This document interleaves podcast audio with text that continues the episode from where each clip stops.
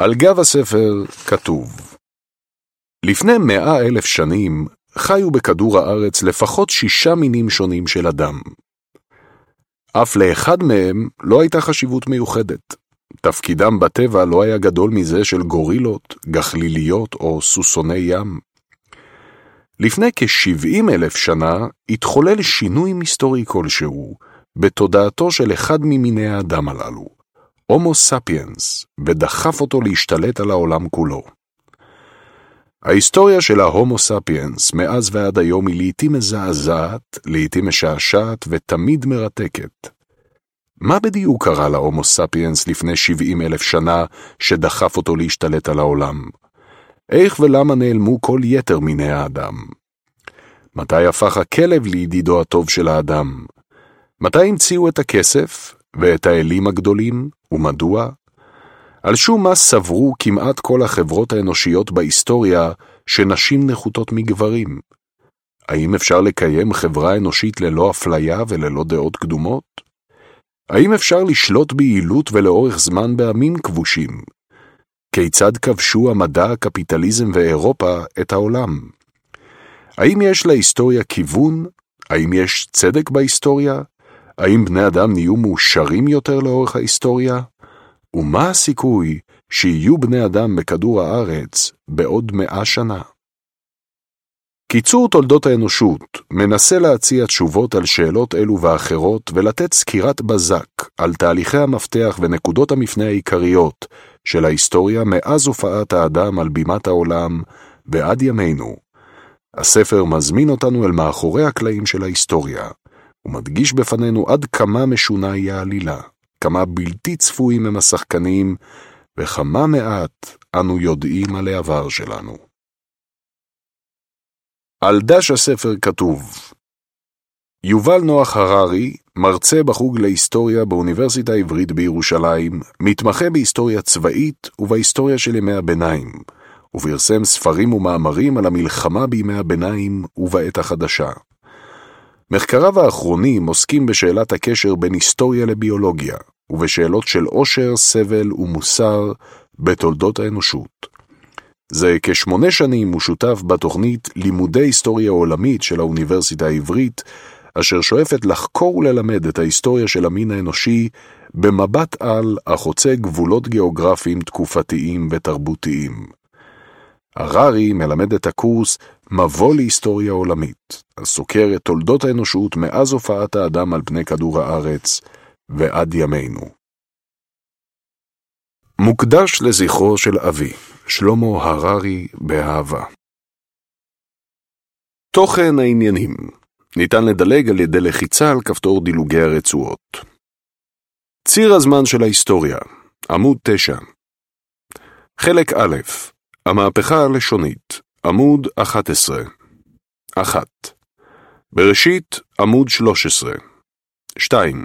עץ הדעת, עמוד 29 3. להיות לקט צייד, עמוד 48 4. ההכחדה הגדולה, עמוד 70 חלק ב' המהפכה החקלאית, עמוד 81 5. התרמית הגדולה בהיסטוריה, עמוד 83 פרק 6. עיקרים ומלכים, עמוד 104 7.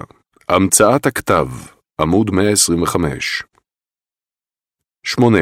אין צדק בעולם, עמוד 139 חלק ג' עולם אחד, תרבות אחת, עמוד 165 פרק 9 הסדר האוניברסלי, עמוד 167 10.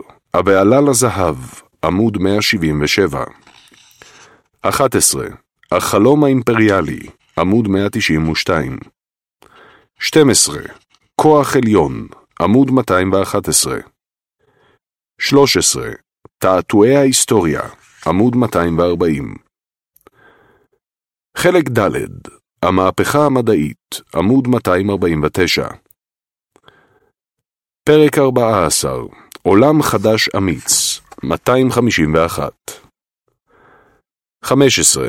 יציאת אירופה, עמוד 280 16. הדת הקפיטליסטית, עמוד 310. 17. המהפכה התעשייתית, עמוד 337. 18. סדר במהפכה מתמדת, עמוד 351. 19. והם חיו באושר ובאושר, עמוד 377. 20. סופו של הומו ספיאנס, עמוד 392. עמוד 9 ציר הזמן של ההיסטוריה התאריכים מציינים את מועד תחילתם של תהליכים, לא את מועד השלמתם.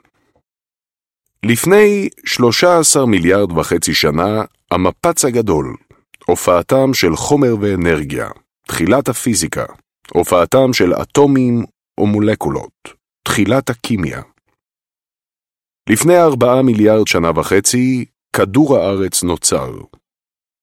לפני 3.8 מיליארד שנה, הופעתם של האורגניזמים הראשונים על פני כדור הארץ, תחילת הביולוגיה. לפני שישה מיליון שנה, הסבתא המשותפת האחרונה של האדם והשימפנזה. לפני שני מיליון וחצי שנה, הסוג הומו, אדם, מתפתח במזרח אפריקה. כלי אבן ראשונים. לפני שני מיליון שנה, בני האדם יוצאים מאפריקה ומתפשטים לאסיה ולאירופה. בכל אזור מתפתחים מיני אדם שונים. לפני חצי מיליון שנה, הניאנדרטלים מתפתחים באירופה ובמערב אסיה. לפני 300 אלף שנה, שימוש יומיומי באש. לפני 200 אלף שנה, הומו ספיאנס מתפתח במזרח אפריקה. לפני 70 אלף שנה, נקודת ציון, המהפכה הלשונית, הופעת השפה הפיקטיבית, תחילת ההיסטוריה. הומו ספיאנס יוצא מאפריקה ומתפשט בעולם. לפני 45 אלף שנה, הומו ספיאנס מגיע לאוסטרליה, הכחדת בעלי החיים הגדולים של אוסטרליה. לפני 30 אלף שנה, אחרוני הניאנדרטלים נעלמים. לפני 14 אלף שנה, ההומו ספיאנס מגיע לאמריקה, הכחדת בעלי החיים הגדולים של אמריקה. לפני 12 אלף שנה, הומו פלורסיינזיס נעלם. הומו ספיאנס נותר מין האדם היחיד בעולם. לפני עשרת אלפים שנה, המהפכה החקלאית, ביות בעלי החיים והצמחים, מעבר ליישובי קבע. לפני חמשת אלפים שנה, הופעת הממלכות הראשונות. הכתב והכסף, דתות פוליתאיסטיות.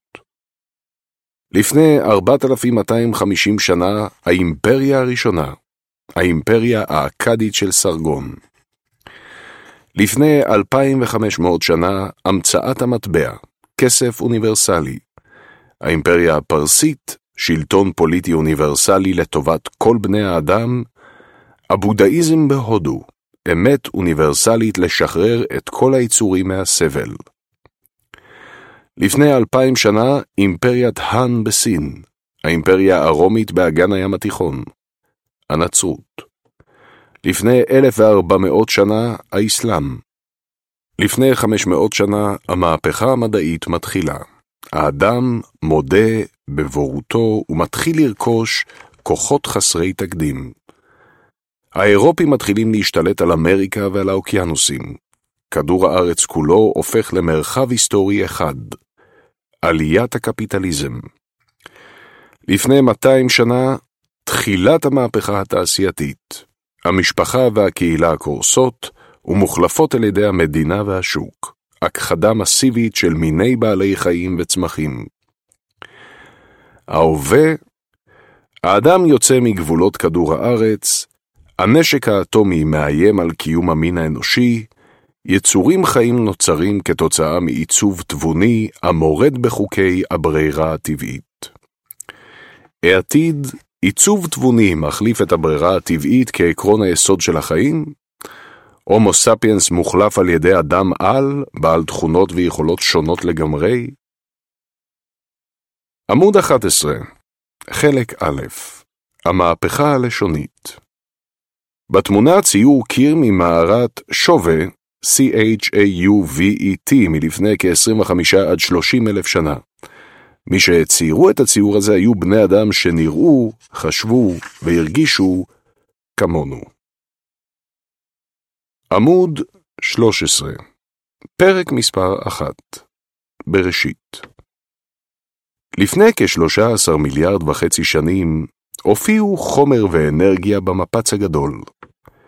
מכאן ואילך, תהליך השתנותם של חומר ואנרגיה נקרא פיזיקה. כ-300 אלף שנים אחרי הופעתם, החלו חומר ואנרגיה להיקשר זה לזה במבנים מורכבים במיוחד, אשר נקראים אטומים ומולקולות. תהליך השתנותם של האטומים והמולקולות נקרא כימיה. כעשרה מיליארד שנים אחרי הופעתם של ראשוני האטומים והמולקולות, בכוכב הלכת ארץ החלו אטומים ומולקולות להיקשר זה לזה במבנים מורכבים במיוחד, אשר נקראים אורגניזמים, או יצורים חיים. תהליך השתנותם של האורגניזמים נקרא ביולוגיה. כ-3.8 מיליארד שנים אחרי הופעת האורגניזמים הראשונים, כלומר לפני בערך 70 אלף שנה, אורגניזמים השייכים למין הומו ספיאנס החלו להיקשר זה לזה במבנים מורכבים במיוחד, אשר נקראים תרבויות.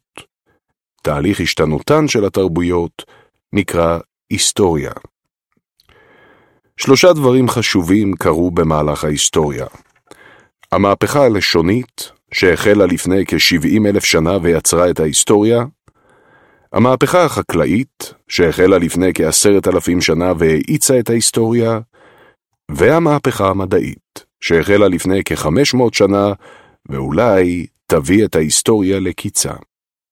ספר זה ינסה לזכור בקצרה את שלוש המהפכות הללו, ואת ההשלכות מרחיקות הלכת שהיו להן על בני האדם ועל יתר יושבי כוכב הלכת, ארץ. בני אדם היו קיימים שנים רבות לפני תחילת ההיסטוריה. ליתר דיוק, שני מיליון וחצי שנים. אולם לאורך כמעט כל השנים הללו, תולדותיהם של בני האדם היו רק עוד פרק בדברי ימי הביולוגיה. הם נולדו, אכלו, ישנו, רבו, השלימו, ברחו, רדפו, התרכזו, נרגעו, שיחקו, השתעממו, הזדווגו, ילדו, חלו, הזדקנו ומתו במשך דורות אין קץ.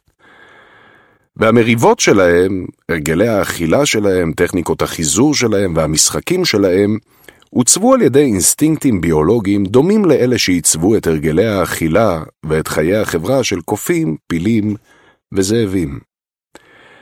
הדבר החשוב ביותר שיש לדעת על אותם בני אדם קדמונים, הוא שלא הייתה להם שום חשיבות מיוחדת.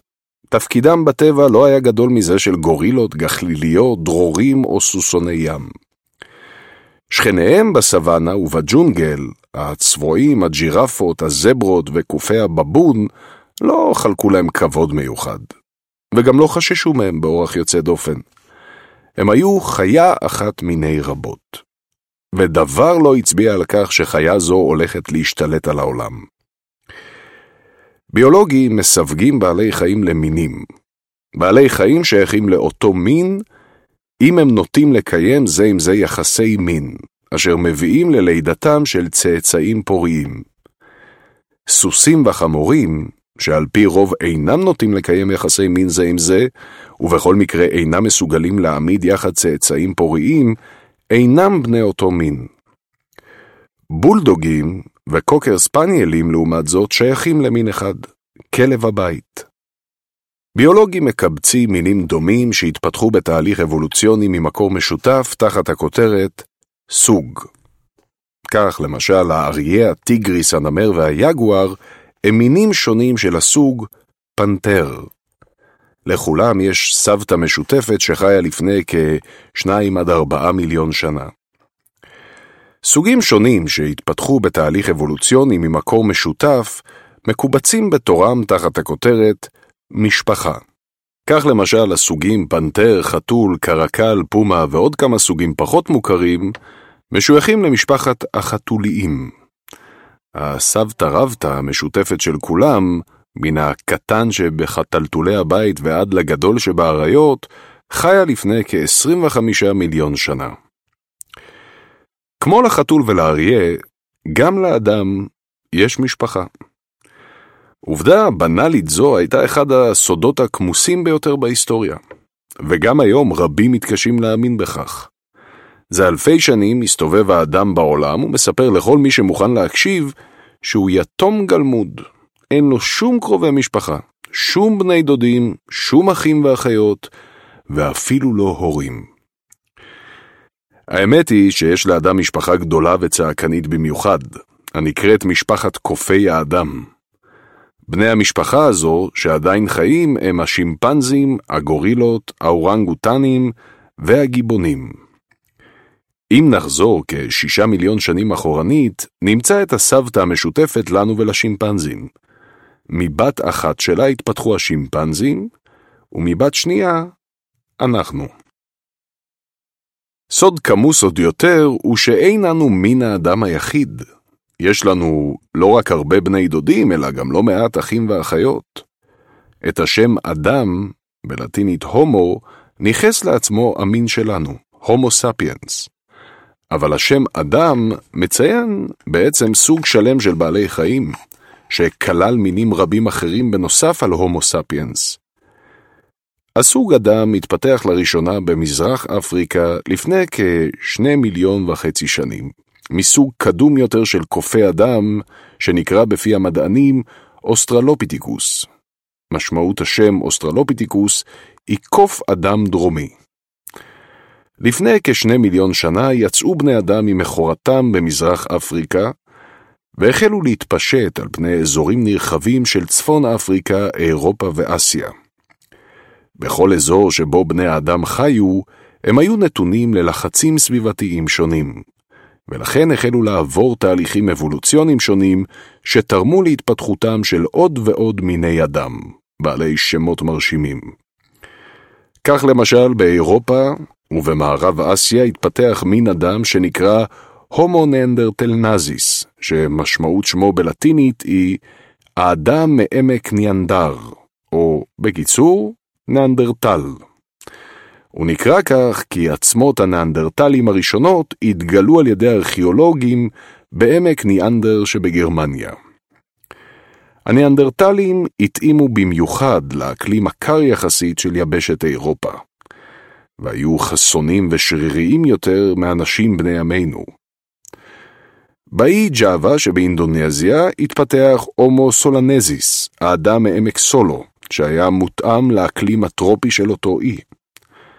על אי אחר באינדונזיה, האי הקטן פלורס, התפתח הומו פלורסיאנזיס, הגמדי, שגובהו היה כמטר אחד בלבד, ומשקלו כ-25 קילוגרם.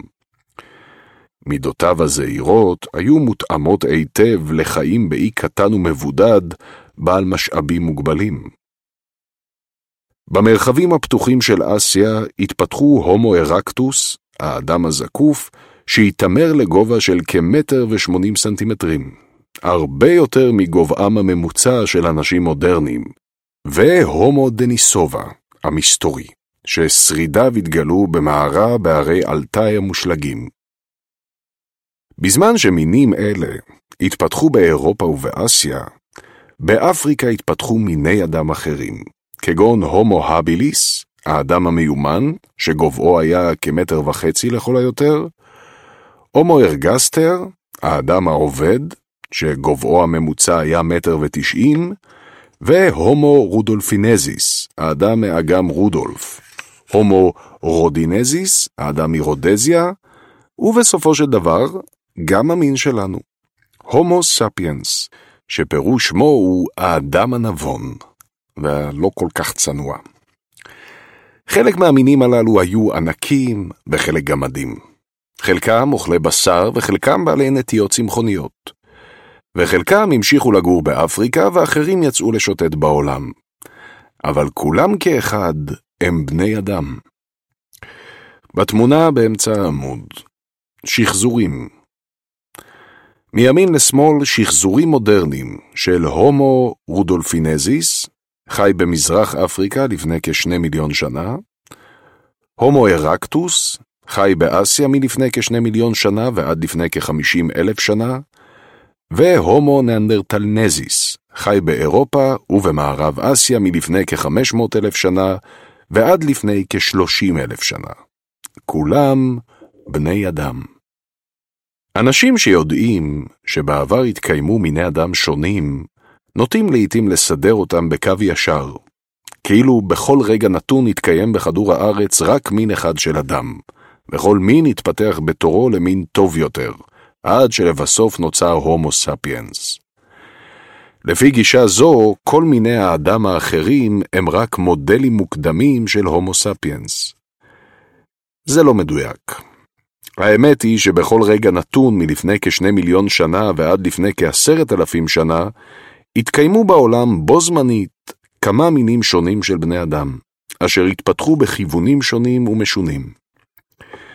כפי שכיום מתקיימים בעולם זה לצד זה האריה, הטיגריס, הנמר והיגואר, אשר מתפתחים בכיוונים שונים, כך לפני מאה אלף שנה התקיימו בעולם זה לצד זה לפחות שישה מיני אדם.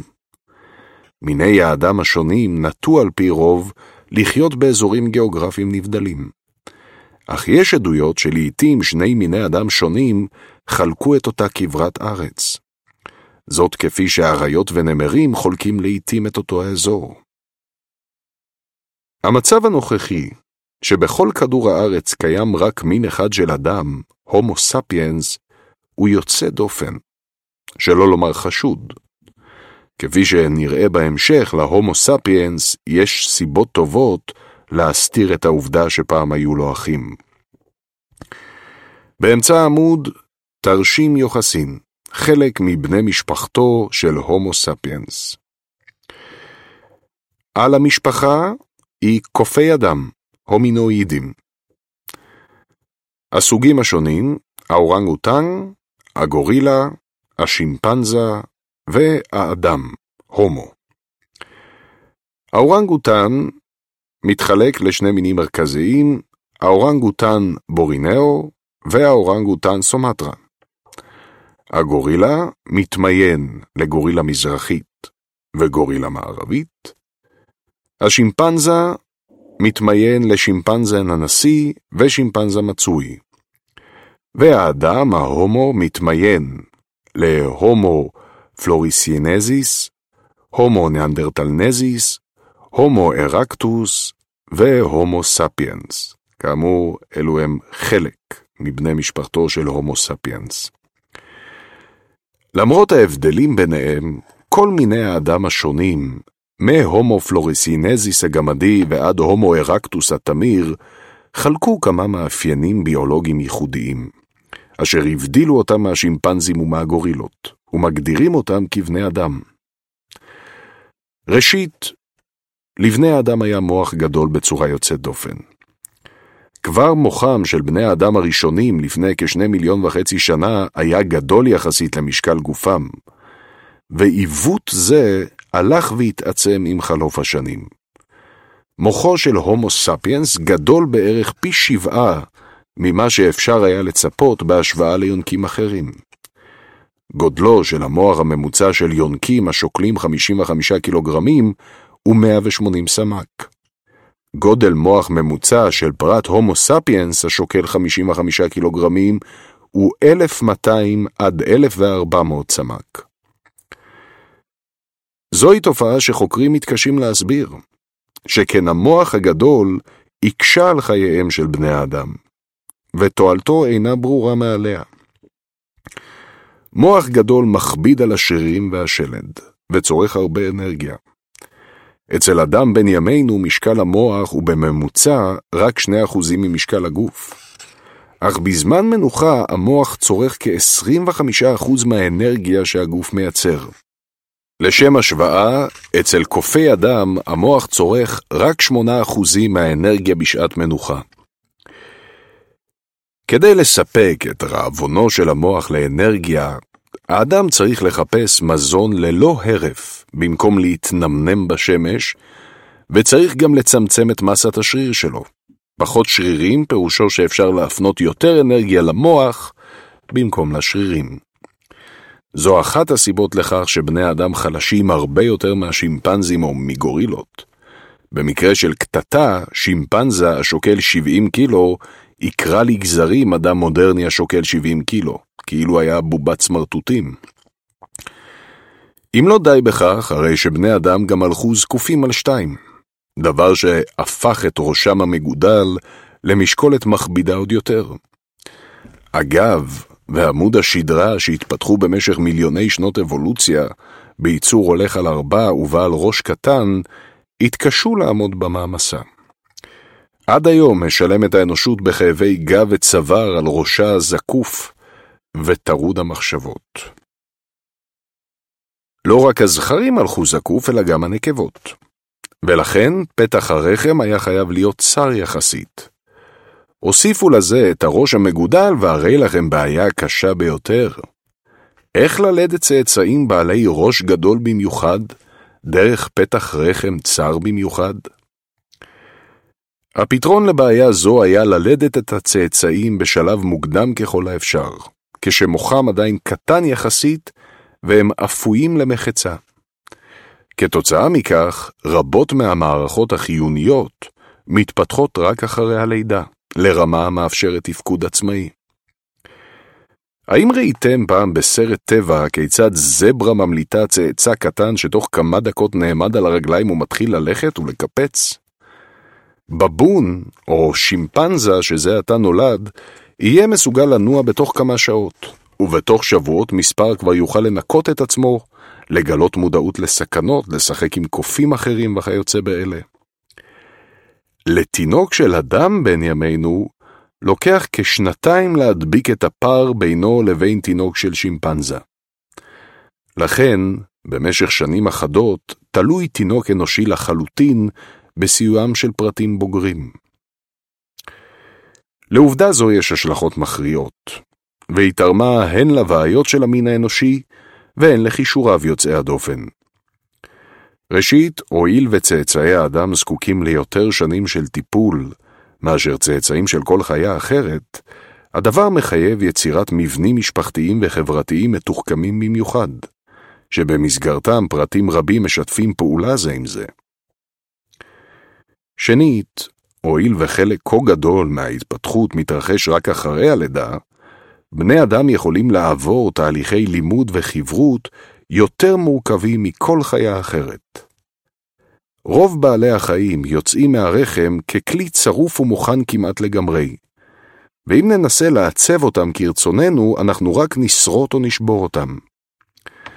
תינוקות האדם יוצאים כאמור מהרחם אפויים למחצה. ולכן ניתן ללוש ולעצב אותם במידה רבה של חופש, לפני שצורתם הסופית מתקבעת. זה מה שמאפשר לאנשים בני ימינו לחנך את ילדיהם להיות נוצרים או בודהיסטים, קפיטליסטים או סוציאליסטים, תוקפנים או שוחרי שלום. מאפיין ביולוגי נוסף שהיה קשור בהליכה הזקופה הוא מבנה הידיים הייחודי של בני האדם. כשהגפיים הקדמיים של בני האדם שוחררו מהמלאכה הגסה של הליכה, התפתח ריכוז יוצא דופן של עצבים וקצות עצבים באזור כף היד והאצבעות. תודות לריכוז עצבי זה, יכלו בני אדם לבצע מלאכות עדינות בידיהם, ובפרט לייצר כלים. העדויות הראשונות לייצור כלי אבן הן מלפני כשני מיליון וחצי שנה. והן סימן ההיכר המובהק ביותר שבאמצעותו מבחינים ארכיאולוגיים בין בני אדם קדמונים לבין קופי אדם אחרים. מלוא הפוטנציאל של מאפיינים ביולוגיים אלו התגלה רק בימי הומו ספיאנס, אך הם התפתחו עקב בצד אגודל במשך מיליוני שנות אבולוציה קודם לכן, והם ירושתנו החשובה ביותר מאבותינו הקדומים. בזכותם יש לנו כיום יכולת ליצור כלים ולהשתמש בהם, יכולת ליצור מבנים חברתיים מתוחכמים, ויכולת לעבור תהליכים מורכבים של לימוד וחברות. אנחנו נוטים לחשוב שמוח גדול, שימוש בכלים, יכולת למידה ומבנים חברתיים מורכבים הם יתרונות עצומים. ואין פלא שהם הפכו את האדם לחיה החזקה והחשובה ביותר על פני כדור הארץ. נזר הבריאה. האמת היא שמיני האדם נהנו במידה כזו או אחרת מכל המאפיינים הללו במשך למעלה משני מיליון שנה. ובכל זאת נותרו יצורים חלשים ושוליים. להומו הביליס ולהומו ארקטוס היה מוח גדול יחסית, מגוון כלים ויכולות לימוד ושיתוף פעולה טובות יותר מלמרבית בעלי החיים האחרים. אך למרות זאת הם חיו בחשש מתמיד מפני הטורפים הגדולים. הם לא היו מסוגלים לצוד בעלי חיים גדולים, והם ניזונו בעיקר מליקוט צמחים, איסוף חרקים, ציד חיות קטנות, ואכילת שיירי חיות שנטרפו בידי חיות אחרות או שמתו מסיבות שונות ומשונות. אחד השימושים העיקריים של כלי האבן שלהם היה פיצוח עצמות והוצאת מוח העצם מהן. יש חוקרים הסבורים שזו הייתה התמחותו הייחודית הראשונית של האדם. כמו שציפורי נקר מתמחות בשליפת חרקים מגזעי עצים קשים, וכמו שדגי נקי מתמחים בניקוי שיניהם של כרישים, כך בני האדם הראשונים התמחו באכילת מוח עצם. מדוע דווקא מוח עצם? ובכן, אחרי שהאריה שצד את הצבי אכל את מיטב הבשר, ואחרי שהצבועים, התנים ויתר אוכלי הנבלות כרסמו וליקקו מה שהאריה השאיר, רק אז העזו בני האדם להתגנב בחשאי אל הפגר, ומה שנשאר להם לאכול הסתכם, פחות או יותר, במוח העצם. אחת העובדות המהותיות ביותר להבנת ההיסטוריה והפסיכולוגיה שלנו, היא שמבחינה ביולוגית האדם עמד במשך מרבית שנות קיומו איפשהו באמצע שרשרת המזון בטבע, ולא בראשה. במשך מיליוני שנה ליקט וצד האדם למיניו השונים, בעיקר יצורים קטנים ממנו, בשעה שהוא עצמו ניצוד על ידי הטורפים הגדולים. רק לפני כ-400 אלף שנה החלו מיני אדם שונים לצוד חיות גדולות בצורה סדירה. ורק במאה אלף השנים האחרונות, עם עלייתו לגדולה של הומו ספיאנס, זינק האדם אל ראש שרשרת המזון. קפיצה נחשונית זו מאמצע השרשרת אל ראשה, הייתה בעלת השלכות מרחיקות לכת. כשהאדם מצא עצמו לפתע בראש שרשרת המזון, זה היה לגביו מקום בלתי מוכר, שהוא מעולם לא הוכשר לו. בעלי חיים אחרים שעומדים בפסגת שרשראות המזון, למשל האריות והכרישים, הוכשרו למעמדם זה במשך מיליוני שנים של התאמה אבולוציונית הדרגתית. האדם הוקפץ לתפקיד זה בבת אחת, בלי הכנה מוקדמת. הרבה מאוד מההיסטוריה האנושית, החל במלחמות הרצחניות בין אנשים, וכלה ביחסו האלים של האדם לסביבתו, נעוץ בצעד מהפכני זה. המין האנושי היום איננו להקת זאבים שפיתחה טנקים ופצצות אטומיות, אלא עדר כבשים, שתאונה אבולוציונית הנחיתה לידיו טנקים ופצצות אטומיות, וזה לאין שיעור מסוכן יותר. אדוני האש צעד משמעותי ראשון בדרך אל פסגת שרשרת המזון היה ביותה של האש. יש ויכוח נוקב לגבי השאלה מתי, היכן וכיצד בויתה האש. העדויות הראשונות שניתן לפרשן כאינדיקציה לשימוש אנושי באש הן מלפני כמיליון וחצי שנים. אבל יש חוקרים הדוחים מכל וכול את הפרשנות הזו. יש עדויות מוצקות יותר לשימוש באש מלפני כ-800 אלף שנה, מאזור גשר בנות יעקב שבעמק הירדן, אך גם הן נתונות לפרשנויות שונות. עדויות חד משמעיות לשליטה אנושית באש, ליכולת הדלקת אש ולשימוש יומיומי באש, יש רק מלפני כ-200 עד 300 אלף שנה. השליטה באש הועילה לבני האדם במספר דרכים. האש סיפקה אור בשעות החשיכה וחום בימי הקור. האש סיפקה הגנה מסוימת מפני טורפים מסוכנים. ניתן היה להשיג מזון על ידי שריפה מכוונת של שטחי יער וסוואנה וליקוט צמחים ובעלי חיים שנלכדו בלהבות. אפשר היה ליצור סביבה נוחה יותר לתנועת בני אדם על ידי שרפת צמחייה סבוכה שהוחלפה במרבדי עשב. האש גם הקלה את ההכנה של כלים שונים, כגון מקלות עץ מחודדים. אולם חשיבותה הגדולה ביותר של האש הייתה שבזכותה יכלו בני האדם להתחיל לבשל. בישול הוא עניין משמעותי הרבה יותר ממה שרובנו משערים. הבישול פתח בפני בני האדם מדפים שלמים בסופרמרקט של הטבע, שעד אז היו חסומים בפניהם. ישנם סוגי מזונות רבים שמערכת העיכול האנושית אינה מסוגלת לעכל בצורתם הטבעית, אך ניתן לעכלם לאחר בישול. מרבית המזונות הבסיסיים של ימינו הם כאלה חיטה, אורז, תירס, תפוחי אדמה. בישול הקל מאוד גם את עיכולם של המזונות המסורתיים של האדם, כגון פירות, אגוזים, חרקים ונבלות. שכן בישול מפחית באופן ניכר את המאמץ המכני הכרוך בלעיסת המזון, ואת המאמץ הדרוש כדי לעכל את המזון בקיבה ובמעיים. מוערך ששימפנזים מבלים חמש שעות כל יום בלעיסה, בשעה שבני אדם שהסתמכו על בישול יכלו להסתפק בשעה אחת. בישול גם תרם לבריאותם של בני האדם, בכך שהוא פירק חומרים רעילים שמזונות רבים מכילים, והרג חיידקים וטפילים שקיננו במזון. כך אפשר הבישול לבני האדם לאכול יותר סוגי מזון, להפיק יותר קלוריות מכל גרם של מזון, ובו בזמן להקדיש פחות זמן לאכילה ולהסתפק בשיניים קטנות ובמעיים קצרים יחסית.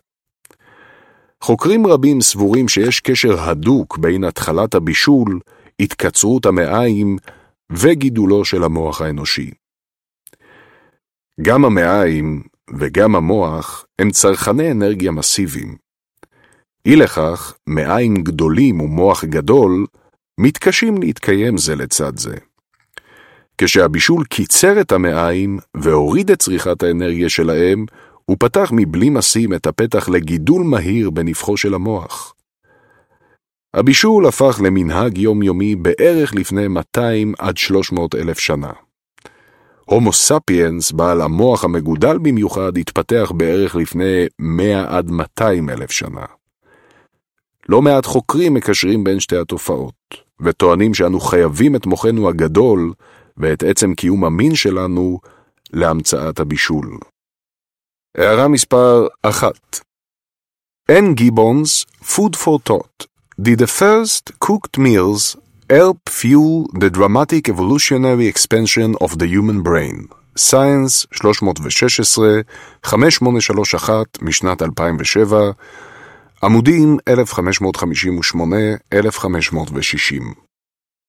גם אם המוח המודרני איננו תולדה ישירה של המצאת הבישול, אין ספק שביות האש היה אחד הצעדים החשובים בסיפור צבירת הכוח של האנושות, שהבדיל את האדם מכל יתר בעלי החיים.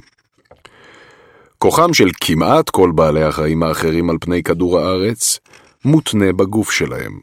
מסת השרירים, מבנה השלד, מוטת הכנפיים, גודל השיניים, סוג הארס. אמנם בעלי חיים רבים רותמים לצורכיהם את האנרגיה של כוחות הטבע, זרמי המים, הרוחות, קרני השמש, אך שליטתם על מקור האנרגיה מוגבלת ביותר. ויכולתם להשתמש באנרגיה זו היא תמיד פרופורציונית לגוף שלהם. הנשר למשל דועה באמצעות משאבי אוויר חם. הוא מזהה היכן אוויר חם מסתחרר, ועולה מן הקרקע, ואז פורס את כנפיו הענקיות, ומאפשר לאוויר החם להרים אותו אל על. אבל הנשר אינו יכול ליזום משב רוח, או להפסיקו בהתאם לרצונו. ואם הנשר ירצה להתחיל להשתמש ברוח כדי לשאת מסעות של טונות רבים, תהיה לו בעיה רצינית.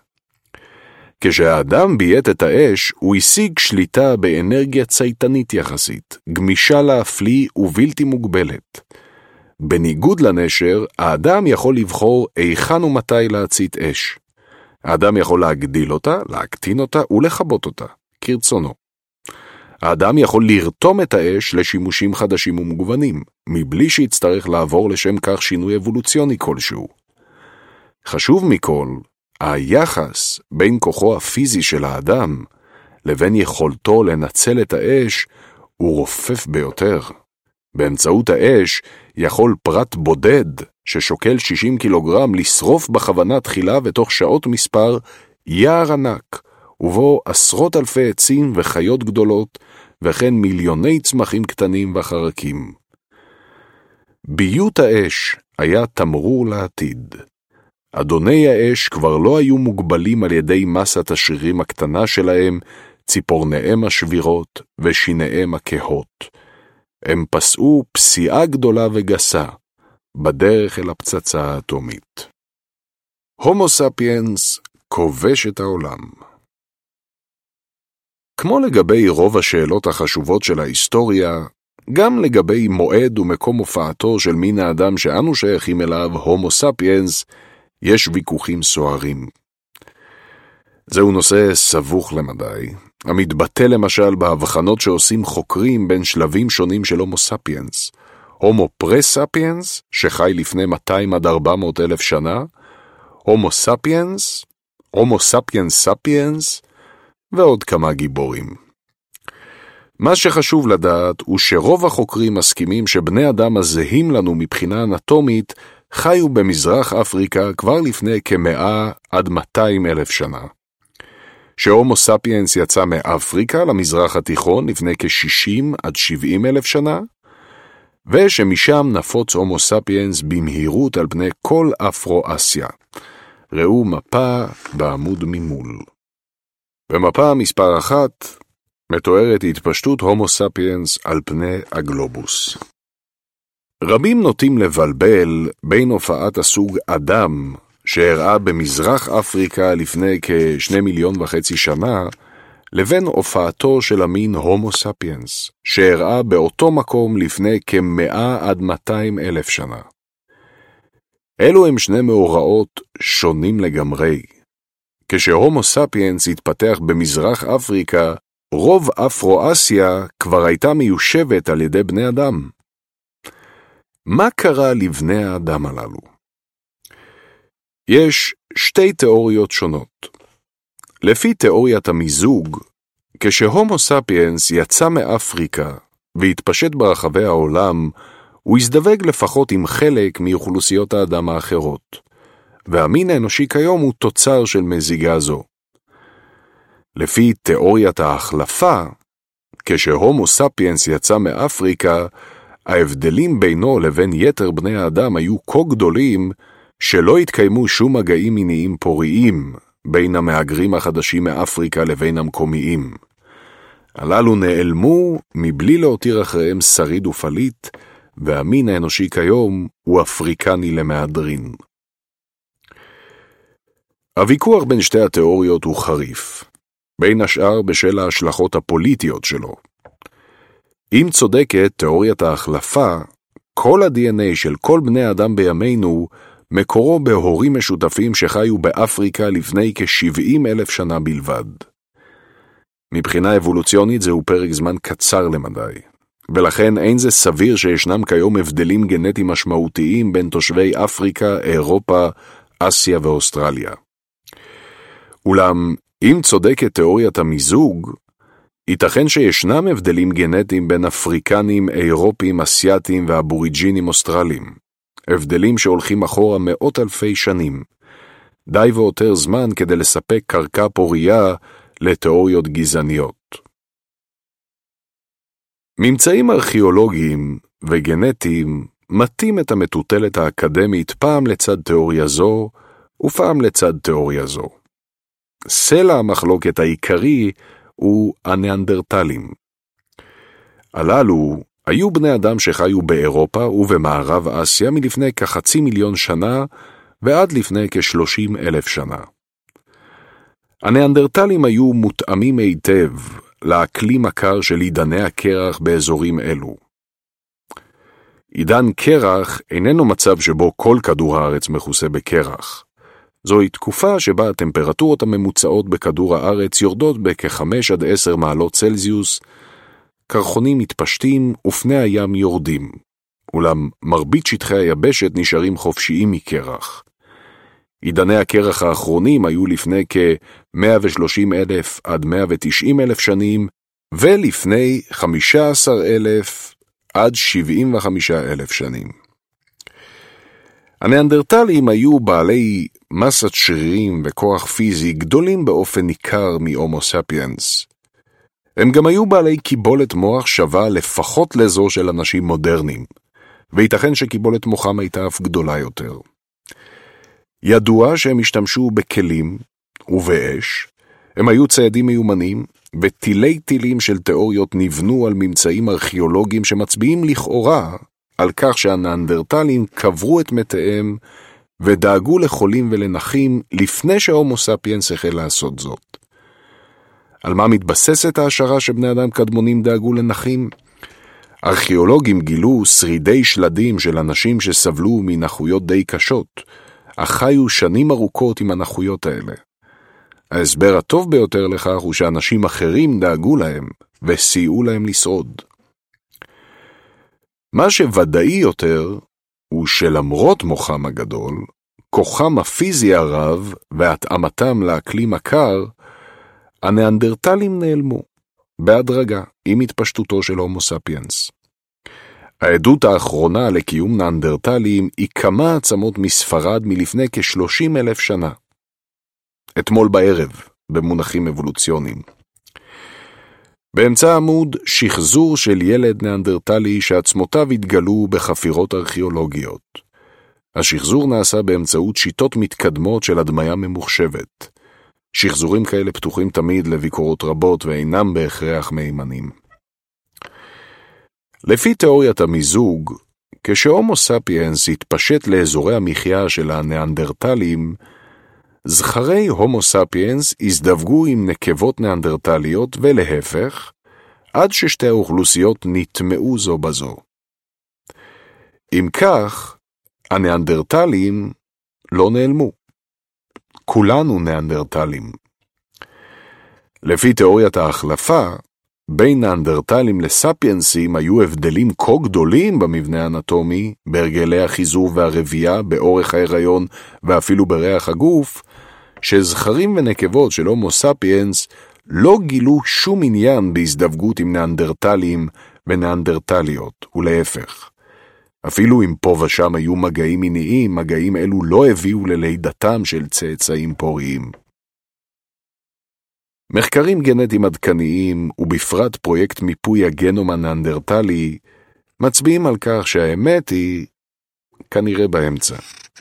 יש עדויות גנטיות לכך שאירופים ואסייתים בני עמנו נושאים אי אלו גנים ממקור נאנדרטלי. אולם המדובר הוא בחלק כה קטן מהגנום שקשה לדבר על מיזוג בין ספיינסים לנאנדרטלים. ככל הנראה ההבדלים בין ספיינסים לנאנדרטלים לא היו גדולים מספיק כדי למנוע לחלוטין מגעים מיניים פוריים. אך כן היו גדולים מספיק כדי להבטיח שמגעים אלו יהיו נדירים ושהאוכלוסיות לא יתמזגו. אם הניאנדרטלים לא התמזגו עם הומו ספיאנס, מדוע הם נעלמו? גם על כך יש שתי תיאוריות שונות.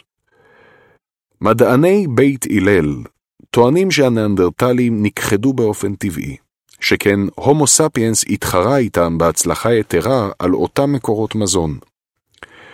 לדוגמה, חבורת הומו ספיאנס הגיעה לעמק באיטליה, שבו חיו ניאנדרטלים מקדמת דנה, והחלו לצוד את האיילים והסוסים וללקט את התותים והאגוזים שהיו מזונם המסורתי של הניאנדרטלים.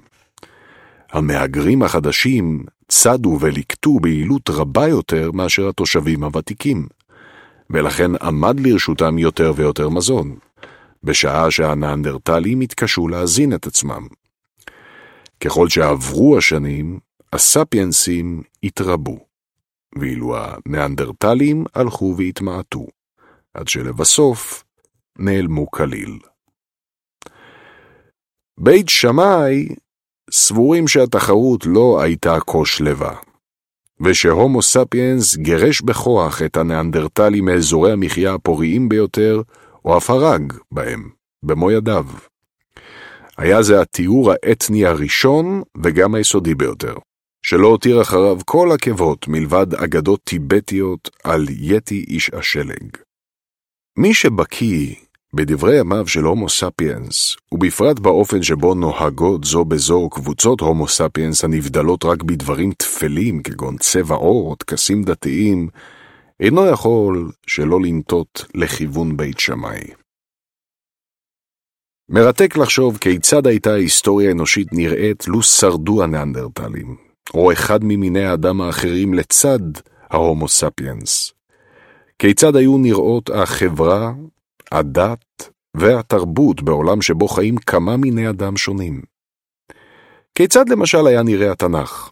האם פרק א' בספר בראשית היה מספר שאלוהים ברא את הניאנדרטלים ביום חמישי, יחד עם בעלי החיים, או ביום שישי, יחד עם הומו ספיאנס? כיצד הייתה נראית הדת המוסלמית? האם הקוראן היה מקצה לניאנדרטלים מקום בגן עדן? כיצד היו נראות האימפריה הרומית או סין הקיסרית? האם ניאנדרטלים היו יכולים להיות בעלי קרקע, להעיד בבית משפט, לשרת בצבא, וכיצד הייתה נראית מדינת ישראל של היום? במיוחד מרתק לחשוב מה כל זה היה עושה לתפיסה העצמית של הומו ספיאנס. בשלושים אלף השנים האחרונות הומו ספיאנס כה התרגל למצב שהוא מין האדם היחיד בכדור הארץ, שקשה לנו לתפוס את הרעיון שיכולים להיות בני אדם ממין אחר. היעדרם של אחים ואחיות הקל עלינו להאמין שאנו נזר הבריאה, ושבינינו לבין יתר עולם החי מפרידה תהום. כשדרווין העלה את האפשרות שבני אדם הם בסך הכל מין נוסף של בעל חיים, הדבר חולל סערה. עד היום, רוב אוכלוסיית העולם, ובכלל זה רוב אוכלוסיית העולם המערבי, מסרב להכיר בכך. אילו שרדו הניאנדרטלים, האם עדיין היה יכול הומו ספיאנס לראות את עצמו כיצור שבינו ובין יתר עולם החי פעורה תהום בלתי ניתנת לגישור? ואולי מסיבה זו בדיוק חיסלו אבות אבותינו את הניאנדרטלים. הם היו דומים לנו מכדי שאפשר יהיה להתעלם מהם. אך שונים מאיתנו מכדי שאפשר יהיה לסבול את קיומם. בין שהומו ספיאנס השמיד את יתר מיני האדם ובין שלא, יש כאמור הסכמה גורפת על כך שבני אדם הזהים לנו מבחינה אנטומית הופיעו במזרח אפריקה לפני כמאה עד מאתיים אלף שנה, ועל כך שהמודל החדש של האדם יישב בהצלחה את המזרח התיכון לפני כ-60 עד 70 אלף שנה והתפשט משם לכל רחבי יורו-אסיה. לפני כ-60 אלף שנה הגיע הומו ספיאנס למזרח אסיה, ולפני כ-45 אלף שנה לאירופה. עד כאן הומו ספיאנס רק הלך בעקבות נתיבי ההתפשטות של מיני האדם שקדמו לו. אך לפני כ-45 אלף שנה, הציב הומו ספיאנס את כף רגלו במקום שבו אף אדם לא דרך קודם לכן, ביבשת אוסטרליה. לפני כ-15 אלף שנה יישב הומו ספיאנס יבשת חדשה גדולה הרבה יותר, אמריקה. מעריכים שלפני פרוץ המהפכה החקלאית, בשנת עשרת אלפים לפני הספירה, כבר היו כל שטחי היבשת הגדולים של כדור הארץ מיושבים בחמישה עד שמונה מיליון פרטי הומו ספיאנס להוציא את אנטרקטיקה, גרינלנד וניו זילנד. הערה מספר 2 פקרי A. חסן, Demographic Archaeology, ניו יורק Academic Press 1981, עמודים 196 עד 9. לואיס רוברטס בינפורד, Constructing Frames of Reference, an analytical method for archaeological theory building using hunter-gatherer and environmental data sets. ברקלי, University of California Press, 2001, עמוד 143. בד בבד, נעלמו יתר מיני האדם שחיו על פני כדור הארץ.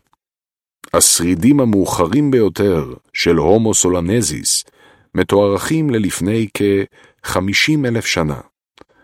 הומו דניסובה נכחד לפני כ-40 אלף שנה. הניאנדרטלים נכחדו לפני כשלושים אלף שנה. ואחרון הגמדים נעלם מן האי פלורס לפני בערך 12 אלף שנה. הם השאירו אחריהם קצת עצמות, כמה כלי אבן, מקטעים ספורים ב-DNA שלנו, והרבה סימני שאלה. מה היה סוד ההצלחה של הומו ספיאנס? כיצד הצליח ליישב בזמן קצר כל כך אזורים כה רחוקים ושונים זה מזה מבחינה אקולוגית? וכיצד הצליח הומו ספיאנס להכחיד את יתר מיני האדם, ובפרט את הנאנדרטלים מגודלי הגוף והראש? מבול של מילים נשפך בניסיון לענות על השאלה הזאת, והתשובה שאליה הגיעו החוקרים היא מילים. שפתו הייחודית של הומו ספיאנס היא שהפכה אותו לכובש העולם. עמוד 29, פרק שני, עץ הדעת. איננו יודעים מתי וכיצד בדיוק התפתחה שפתו הייחודית של הומו ספיאנס. קשה לשחזר שפה על סמך כלי אבן ושרידי עצמות מאובנות. הומו ספיאנס, שחי לפני כמאה אלף שנה במזרח אפריקה, כבר היה זהה לנו במבנה גופו ובגודלו ובצורתו החיצונית של המוח. אבל אין שום עדות לכך שהיה לו יתרון כלשהו על פני מיני האדם האחרים, כגון הניאנדרטלים. הוא לא יצר כלים מתוחכמים יותר מאשר הניאנדרטלים. הוא לא עשה דברים מיוחדים, ולא הייתה סיבה לחשוב שדווקא הוא עומד לכבוש את העולם. פרטי הומו ספיאנס ראשונים יצאו מאפריקה למזרח התיכון כבר לפני יותר ממאה אלף שנה. אך בתחרות שהתחוללה אז בין הומו ספיאנס לבין הנאנדרטלים המקומיים, היה זה הומו ספיאנס שהפסיד ונעלם. לכן, חוקרים מעריכים שאף על פי שמבחינה חיצונית הומו ספיאנס הקדום היה זהה לנו בכל, מבנהו הפנימי של המוח היה שונה. וכישוריו הקוגניטיביים והלשוניים של הומו ספיאנס היו מוגבלים בהרבה מאלו שלנו. כישורים קוגניטיביים הם כלל הכישורים של התודעה כגון הבנה, תקשורת, למידה וזיכרון. הומו ספיאנס אולי נראה כמונו, אבל הוא דיבר וחשב בצורה מאוד שונה מאיתנו.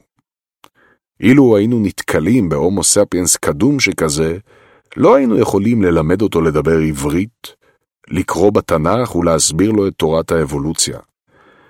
ואנחנו, מצידנו, היינו מאוד מתקשים ללמוד את שפתו ולהבין את דרך מחשבתו. אישה מודרנית, שהייתה מחליטה להתחתן עם אדון קדמוני שכזה, הייתה כנראה מסוגלת ללדת את ילדיו. אבל הייתה מגלה שיכולת התקשורת שלו ועולמו הרגשי מוגבלים עוד הרבה יותר מאלה של גבר ממוצע בין ימינו. בין לפני כ-70 אלף שנה ללפני כ-30 אלף שנה, החל להומו ספיאנס לעשות דברים מאוד ייחודיים, שהפכו אותו לשליט העולם. לפני כ-60 עד 70 אלף שנה הוא יצא מאפריקה בפעם השנייה, והפעם הוא דחק במהירות את רגלי הנאנדרטלים ויתר מיני האדם. תוך זמן קצר להפליא, הגיע הומו ספיאנס לאירופה ולמזרח אסיה, ולפני כ-45 אלף שנה הוא צלח את הים והגיע לאוסטרליה. יבשת שאליה לא הגיע אף מין אדם קודם. במהלך תקופה זו הופיעו גם טכנולוגיות חדשות ומהפכניות כגון הסירה, מנורת השמן והמחט, חיונית לתפירת בגדים חמים, והעדויות החד-משמעיות הראשונות לאומנות, לתכשיטים, לדתות, למסחר ולמבנים חברתיים ופוליטיים מורכבים. בתמונה באמצע העמוד פסל משנהב, ממותה של ארי אדם ממערת שטאדל, S-T-A-D-E-L, שבגרמניה מלפני כ-32 אלף שנה. הגוף הוא גוף אנושי, אך הראש הוא ראש של לביאה, או אריה. זוהי אחת העדויות החד-משמעיות הקדומות ביותר לאומנות, וכנראה גם לדת וליכולותיו של הדמיון האנושי להמציא דברים שאינם קיימים במציאות. רוב החוקרים מעריכים שמה שעומד מאחורי הישגיו חסרי התקדים של הומו ספיאנס הוא התפתחותן של יכולות קוגניטיביות ולשוניות מהפכניות. בני האדם שהכחידו את הנאנדרטלים יישבו את אוסטרליה ופיסלו את הארי אדם ממערת שטדל, כבר חשבו ודיברו כמונו. לו נתקלנו בפסלת ממערת שטדל, היינו יכולים ללמוד את שפתה, והיא מצידה יכלה ללמוד עברית. היינו יכולים להסביר לה כל דבר שאנחנו יודעים, מסיפורי התנ"ך ועד תורת האבולוציה. והיא מצידה הייתה יכולה להסביר לנו כיצד היא וחבריה רואים את העולם. זה לא היה קל, אבל זה לא בהכרח היה קשה יותר מלהבין את תפיסת העולם של אינדיאנים, אבוריג'ינים או אסקימואים. הופעתן של דרכי המחשבה והדיבור החדשות, בין לפני 70 אלף שנה ללפני 30 אלף שנה, ידועה בשם המהפכה הלשונית. מה בדיוק גרם למהפכה הלשונית? אין לנו מושג. התיאוריה הנפוצה ביותר טוענת שמוטציות גנטיות מקריות שינו את מבנהו הפנימי של המוח של הומו ספיאנס מבלי לשנות את גודלו או את צורתו החיצונית. ושינוי המבנה הזה הביא להופעתן של דרכי מחשבה ודיבור מודרניות. נדמה כאילו קרתה שגיאה בשכפול הוראות ההפעלה המסורתיות של המוח, אשר גרמה לכך שחיברו את אחד החוטים לשקע הלא נכון והאוריקה. אפשר לקרוא לשגיאה הגורלית הזאת בשם מוטציית עץ הדעת. מדוע קרתה מוטציית עץ הדעת דווקא ב-DNA של הומו ספיאנס ולא של הניאנדרטלים? עניין של מזל כנראה. אולם חשוב יותר להבין מה היו ההשלכות של מוטציית עץ הדעת מאשר מה גרם לה. מה היה כל כך ייחודי בשפתו החדשה של הומו ספיאנס שאפשר לו להשתלט על העולם? ראשית, יש להדגיש שזו בשום אופן לא הייתה השפה הראשונה בעולם. לכל בעלי החיים יש שפה. אפילו חרקים, כגון דבורים ונמלים, יודעים לתקשר ביניהם בצורות מתוחכמות ולומר זה לזה היכן אפשר למצוא מזון. זו גם לא הייתה השפה הווקאלית הראשונה. לחיות רבות, ובכלל זה לקופי אדם, יש שפות ווקאליות מפותחות למדי. שפתם של קופי גונון, למשל, כוללת קריאות מסוגים שונים. חוקרים זיהו קריאה אחת שמשמעותה זהירות עית, וקריאה שנייה שמשמעותה זהירות אריה. כאשר השמיעו ללהקת גונונים הקלטה של הקריאה הראשונה, הם עזבו הכל והתבוננו בחרדה כלפי מעלה. כשהשמיעו לאותה להקה הקלטה של הקריאה השנייה, הם עזבו הכל ורצו לטפס על עץ. מבחינת כישוריו הווקאליים, הומו ספיאנס אינו עליון על יתר בעלי החיים בעולם, או על מיני האדם הקדומים. לפילים, ללוויתנים ולעטלפים יש יכולות ווקאליות מתוחכמות יותר מאשר להומו ספיאנס. תוכים מסוגלים לחקות במדויק את כל הצלילים שמשמיע הומו ספיאנס, נוסף על מגוון צללים נוסף כגון צלצולי טלפון וטריקות דלת. אז מה היה מהפכני בשפתו החדשה של הומו ספיאנס? במשך שנים רבות, התיאוריה הפופולרית ביותר טענה שמה שמייחד את השפה שלנו משפתם של כל יתר בעלי החיים, לרבות שפתם של בני האדם לפני המהפכה הלשונית, זה כמויות המידע שהשפה שלנו מסוגלת להעביר ולאגור. הכישורים הלשוניים שהופיעו לפני כ-70 אלף שנה מאפשרים לנו להעביר ולאגור כמויות גדולות יותר של מידע מגוון יותר על העולם הסובב. קוף גונון יכול לצעוק לחבריו זהירות אריה. בן אדם יכול לספר לחבריו שהבוקר ליד הנהר הוא ראה אריה עוקב אחרי עדר תאואים, ולהסביר בדיוק היכן זה קרה ומהן דרכי הגישה השונות למקום.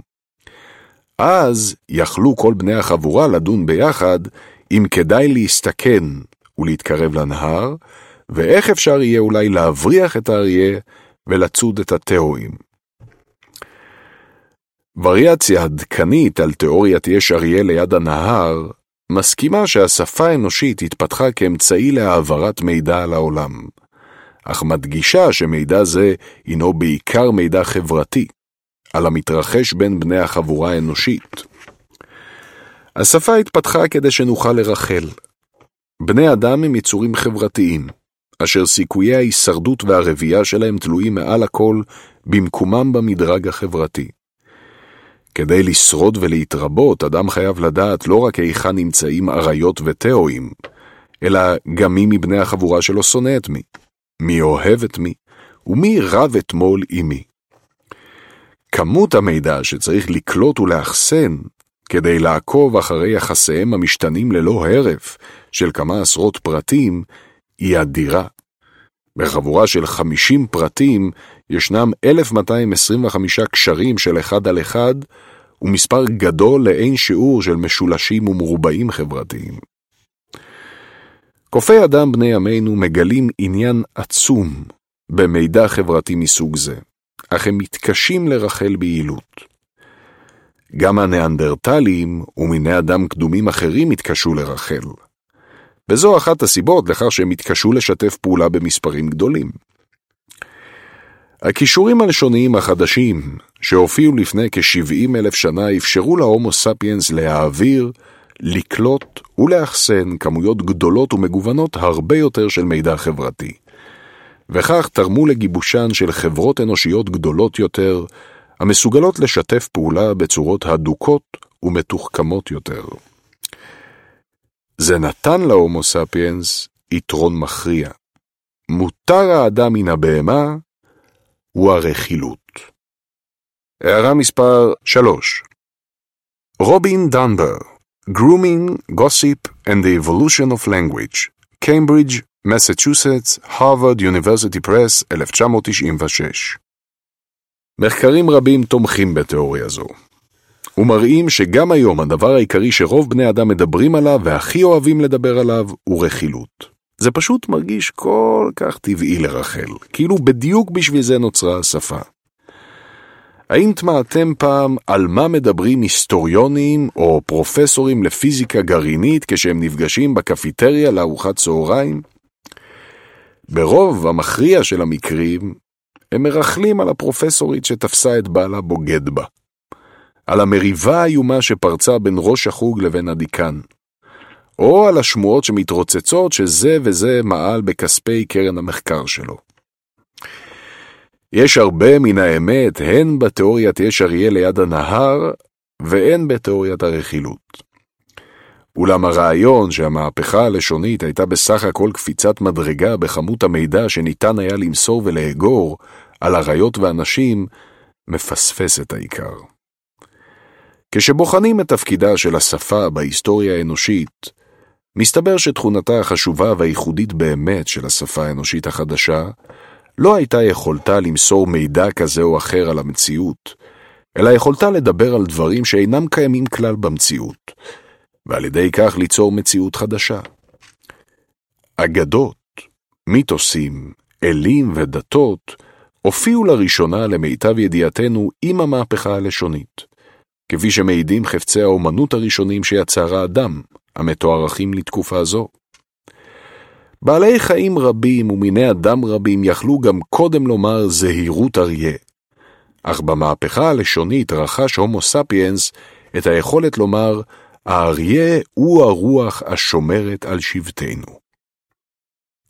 היכולת הזו היא המאפיין החשוב ביותר של שפתו הייחודית של הומו ספיאנס, שאפשר לכן לקרוא לה שפה פיקטיבית, כלומר, שפה המאפשרת לדבר על פיקציות, על דברים שלא קיימים במציאות. קל להסכים שרק הומו ספיאנס מסוגל לדבר על דברים שלא קיימים במציאות. אבל למה זה כל כך חשוב?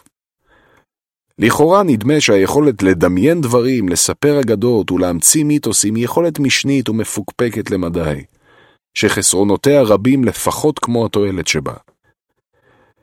אלא שהשפה הפיקטיבית אפשרה לבני אדם לא סתם לדמיין דברים, אלא לדמיין דברים ביחד, וליצור מיתוסים משותפים, כגון המיתוסים היהודיים על בריאת העולם ביציאת מצרים, המיתוסים של השבטים האבוריג'ינים באוסטרליה על זמן החלום, והמיתוסים הלאומיים השונים שיש לכל עם ולכל מדינה. מיתוסים משותפים שכאלה הם המפתח ליכולות שיתוף הפעולה המופלאות של הומו ספיאנס, אשר נתנו להומו ספיאנס יתרון מכריע על כל יתר מיני האדם, והפכו אותו לשליט העולם. האגדה על חברת פז'ו קופים וקופי אדם, שיש להם חיי חברה מפותחים כגון שימפנזים, מתארגנים בדרך כלל בקבוצות קטנות של כמה עשרות פרטים. האינסטינקטים החברתיים שלהם מאפשרים להם ליצור קשרים אדוקים זה עם זה, ליישב עימותים וסכסוכים בדרכי שלום, ולפעול יחד למען מטרות משותפות, כגון הגנה מטורפים. הפרטים בקבוצה מסודרים בדרך כלל בהיררכיה, ופרט מדרגה נמוכה ייטה להתנהג בצורה כנועה ומתרפסת כלפי פרט מדרגה גבוהה. בקרב שימפנזים הפרט שבראש ההיררכיה הוא כמעט תמיד זכר, הנקרא בפי החוקרים זכר אלפא. יתר הזכרים והנקבות מפגינים את כניעותם לזכר האלפא בכך שמדי פעם מתכופפים בפניו תוך השמעת קולות נשיפה, באופן דומה להפליא לבני אדם המשתחווים בפני מלך. זכר האלפא משתדל לשמור על יחסים הרמוניים בלהקה שלו, וכאשר פורץ ריב בין שני פרטים בלהקה, הוא נוטה להתערב ולהפסיק את המריבה. מנגד, הוא משתדל למנוע מזכרים נחותים להזדווג עם נקבות פוריות, וכאשר מתגלה פריט מזון נחשק, הוא עשוי להחרים אותו לעצמו. כאשר שני זכרים נאבקים על מעמד האלפא, הם בדרך כלל עושים זאת על ידי גיבוש קואליציות של תומכים מקרב יתר הזכרים והנקבות. הקשרים בין חברי הקואליציה מבוססים על מגע יומיומי הדוק, חיבוקים, נשיקות ופליאת קינים הדדית, ובאים לידי ביטוי בכך שחברי קואליציה מסייעים זה לזה נגד יריבים. הזכר שזוכה במעמד האלפא אינו בהכרח הזכר החזק ביותר, אלא הזכר שמצליח לגבש סביבו את הקואליציה הרחבה והיציבה ביותר. גודל הקבוצה שאפשר לארגן בצורה כזו הוא מוגבל. שכן כדי לתפקד, כל בני הקבוצה חייבים להכיר היטב זה את זה. שני שימפנזים שמעולם לא נפגשו, מעולם לא רבו, מעולם לא פלו קינים זה מזה, לא ידעו מי מהם נמצא גבוה יותר בהיררכיה החברתית, מי מהם צריך להתנהג בהכנעה, והאם הם עשויים ליצור קואליציה נגד פרט שלישי. ככל שמספר השימפנזים בקבוצה גדל, כך קשה יותר לשימפנזים להכיר זה את זה וליצור סדר חברתי יציב. כשמספר השימפנזים בקבוצה עובר סף מסוים, הסדר החברתי מתמוטט, והקבוצה נוטה להתפצל לשתי קבוצות נבדלות. לכן גודלה הטיפוסי של קבוצת שימפנזים בטבע הוא כ-20 עד 50 פרטים. קבוצות שמכילות יותר מכמה עשרות שימפנזים סובלות מחוסר יציבות, ורק במקרים ספורים נצפו קבוצות בנות כמאה פרטים. קבוצות נבדלות כמעט אף פעם לא משתפות פעולה זו עם זו, ונוטות להתחרות על טריטוריה ומזון. קבוצת שימפנזים שתיתקל בשימפנזה זר, תיטה לנהוג כלפיו בעוינות ובאלימות. וידועים מקרים של רצח עם שבהם חברי קבוצה אחת הרגו באופן שיטתי את מרבית החברים בקבוצה שכנה. הערה מספר 4 M. מקפרלנד, סינגטון, Fission Fusion Social Organization in Atlas and Penn, International Journal of Primatology, 11 על 1, 1990, עמוד 49. Colin A. Chapman and Lauren J. Chapman, Determinates of Groups Size in Primates, The Importance of Travel Costs, in On the Move, How and Why Animals Travel in Groups. Editor Sue Boinsky and Paul A. Garber, Chicago, University of Chicago Press, 2000, עמוד 26.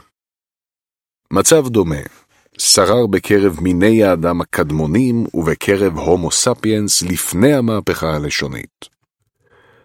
כמו לשימפנזים, גם לבני אדם יש אינסטינקטים חברתיים שהתפתחו בתהליך אבולוציוני בין מיליוני שנים, ושאפשרו לאבות אבותינו לקשור קשרים אדוקים עם בני אדם אחרים, ליצור היררכיות ולפעול יחד למען מטרות משותפות. אלא שכמו האינסטינקטים החברתיים של השימפנזים, כך גם האינסטינקטים החברתיים של בני אדם מתאימים רק לחבורות קטנות.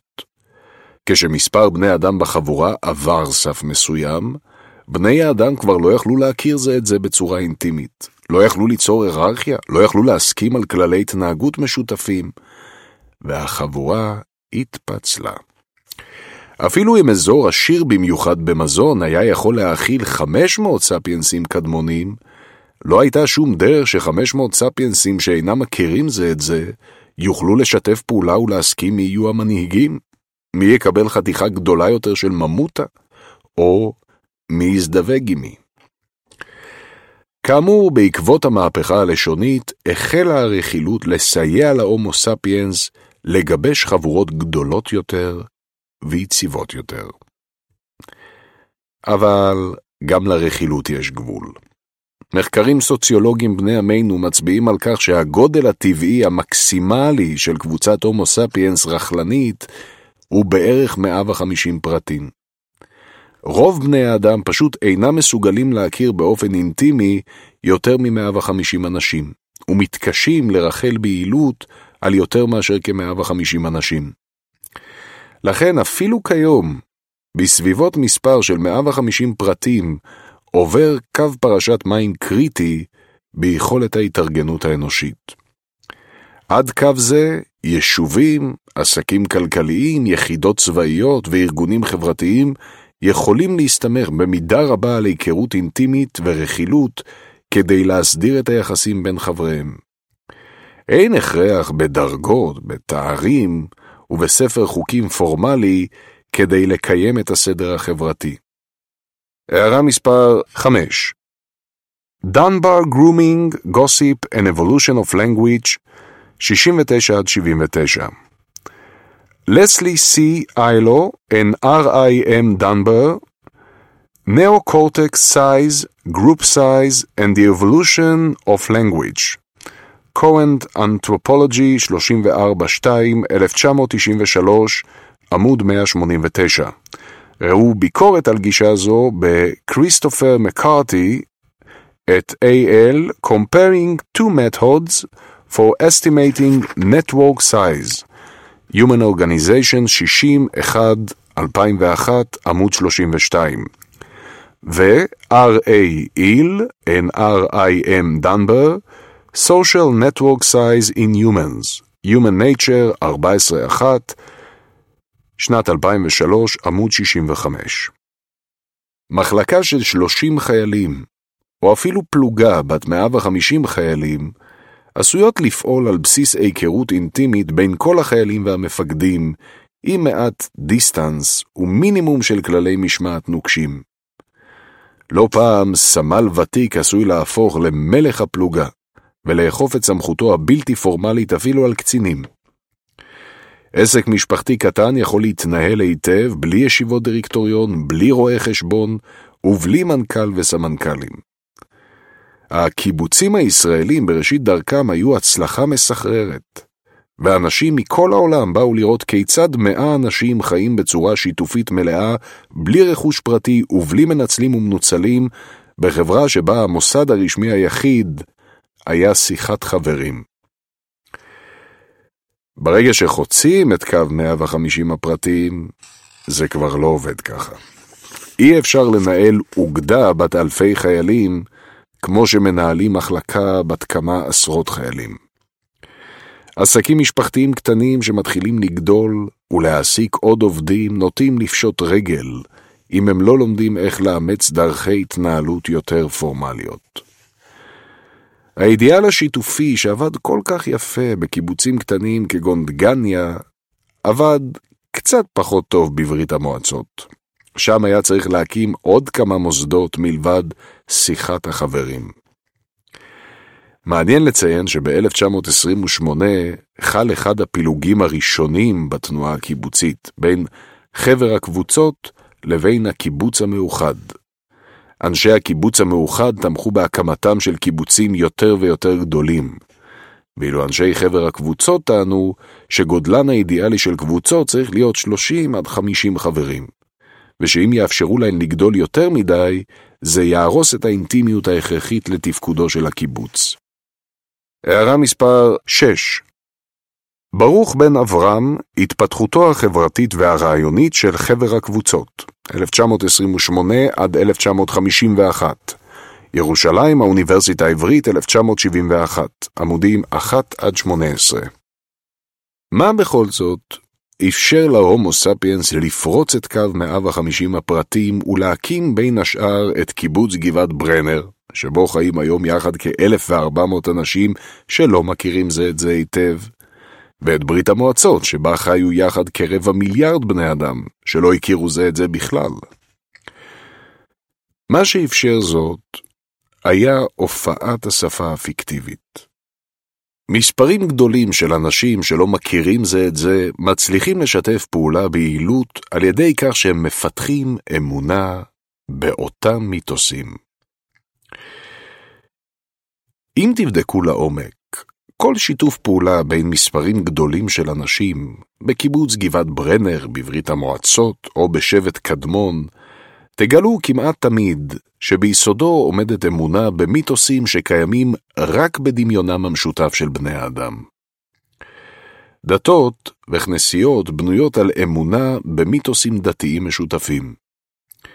שני נוצרים שמעולם לא נפגשו יוכלו לשתף פעולה זה עם זה, כי שניהם מאמינים שאלוהים מתגלם בבשר ונצלב כדי לכפר על חטאי האדם.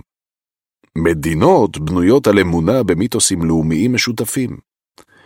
שני גרמנים שמעולם לא נפגשו יוכלו לשתף פעולה כי שניהם מאמינים בקיומו של הלאום הגרמני, של המולדת הגרמנית, של הדגל הגרמני ושל ההמנון הגרמני.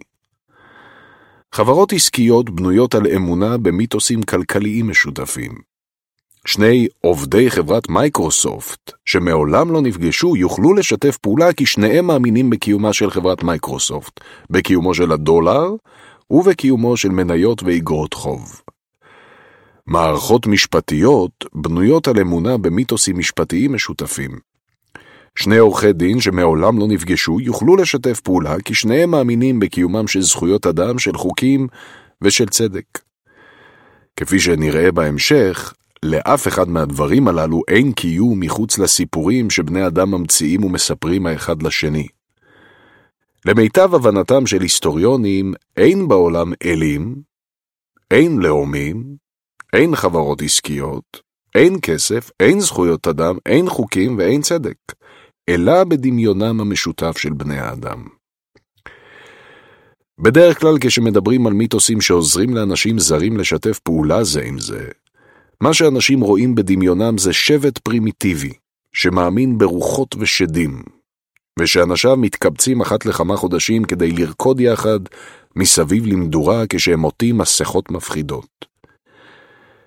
אמונה ברוחות ושדים וריקודי מסכות מסביב למדורה הם אכן דוגמה לאופן שבו מיתוסים משותפים יכולים לסייע למאות אנשים זרים להסכים על כללי התנהגות משותפים. אלא שזו דוגמה בעייתית, כי היא גורמת לאנשים להניח שמיתוסים הם משהו פרימיטיבי, ושיש בוודאי דרכים אלטרנטיביות ויותר יעילות ליצור סדר חברתי. כדי להפריך את ההנחה הזו, מוטב להדגים את דרך פעולתם של מיתוסים באמצעות דוגמה בת ימינו, הלקוחה מהתחום שנחשב בדרך כלל כאנטיתזה מוחלטת לאמונה ברוחות ושדים ולריקודי מסכות מסביב למדורה. עולם העסקים והמשפט המודרני האמת היא שאנשי עסקים ועורכי דין מודרניים הם מכשפים רבי עוצמה, וההבדל העיקרי בינם לבין רופאי אליל פרימיטיביים הוא שאנשי עסקים ועורכי דין מספרים אגדות הרבה יותר מוזרות.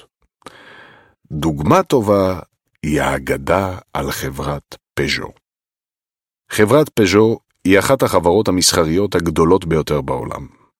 היא מעסיקה כ-200 אלף עובדים, שרובם זרים זה לזה לחלוטין, אבל הם משתפים פעולה בצורה כה יעילה, שפז'ו מכניסה כל שנה למעלה מ-50 מיליארד יורו.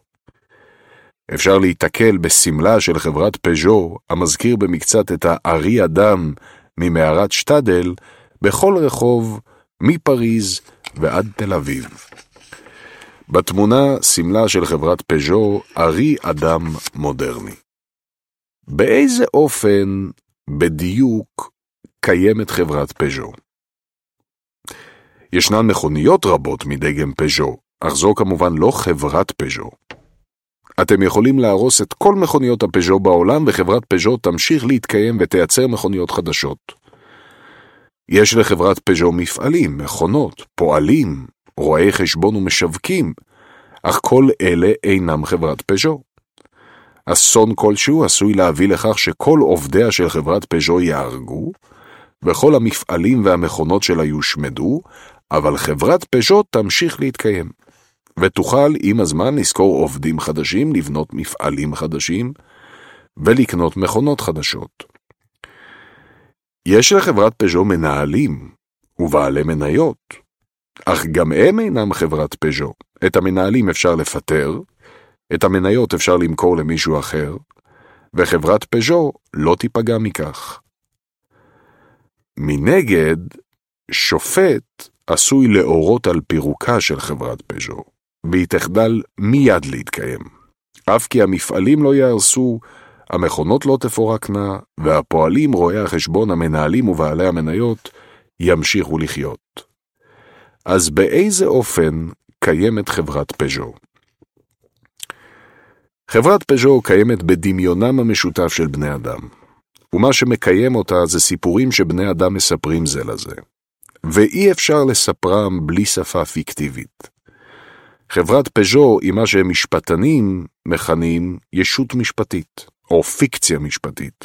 כלומר, ישות שאין לה שום קיום חומרי אובייקטיבי, אך היא בכל זאת קיימת מבחינה משפטית. חלים עליה חוקים. היא יכולה להחזיק כסף ורכוש, היא חייבת לשלם מיסים, אפשר להעמיד אותה לדין, והיא יכולה לתבוע מישהו בבית משפט. באופן ספציפי, חברת פז'ו שייכת לסוגה של האישויות המשפטיות שנקראת חברות בערבון מוגבל. חברה בערבון מוגבל היא אחת ההמצאות הגאוניות של עולם המשפט העסקי. במשך רוב ההיסטוריה לא היו חברות בערבון מוגבל. היו אנשים, ולאנשים האלה היה רכוש. אם בימי הביניים ז'אן הקים בית מלאכה לייצור עגלות, הוא היה העסק. אם אחת העגלות התפרקה שבוע אחרי שהיא נקנתה, הקונה הממורמר היה תובע למשפט את ז'אן. אם ז'אן לווה אלף מטבעות זהב כדי להקים את בית המלאכה שלו, ובית המלאכה נכשל, היה על ז'אן למכור את כל רכושו כדי להחזיר את ההלוואה. אם הוא לא יכול לעמוד בהחזרי החובות, היה אפשר להכניס אותו לכלא, או אף למכור אותו לעבדות. מצב זה הגביל את התעוזה הכלכלית של בני האדם. בני אדם חששו ליזום מפעלים עסקיים חדשים ולקחת סיכונים כלכליים, כי כישלון עסקי היה עלול להרוס את חייהם. במהלך העת החדשה, בני אדם ביבשת אירופה החלו לדמיין ביחד את קיומן של ישויות בשם חברות בערבון מוגבל. אחת מתכונותיהן המהותיות של חברות בערבון מוגבל, היא שהן ישויות עצמאיות לגמרי, שאינן זהות לאנשים שהקימו אותן, השקיעו בהן ומנהלים אותן. כך למשל, בשנת 1896 הקים ארמן פז'ו חברה בערבון מוגבל לייצור מכוניות.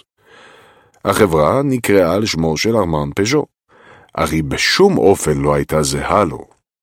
אם אחת המכוניות שייצרה החברה התקלקלה, הקונה הממורמר היה יכול לתבוע את חברת פז'ו, אך לא את ארמן פז'ו. אם החברה לוותה מיליוני פרנקים ממשקיעים ואז פשטה את הרגל, ארמן פז'ו לא היה חייב למשקיעים הללו ולו פרנק אחד. הוא היה יכול להמשיך לגור בבתי פאר ולנסוע ממכוניות יוקרה, והנושים לא יכלו לשים את ידם על רכושו. שכן ההלוואה ניתנה לחברת פז'ו, לא לארמן פז'ו, ומי שחייב להחזיר את החוב הוא החברה, לא ארמן. זה דבר טוב מאוד מבחינה כלכלית, כי זה מעודד אנשים כגון ארמן פז'ו לקחת סיכונים כלכליים וליזום מפעלים עסקיים חדשים מבלי לחשוש יתר על המידה מפני כישלון. ארמן פז'ו מת ב-1915. חברת פז'ו עדיין חיה. איך בדיוק יצר ארמן פז'ו את חברת פז'ו? באותו אופן שבו מכשפים יוצרים רוחות ושדים וכהנים יוצרים אלים. הוא סיפר סיפור, ושכנע את עצמו ואת כל הסובבים להאמין בסיפור הזה. כדי שהסיפור יהיה משכנע, ארמן פז'ו הלך למקום קסום, משרדו של עורך דין, ובעזרתו של המדיום המקומי ערך טקס רב רושם, שבו לא רק סיפרו את סיפור יצירתה של חברת פז'ו, אלא גם כתבו את הסיפור על דף מהודר, בתוספת לחשי קסם סתומים והשבעות נוראיות, ואברה קדברה, חברת פז'ו נולדה. כמובן שלא כל סיפור הולך.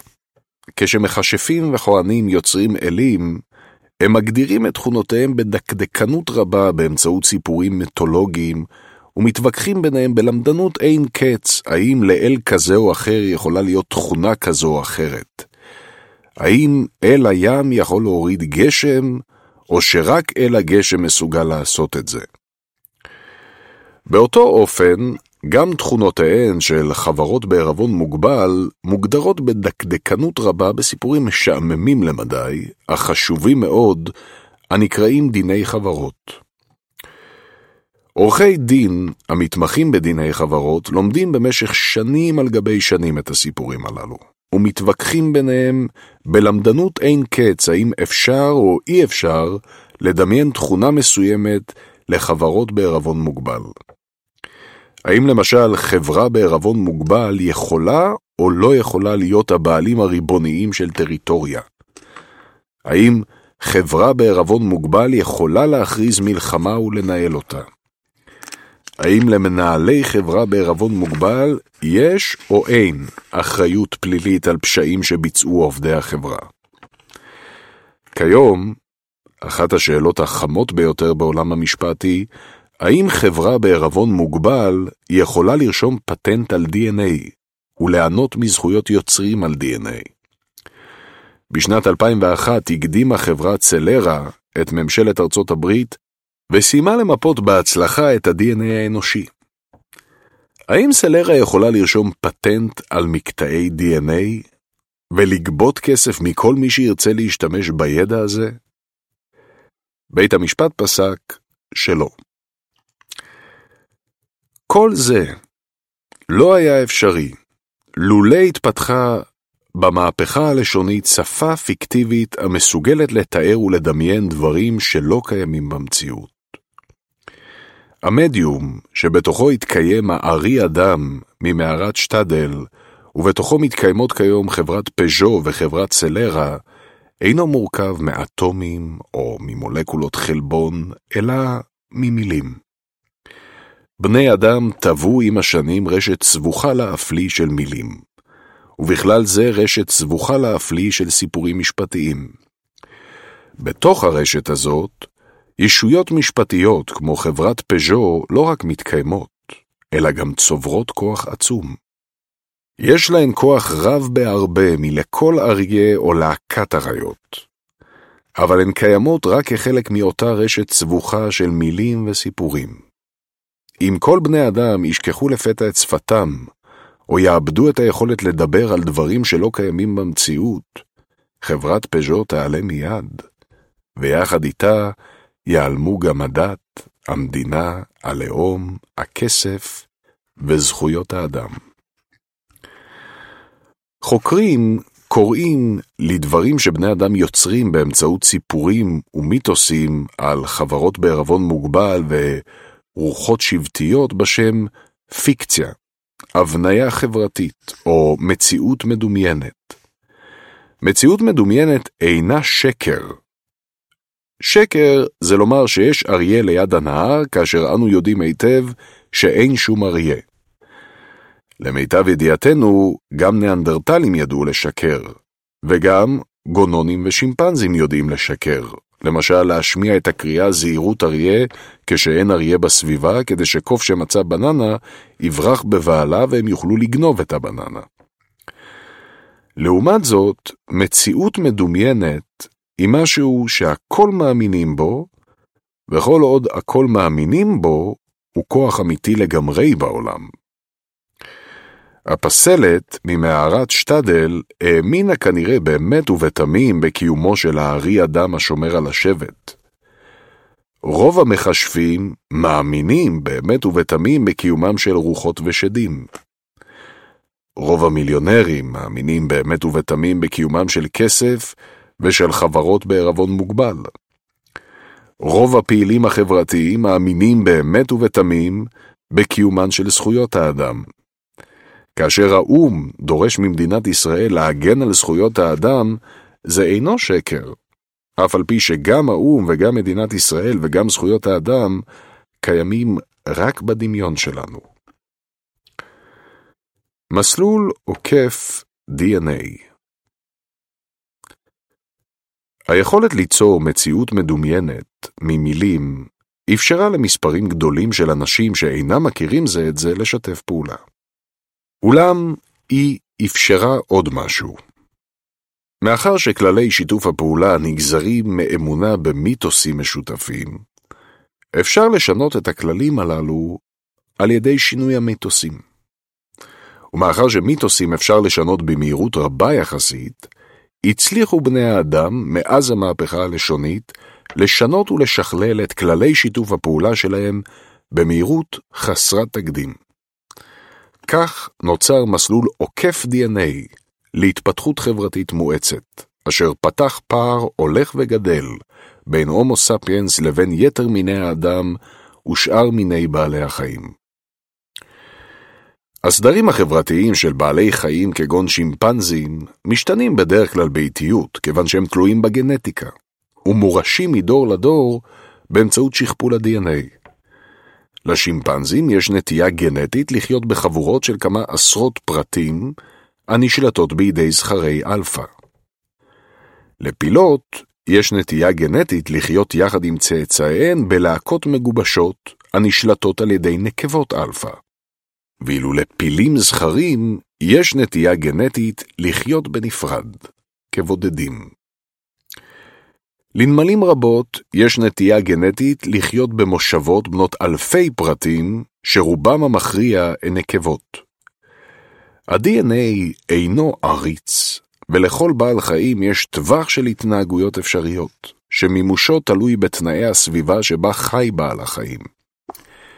אם תנאי הסביבה משתנים, גם ההתנהגות משתנה. אולם באותו סוג של סביבה, בעלי החיים מאותו מין ייטו להתנהג באופנים דומים, ושינויים חברתיים משמעותיים כמעט תמיד יהיו כרוכים בשינויים גנטיים. בעלי החיים עצמם אינם מסוגלים בדרך כלל ליזום שינוי משמעותי בדרכי ההתנהגות והמחשבה שלהם. כך למשל שימפנזות נקבות לא יכולות להתארגן לפתע פתאום בלהקה משלהן ולגרש משם את הזכרים הבוגרים, ושימפנזים זכרים לא יכולים להחליט שמהיום מבוטלות כל זכויות היתר של זכר אלפא, ושכל השימפנזים שווים זה לזה. שינויים מסוג זה יכולים לקרות רק אם ישתנה משהו ב-DNA של השימפנזים. ומאחר ששינויים משמעותיים ב-DNA הם נדירים ואיטיים, רוב דרכי ההתנהגות והמחשבה של שימפנזים ובעלי חיים אחרים משתנות רק לעיתים נדירות, ובאיטיות רבה. גם בקרב מיני האדם שלפני המהפכה הלשונית, שינויים בדרכי ההתנהגות והמחשבה היו נדירים ואיטיים, כיוון שהם היו תלויים בשינויים גנטיים או סביבתיים. למיטב ידיעתנו, התחלת השימוש בכלים, התפתחותם של כלים חדשים, ביות האש וההתפשטות לאזורי מחיה חדשים, היו תוצר של שינויים גנטיים ולחצים סביבתיים יותר מאשר של יוזמות תרבותיות. היכולת ליצור כלים תלויה במבנה האנטומי של היד והאצבעות. בכישורים הקוגניטיביים של המוח השולט ביד ובאצבעות, ובחומרי הגלם הזמינים. מוטציה גנטית שהביאה להתפתחותן של אצבעות קטנות יותר, או הגירה לאזור חדש שבו צמחו קני במבוק, היו עשויות להביא להופעתם של כלים חדשים שנעשו מבמבוק. כל עוד לא קרתה מוטציה נוספת, או לא קרה שינוי סביבתי חדש, לא חל שום שינוי משמעותי בטכנולוגיה של כלי הבמבוק.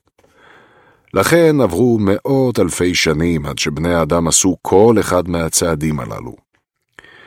עדויות ארכיאולוגיות מצביעות על כך שבמשך מאות אלפי שנים דור אחר דור של בני אדם השתמשו בדיוק באותם הכלים.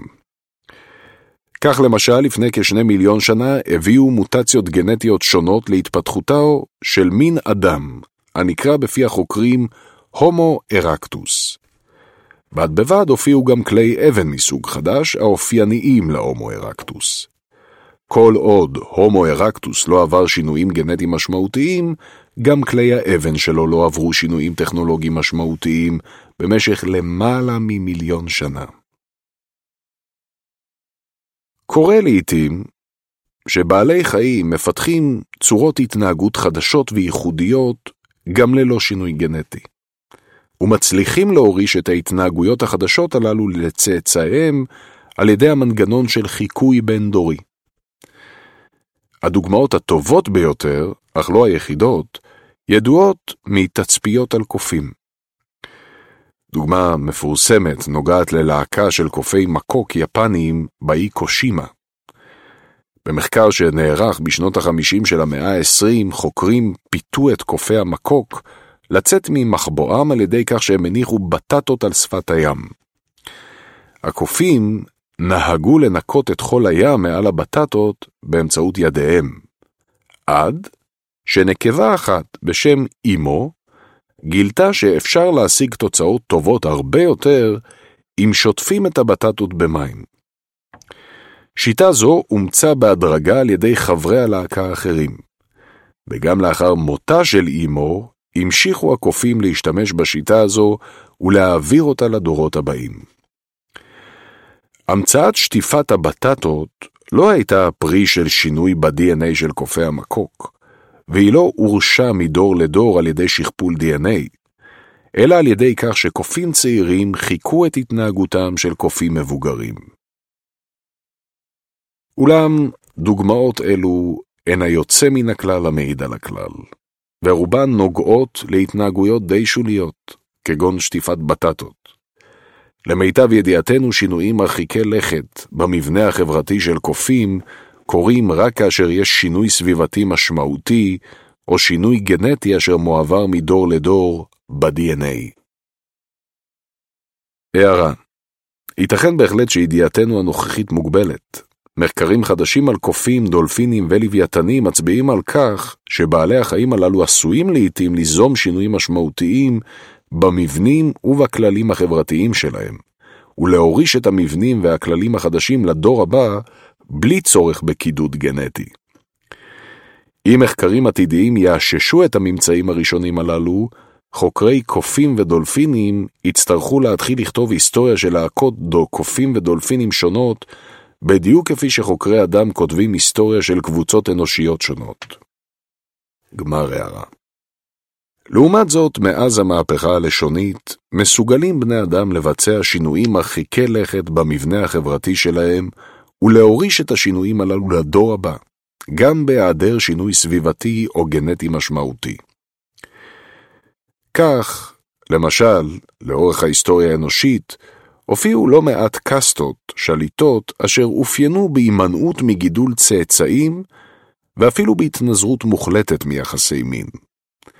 הכמרים הקתולים, מסדרי הנזירים והנזירות הנוצריים, מסדרי הנזירים והנזירות הבודהיסטיים, ומערכות בירוקרטיות של סריסים בביזנטיון, בסין ובעולם האסלאם. מקרים אלו נוגדים את עקרונות הברירה הטבעית, שכן בהם דווקא הפרטים החזקים ביותר בחברה מוותרים מרצון על רבייה. בניגוד למצב אצל השימפנזים, שם זכר האלפא משתמש בכוחו כדי להשיג כמה שיותר נקבות ולהעמיד כמה שיותר צאצאים, זכר האלפא של העולם הקתולי, האפיפיור, מתנזר כליל מיחסי מין ומטיפוח צאצאים. התנזרות זו אינה תלויה בקיום תנאי סביבה ייחודיים, כגון מחסור חמור במזון או בבני זוג, וברור שהיא אינה מקודדת ב-DNA.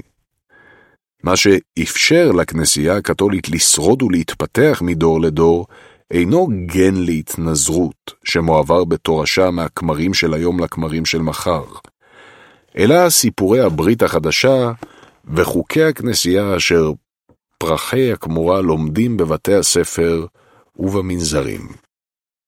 לכן, בעוד דפוסי ההתנהגות של בני אדם קדמונים נשארו קבועים במשך מאות אלפי שנים, דפוסי ההתנהגות של הומו ספיאנס אחרי המהפכה הלשונית יכלו להשתנות בצורה מרחיקת לכת בתוך שנים ספורות. אפשר לשנות מהיום למחר את הסדר המדומיין של הכנסייה הקתולית, של חברת פז'ו, או של שבט לקטים ציידים, בלי שום צורך לשנות את ה-DNA של הנוצרים, של עובדי חברת פז'ו או של בני השבט. זה היה סוד כוחו של הומו ספיאנס.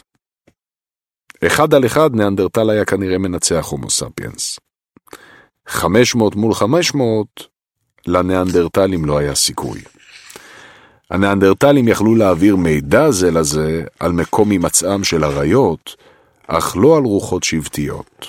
ולכן, 500 ניאנדרטלים לא יכלו לשתף פעולה זה עם זה, והתקשו להמציא דרכי התנהגות חדשות מהיום למחר. ההבדל בין המינים התבטא למשל ביחס השונה למסחר. עד כה לא נמצאו עדויות ארכיאולוגיות המצביעות על כך שחבורות ניאנדרטלים שונות סחרו זו עם זו. כל חבורה יצרה את הכלים שלה מחומרי גלם שנמצאו בשטח המחיה שלה. לעומת זאת, ארכיאולוגים מצאו עדויות ברורות למסחר בין חבורות של הומו ספיאנס על פני מרחקים שהגיעו לעתים למאות קילומטרים. חבורות הומו ספיאנס שישבו לפני יותר מ-30 אלף שנה במרכז צרפת של ימינו, השתמשו בצדפים שמוצאם מאות קילומטרים משם, בחופי הים התיכון והאוקיינוס האטלנטי. הערה מספר 7 איבט טבורין, Shells of the French Arigation and Perigordian in Before Lascaux, the complete record of the early Upper Paleolithic. I.D. Knecht, and Piaiktai and Randall White. בוקה רטון, CRC פרס, 1993, עמודים 211 עד 228. חבורות הומו ספיאנס שהתיישבו באי ניו אירלנד שמצפון לגינאה החדשה, השתמשו באובסידיאן, זכוכית וולקנית, כדי ליצור כלים חדים וחזקים במיוחד. בניו אירלנד אין שום מרבצים טבעיים של אובסידיאן. בדיקות במעבדה גילו שהאובסידיאן שממנו הכינו יושבי ניו אירלנד כלים, הגיע ממרבצים השוכנים 400 קילומטר משם, באי אחר, ניו בריטן. ככל הנראה, בני האדם הקדמונים היו שייטים מיומנים והעבירו סחורות מאי לאי. הערה מספר 8 G.R. Summerhighs Application of Piaxpigeon in the archaeological analysis of changing patterns of obsidian use in West New Britain, Papua New Guinea. In archaeological obsidian studies, method and theory, editor Stephen M. Shakely, ניו יורק, פלנום פרס, 1998, עמודים 129 עד 58. אם חבורות שונות יכלו לסחור זו עם זו בצדפים ובחומרי גלם להכנת כלים, הדעת נותנת שהם גם יכלו להעביר זו לזו מידע, וכך ליצור רשת תקשורת ענפה הרבה יותר מזו שעמדה לרשות הניאנדרטלים ומיני האדם האחרים. גם בשיטות הציד היו פערים משמעותיים בין המינים. ניאנדרטלים צדו בדרך כלל בבודדים, או בקבוצות קטנות. הומו ספיאנס פיתח שיטות ציד המוניות, שהתבססו על שיתוף פעולה הדוק בין עשרות רבות של בני אדם, ואולי אף על שיתוף פעולה בין כמה חבורות שונות.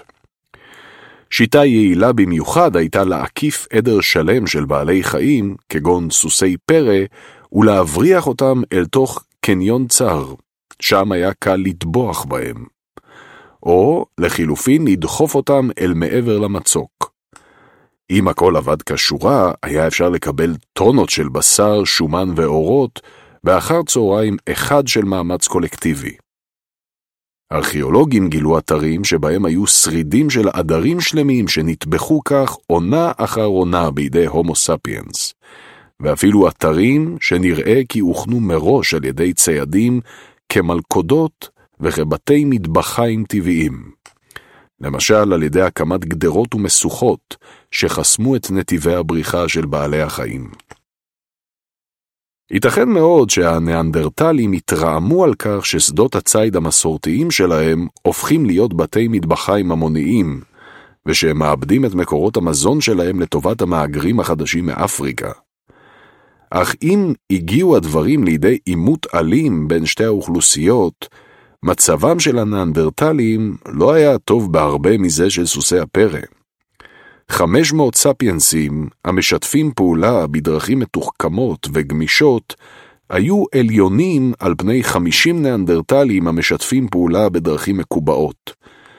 ואם הומו ספיאנס נכשל בעימות הראשון, הוא היה יכול להמציא במהירות דרכי התנהגות חדשות שאפשרו לו לנצח בסיבוב השני או השלישי. אז מה קרה במהפכה הלשונית? טבלה התיאוריות השונות מול איזו יכולת ייחודית הופיעה במהפכה הלשונית ואיזו תועלת יש ביכולת הזו. לפי תיאוריית יש אריה ליד הנהר, היכולת הייחודית שהופיעה במהפכה הלשונית היא היכולת להעביר כמויות גדולות של מידע על המציאות הסובבת את בני האדם. והתועלת אפשר לתכנן ולבצע פעולות מורכבות, כגון התחמקות מאריות וצד תאואים. לפי תיאוריית הרכילות, היכולת הייחודית שהופיעה במהפכה הלשונית היא היכולת להעביר כמויות גדולות של מידע על המציאות החברתית של בני האדם עצמם. והתועלת אפשר להתארגן בחברות גדולות ומגובשות יותר, שמונות עד כ-150 בני אדם. ולפי תיאוריית השפה הפיקטיבית, היכולת להעביר כמויות גדולות של מידע על דברים שלא קיימים במציאות, כגון רוחות שבטיות, לאומים, זכויות אדם וחברות בערבון מוגבל, והתועלת, א', אפשר לארגן שיתופי פעולה בין מספרים גדולים מאוד של בני אדם שלא מכירים זה את זה, וב', אפשר להמציא כללי התנהגות חדשים ולשנות כללים ישנים במהירות רבה. ההיסטוריה יוצאת לדרך. המגוון העצום של מציאויות מדומיינות שבני אדם המציאו, והמגוון העצום של כללי התנהגות שנגזרים ממציאויות אלה, הם המרכיב העיקרי של מה שנקרא תרבויות. השתנותן של תרבויות אלו היא ההיסטוריה, והמהפכה הלשונית היא הנקודה שבה ההיסטוריה מכריזה על עצמאותה מהביולוגיה, ובה סיפורים היסטוריים מחליפים את התיאוריות הביולוגיות כאמצעי ההסבר העיקרי שלנו. עד המהפכה הלשונית, כל מה שעשה האדם, וכל מה שקרה לאדם, ניתן להסבר באמצעות אותן תיאוריות ביולוגיות שמסבירות את התנהגותם ומעשיהם של יתר בעלי החיים. השינויים החשובים שעברו על האדם, כגון שינויים בטכנולוגיית ייצור הכלים, היו כרוכים בשינויים גנטיים או סביבתיים, ובכך היו דומים למדי לשינויים החשובים שעברו על השימפנזים. אך מהמהפכה הלשונית ואילך, מרבית השינויים החשובים שעברו על האנושות היו שינויים תרבותיים, ולמיטב ידיעתנו שינויים אלו לא היו מלווים בשום שינוי גנטי מהותי. לכן תיאוריות ביולוגיות התקשו להסביר את השינויים מרחיקי הלכת שעברו על התרבות האנושית בעשרות אלפי השנים האחרונות. אין פירוש הדבר שהאדם והתרבות האנושית השתחררו לפני כ-70 אלף שנה מכפיפותם לחוקי הביולוגיה. בני האדם הם עדיין בעלי חיים, ויכולותיהם הגופניות, הרגשיות והקוגניטיביות ממשיכות להיות מעוצבות על ידי ה-DNA שלהם. החברה האנושית המודרנית בנויה מאותן אבני בניין בסיסיות כמו החברה הניאנדרטלית או השימפנזית, וככל שאנו חוקרים יותר לעומק את אבני הבניין הללו, תחושות, רגשות, יחסים בין אישיים, קשרי משפחה, כך ההבדל בינינו לבין קופי אדם אחרים כגון שימפנזים הולך ומטשטש. אלא שמי שמחפש את ההבדל בינינו לבין שימפנזים ברמת הפרט הבודד או המשפחה, מחפש במקום הלא נכון. אחד מול אחד, ואפילו עשרה מול עשרה, אנחנו דומים באופן מביך לשימפנזים. הבדלים גדולים מתחילים להופיע רק בסביבות 150 פרטים, וכשמגיעים לקו אלף ואלפיים פרטים, ההבדלים הם כבר אדירים. אם תנסו למשל לקבץ יחד אלפי שימפנזים בשוק מחנה יהודה, באיצטדיון טדי, בכותל המערבי או בכנסת, מה שתקבלו יהיה כאוס גמור. לעומת זאת, בני אדם מתקבצים באלפיהם במקומות הללו, ויוצרים יחד דברים שקבוצות קטנות של בני אדם לא יכלו ליצור, כגון רשתות מסחר, טקסים המוניים, דתות ומדינות. את ההבדל בינינו לבין שימפנזים צריך לכן לחפש בדבק שמדביק מספרים גדולים של פרטים, משפחות וחבורות, אלו לאלו. אפשר אם כן לסכם את היחסים בין הביולוגיה להיסטוריה לאחר המהפכה הלשונית באופן הבא. אחת, הביולוגיה התוותה בעבור הומו ספיאנס מגרש משחקים מסוים, וכל מה שהומו ספיאנס עושה נשאר כפוף לגבולות ששרטטה הביולוגיה. 2. אלא שהביולוגיה התוותה להומו ספיאנס מגרש משחקים רחב במיוחד, שבתוכו יכול הומו ספיאנס לשחק מגוון עצום של משחקים. תודות לשפתו הפיקטיבית ולכוח הדמיון שלו, הומו ספיאנס מסוגל לא רק להמציא משחקים חדשים ומגוונים, אלא גם לפתח אותם ולהורישם מדור לדור. 3. לכן, על מנת להבין את מה שהומו ספיאנס עושה, עלינו לתאר את ההשתלשלות ההיסטורית של מעשיו. מי שמסתפק רק בשרטוט קווי הגבול הביולוגיים, דומה לכתב ספורט אשר נשלח לדווח על משחק גמר גביע העולם בכדורגל, וחוזר עם שרטוט מדויק של גבולות האיצטדיון, והסבר שכל מה שקרה, קרה בתוך הגבולות האלה. עמוד 48, פרק מספר 3 להיות לקט צייד המהפכה הלשונית לא שינתה בן לילה את כל אורחות חייהם של בני האדם. במשך מיליוני שנה קודם למהפכה הלשונית, ניזונו בני האדם מליקוט צמחים וציד בעלי חיים שגדלו פרא, ללא יד אנושית מכוונת. במשך עשרות אלפי שנים אחרי המהפכה הלשונית, המשיכו בני האדם לחיות כלקטים ציידים. השינוי הגדול הגיע רק עם פריצת המהפכה החקלאית לפני כעשרת אלפים שנה, שבמסגרתה ביית האדם כמה מיני צמחים ובעלי חיים, ועבר בהדרגה לגור ביישובי קבע. ובכל זאת, חייהם של הלקטים בתקופת הביניים שבין המהפכה הלשונית, לפני כ-70 אלף שנה, למהפכה החקלאית, לפני כעשרת אלפים שנה, היו שונים באופן משמעותי מחייהם של אבות אבותיהם. המהפכה הלשונית שחררה את הומו ספיאנס מכבלי ה-DNA והאינסטינקטים, ואפשרה לו להתחיל לברוא עולמות חדשים, לפתח טכנולוגיות חדשות, להמציא הסדרים חברתיים חדשים ולסגל אורחות חיים חדשים. ככל הידוע לנו, יכולתיהם הגופניות, הרגשיות והשכליות של הקטים שחיו לפני 20 או 40 אלף שנה לא נפלו במאומה משלנו. מה הם עשו עם כל זה במהלך עשרות אלפי השנים המפרידות בין המהפכה הלשונית למהפכה החקלאית? איך בדיוק נראו חיי היום-יום שלהם? האם היו להם מלחמות ומהפכות? האם היו להם טקסים, כללי מוסר, תחרויות ספורט ופולחנים דתיים? שאלות אלה הן מהותיות להבנת הטבע האנושי, ההיסטוריה האנושית והפסיכולוגיה האנושית. במרבית הזמן שבו קיימים אנשים הזהים לנו בתכונותיהם וביכולתיהם הבסיסיות, הם חיו כלקטים ציידים. 200 השנים האחרונות, בהן חי הומו ספיאנס כפועל וכפקיד, ועשרת אלפים השנים שבהן חי הומו ספיאנס כחקלאי, מתגמדות אל מול עשרות אלפי השנים שבהן חיינו כלקטים ציידים. התחום הפורח של סוציוביולוגיה, הידוע גם כפסיכולוגיה אבולוציונית, טוען שרבים מהמאפיינים הפסיכולוגיים והחברתיים הבסיסיים של האדם התעצבו במהלך עשרות אלפי השנים הללו, והשתנו רק מעט בזמן הקצר יחסית שעבר מאז המהפכה החקלאית עד ימינו.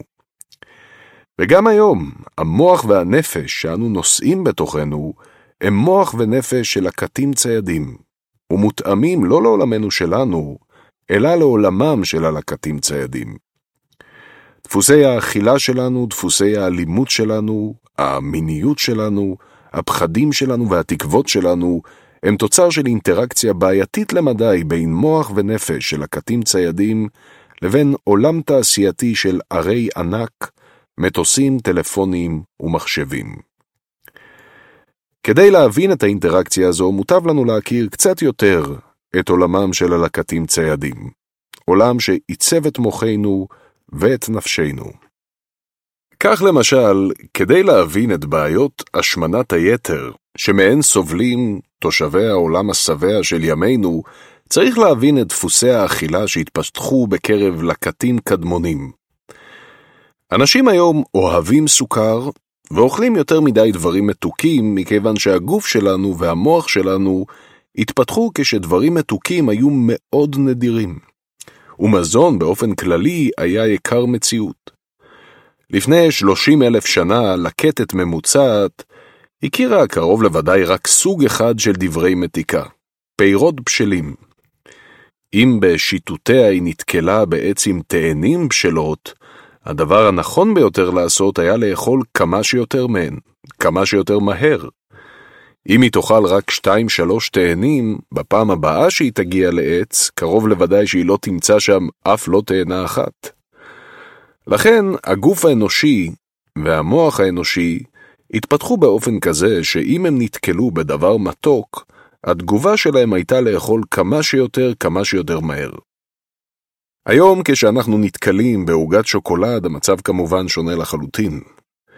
אבל, לרוע מזלנו, הגוף והמוח שלנו עדיין לא שינו את התכונות שלהם. אנחנו מגיבים לעוגת השוקולד כמו שהלקטת ציידת הגיבה לעץ התאנים. תיאוריה יותר מסעירה, ושנויה במחלוקת, טוענת שלקטים קדמונים חיו בחבורות שיתופיות, שבהן לא היה רכוש פרטי, משפחות גרעיניות, קשרי זוגיות מונוגמיים או אפילו אבות ביולוגיים. אישה יכלה לקיים יחסי מין ולקשור קשרים אינטימיים עם כמה גברים ונשים בו זמנית. וילדיה של אישה זו גדלו לא במסגרת משפחתית צרה, אלא במסגרת קהילתית רחבה שבה כל הילדים הם אחים, ולכל ילד יש אבות רבים. כיוון שאף גבר לא ידע בוודאות מי הם ילדיו, הגברים דאגו באופן שווה לכל הילדים בחבורה. זו אינה בהכרח פנטזיה היפית. אפילו היום ישנן חברות אנושיות המבודדות במעמקי הג'ונגלים של דרום אמריקה ובאיים של האוקיינוס השקט החיות כקומונות שיתופיות, והמאמינות בריבוי אבות. לפי אמונה זו, ילד אינו נולד מזרעו של גבר בודד, אלא מהצטברות זרעם של גברים רבים ברחמה של האם. לכן, אמא מסורה דואגת לקיים יחסי מין עם גברים רבים, בייחוד כשהיא בהיריון, כדי שהילד הצומח ברחמה יענה לא רק מתכונותיו של הצייד הטוב ביותר, אלא גם מתכונותיו של מספר הסיפורים המעניין ביותר, הלוחם החזק ביותר, והבחור החייכן ביותר. לכאורה אמונה זו דווקא נשמעת די הגיונית. עץ תפוחים אינו צומח בזכות מתנתו של ענן גשם בודד, אלא מהצטברות מתנותיהם של ענני גשם רבים ושונים.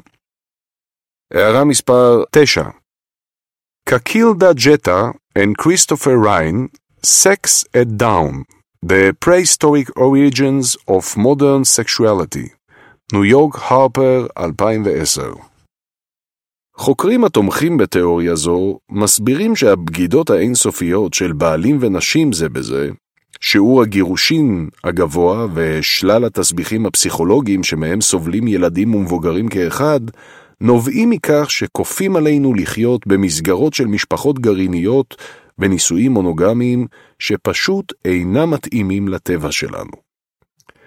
אפילו נטייתן של נשים לגנוח בקול רם בזמן אורגזמה היא לטענת חוקרים אלה זכר לקומונות הקדמוניות.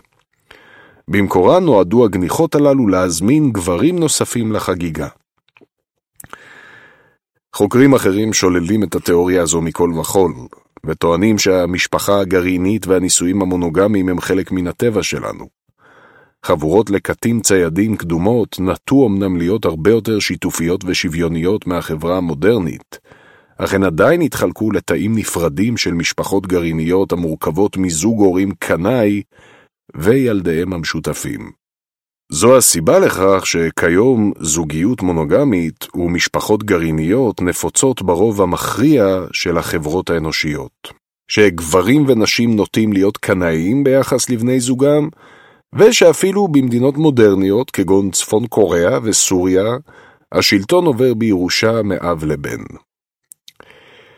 כדי להכריע בוויכוח הזה ולהבין את המיניות שלנו, החברה שלנו והפוליטיקה שלנו, כדאי לדעת משהו על תנאי החיים של בני אדם לפני עשרות אלפי שנים.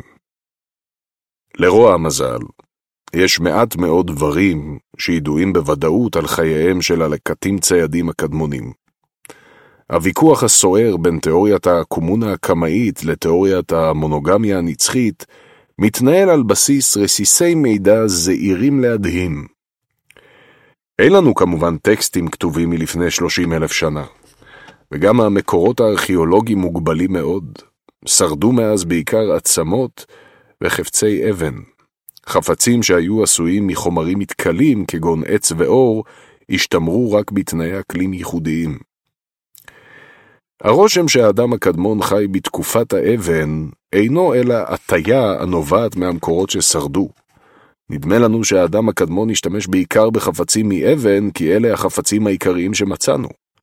אבל מצאנו בעיקר חפצי אבן מהסיבה הפשוטה שאבנים שורדות במשך מאות אלפי שנים, בשעה שעץ, במבוק, אור ופרווה מתכלים בדרך כלל תוך שנים מעטות. הניסיון ללמוד על חייהם של הלקטים ציידים מהחפצים שהם השאירו אחריהם הוא אירוני ביותר, שכן אחד ההבדלים הבולטים ביותר בין הלקטים לצאצאיהם, החקלאים והפועלים, הוא שללקטים היו מעט מאוד חפצים, ואלה שיחקו תפקיד שולי יחסית בחייהם. אדם הערבי בן ימינו מחזיק במהלך חייו כמה מיליוני חפצים, החל בשקיות חד פעמיות וקופסאות גבינה, וכלה במכוניות ובבתים. ואין ולו פעילות אחת שהוא עושה שאינה מתווכת על ידי מספר חפצים. פעילויות האכילה שלנו מתווכות באמצעות אין ספור חפצים, מכפיות וצלחות ועד אוניות תובלה ענקיות ומעבדות להנדסה גנטית. המשחקים שלנו מתווכים באמצעות אין ספור צעצועים, מאבני לגו ועד אצטדיוני ענק. היחסים הרומנטיים שלנו מתווכים באמצעות טבעות, בגדים יפים, מסעדות יוקרה, אתרי שידוכים, צימרים, מלונות, שדות תעופה, מיטות, אמצעי מניעה, אולמות חתונה, קייטרינג ומעטפות עם צ'קים.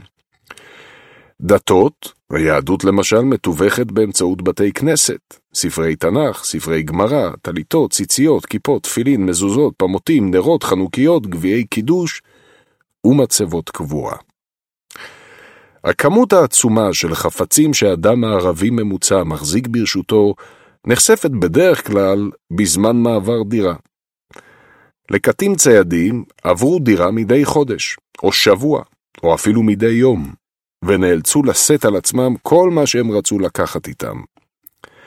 מאחר שהם חיו בתנועה, ומאחר שהם לא יכלו לסחוב איתם הרבה חפצים, הם הסתפקו בחפצים מועטים ביותר.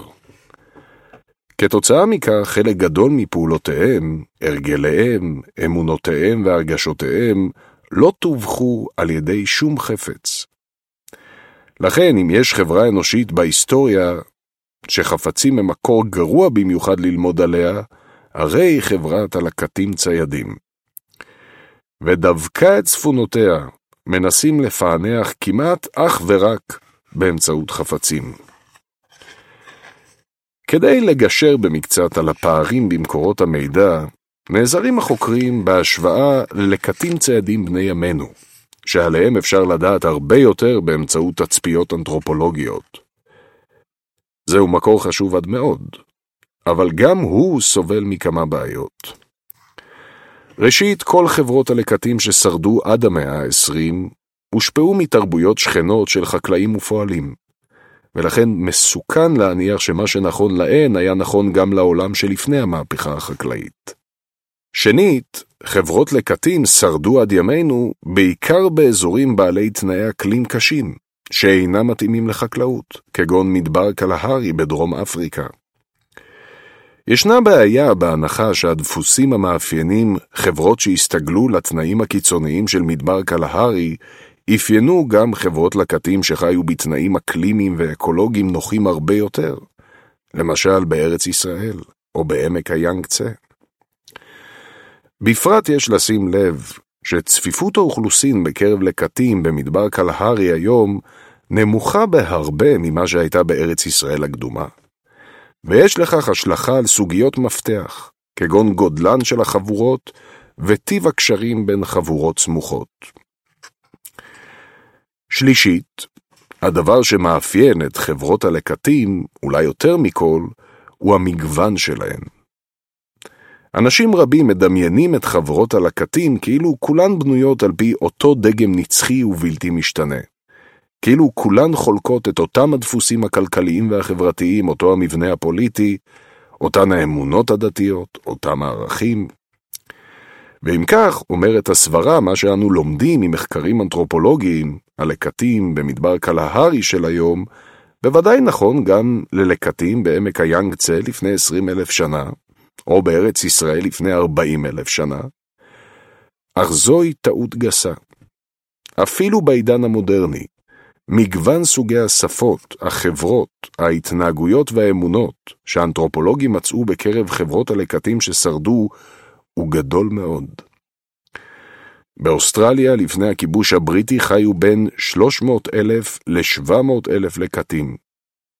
הערה מספר 10 N.G. Butlin, Economics and the Dreamtime, a Hypothetical History, קיימברידג', קיימברידג' יוניברסיטי פרס, 1993, עמודים 98 עד 101. שהיו מחולקים לכ-200 עד 500 שבטים, שכל אחד הורכב ממספר חבורות. הערה מספר 11 ריצ'רד ברום, Aboriginal Australians, סידני, סאוטווד פרס, 2002, 15 וויליאם אוול אדוארדס, An Introduction to Aboriginal Societies, South Melbourne Social Science Press, 1988, עמוד 52. לכל שבט הייתה שפה שונה, דת שונה, מנהגים שונים, ומבנים פוליטיים וחברתיים שונים. סביר להניח שהמגוון האתני והתרבותי בקרב לקטים קדמונים היה גדול לא פחות, ושחמישה עד שמונה מיליון הלקטים שחיו בעולם לפני המהפכה החקלאית היו מחולקים לכמה אלפי שבטים נבדלים בעלי שפות ותרבויות שונות. הערה מספר 12 פקרי A. חסן, Demographic Archaeology, ניו יורק אקדמיק פרס 1981, עמודים 196 עד 9 ולואיס רוברט בינפורד, Constructing Frames of Reference, an analytical method for archaeological theory building using hunter-gatherer and environmental data sets. ברקלי, University of California Press, 2001, עמוד 143. זו הייתה אחת ההשלכות החשובות ביותר של המהפכה הלשונית. אי אפשרה לבני אדם בעלי מטען גנטי זהה, ואפילו לבני אדם שחיו בסביבות אקולוגיות דומות, ליצור סדרים מדומיינים שונים בתכלית, שהתבטאו בכללי התנהגות שונים, במבנים חברתיים שונים ובהרגלי יום-יום שונים. כך למשל, בהחלט אפשרי שחבורת לקטים שחיה באזור הכרמל לפני 30 אלף שנה, דיברה בשפה שונה לגמרי מחבורת לקטים שחיה באותו הזמן באזור הכנרת. יכול להיות שחבורה אחת הייתה אלימה מאוד, והשנייה שוחרת שלום. יכול להיות שבכרמל היו משפחות גרעיניות, ואילו בכנרת החבורה חיה כקומונה. יכול להיות שבכרמל השקיעו שעות ארוכות בגילוב פסלי עץ, ובכנרת התמחו דווקא בריקודים. יכול להיות שבכרמל האמינו בגלגול נשמות, ואילו בכנרת פטרו את האמונה הזאת כהבלים. יכול להיות שבכרמל יחסי מין בין גברים היו טאבו, ואילו בכנרת הם היו דבר נפוץ. מה שאנו מגלים מתצפיות אנתרופולוגיות על לקטים מודרניים, כגון האבוריג'ינים האוסטרליים, עשוי לעזור לנו להבין חלק מטווח האפשרויות שעמד בפני לקטים קדמונים. אולם טווח האפשרויות הקדמון היה כנראה רחב ומגוון הרבה יותר, ולרובו אין לנו נגישות. הוויכוח על צורת החיים הטבעית של הומו ספיאנס מפספס את הנקודה העיקרית. מאז המהפכה הלשונית אין יותר דבר כזה צורת חיים טבעית. מה שיש זה רק בחירות תרבותיות שונות מתוך טווח עצום של אפשרויות. חברת השפע הקמאית מה בכל זאת אפשר להכליל על חייהם של הלקטים מהמקורות המעטים שיש לנו? ככל הנראה, מרבית האנשים חיו רוב הזמן בחבורות קטנות, שמנו כמה עשרות או לכל היותר מאות ספורות של פרטים. וכל הפרטים הללו היו בני אדם. חשוב לציין זאת, כי אין זה מובן מאליו. בחברות החקלאיות והתעשייתיות שהתקיימו בעשרת אלפים השנים האחרונות, מרבית הפרטים אינם בני אדם, אלא בעלי חיים. בעלי חיים אלה הם חלק אינטגרלי מן החברה, גם אם הם כמובן לא חברים שווי זכויות. החברה הניו זילנדית בת ימינו מורכבת מכי ארבעה מיליון וחצי בני אדם וכ-50 מיליון כבשים. החברה הישראלית מונה כ-7 מיליון וחצי בני אדם וכ-250 מיליון תרנגולות. ההסתייגות היחידה מקביעה זו נוגעת לכלבים. הכלב היה בעל החיים הראשון שבוית בידי האדם, והיחיד שבוית לפני המהפכה החקלאית. יש חילוקי דעות לגבי השאלה מתי בדיוק בוית הכלב. קיימות עדויות חד משמעיות על כלבים מבויתים מלפני כ-15 אלף שנה. אך יש חוקרים הטוענים שהתהליך של ביות הכלב התחיל אלפי שנים ואף עשרות אלפי שנים קודם לכן. כלבים מבויתים אלו צורפו אל החבורה האנושית כחברים מן המניין. למיטב ידיעתנו הכלבים לא שימשו למאכל בדרך כלל, אלא סייעו בציד ובהגנה.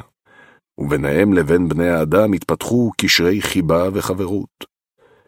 יש עדויות לקבורה מסודרת של כלבים אצל חברות קדם חקלאיות, ובמקרים אלה כלבים נקברו בצורה דומה לקבורת בני אדם. סוציוביולוגים טוענים שעם השנים עברו הכלבים תהליך של התאמה פסיכולוגית לבני האדם. כלב, שמסיבה כזו או אחרת לא תקשר טוב עם בני אדם, לא שרד. ככל שחלפו הדורות, שרדו אותם כלבים שהיו הקשובים ביותר לרצונותיהם ולרגשותיהם של בני האדם. ומנגד, גם למדו לעשות מניפולציות רגשיות משוכללות על בני האדם. 15 אלף שנה של מרוץ חימוש רגשי הביאו לכך שהיום יש בין בני אדם לכלבים תקשורת רגשית מורכבת ועמוקה הרבה יותר מאשר בין בני אדם לכל מין אחר של בעלי חיים. מלבד אולי חתולים. בתמונה בתחתית העמוד, תמונה מספר 5. הליטוף הראשון, קבר שנחשף בישראל מלפני כ-12 אלף שנה. הקבר מכיל שלד של אישה כבת 50 ושלד של גור כלבים בפינה הימנית העליונה. גור הכלבים נקבר בצמוד לראשה של האישה. וידה השמאלית של האישה מונחת על הגור, בתנוחה שיש הרואים בה עדות לקשר רגשי. מובן שיש שלל הסברים אחרים. אולי היה הגור מתנה לשומר הסף של העולם הבא. כל בני החבורה הכירו זה את זה בצורה אינטימית ביותר, והיו מוקפים כמעט כל חייהם בחברים ובבני משפחה. בדידות ופרטיות היו ככל הנראה תופעות נדירות. למרבית החבורות היה בדרך כלל מגע מסוים עם חבורות שכנות, שכלל חילופי בני זוג, הגירה, מסחר בהיקף קטן, קונפליקטים אלימים, ומדי פעם גם שיתופי פעולה לצרכים כלכליים, דתיים ומלחמתיים. שיתופי פעולה אלו היו אחד מסימני ההיכר החשובים של ההומו ספיאנס, שהעניקו לו יתרון מכריע על פני מיני אדם קודמים. לעתים היו המגעים עם חבורות שכנות הדוקים דיים כדי שהן יהוו שבט אחד, אשר חלק שפה משותפת, סיפורים משותפים, דת משותפת וכללי התנהגות משותפים. אולם אין להפריז בחשיבותם של מגעים אלו.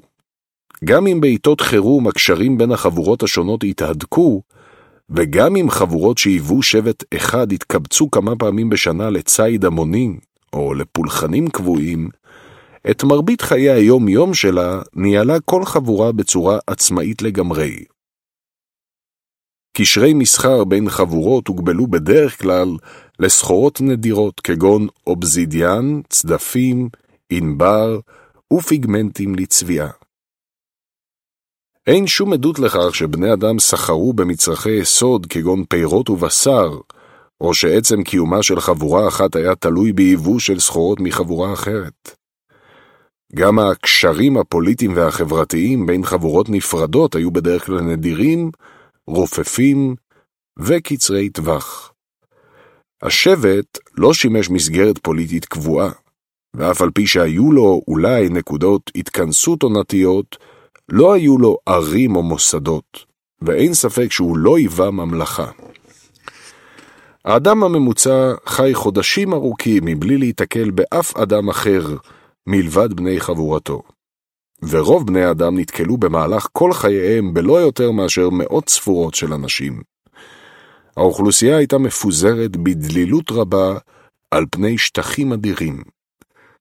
מעריכים שלפני פרוץ המהפכה החקלאית חיו על פני כדור הארץ כולו פחות אנשים מבמדינת ישראל דהיום. החבורות האנושיות חיו לרוב בתנועה.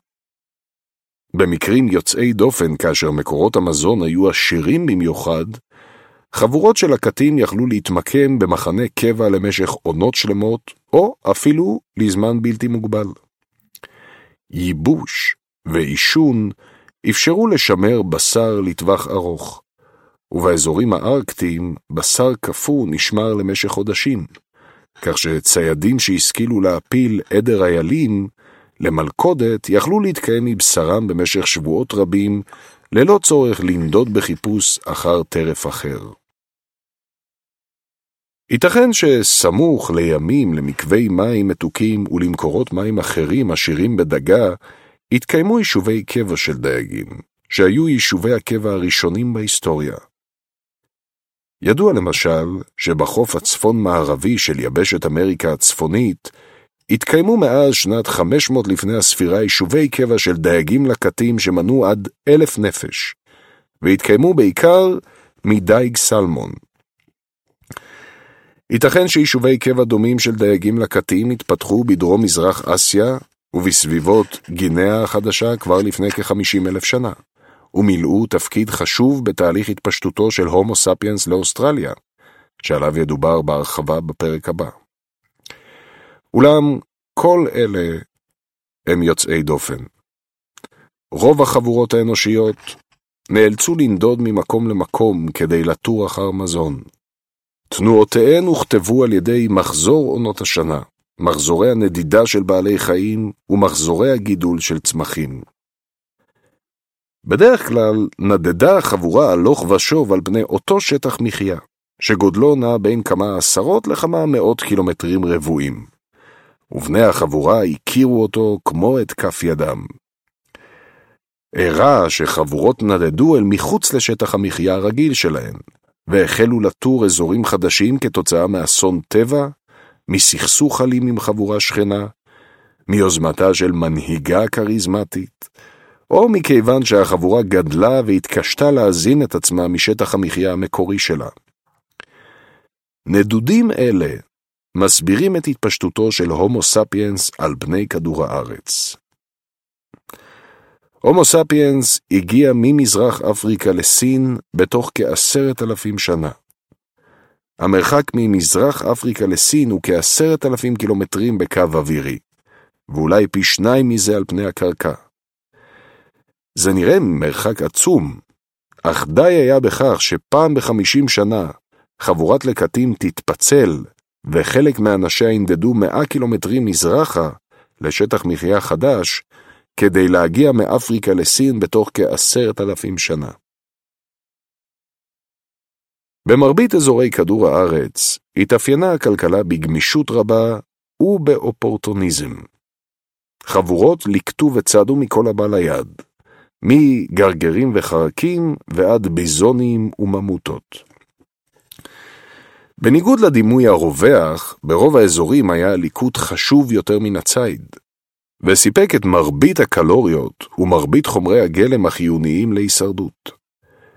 הליקוט והציד נשענו על טכנולוגיה מגוונת למדי שהתפתחה מדור לדור, כגון חניתות עץ, בעלות מגוון להבים המותאמים לציד חיות שונות, סכיני אבן לציד, חיתוך ועיבוד, מקלות חפירה לגילוי שורשים ופטריות, מגוון מלכודות לציפורים, למכרסמים ואף ליונקים גדולים, סירות, חכות וצלצלים לדיג, סלי נסיעה, מחטים וחוטים וסוגי לבוש המותאמים לתנאי אקלים משתנים, החל בסנדלים ובמגפיים, וכלה בלבוש טרמי מפרווה ומאור, שסייע לבני האדם לשגשג באזורים הארקטיים.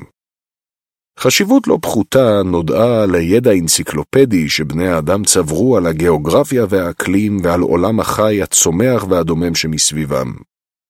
בני החבורה הכירו היטב את תחום נדודיהם וידעו בדיוק היכן ממוקמים כל מעיין, עץ אגוזים, מאורת דובים ומצבור אבני צור. הם הכירו לפני ולפנים את אורחות חייהם ומנהגיהם של מאות מינים שונים של בעלי חיים. ואת מקומות הגידול וסגולותיהם התזונתיות והרפואיות של מאות מיני צמחים. היה על כל פרט לדעת כיצד מכינים ראש חנית מאבן צור, כיצד מתקנים בגד שנפרם, כיצד מניחים מלכודת לארנבת, וכיצד מתמודדים עם מפולת שלגים, עם עקיצת הקרב או עם הסתערות של אריה רעב.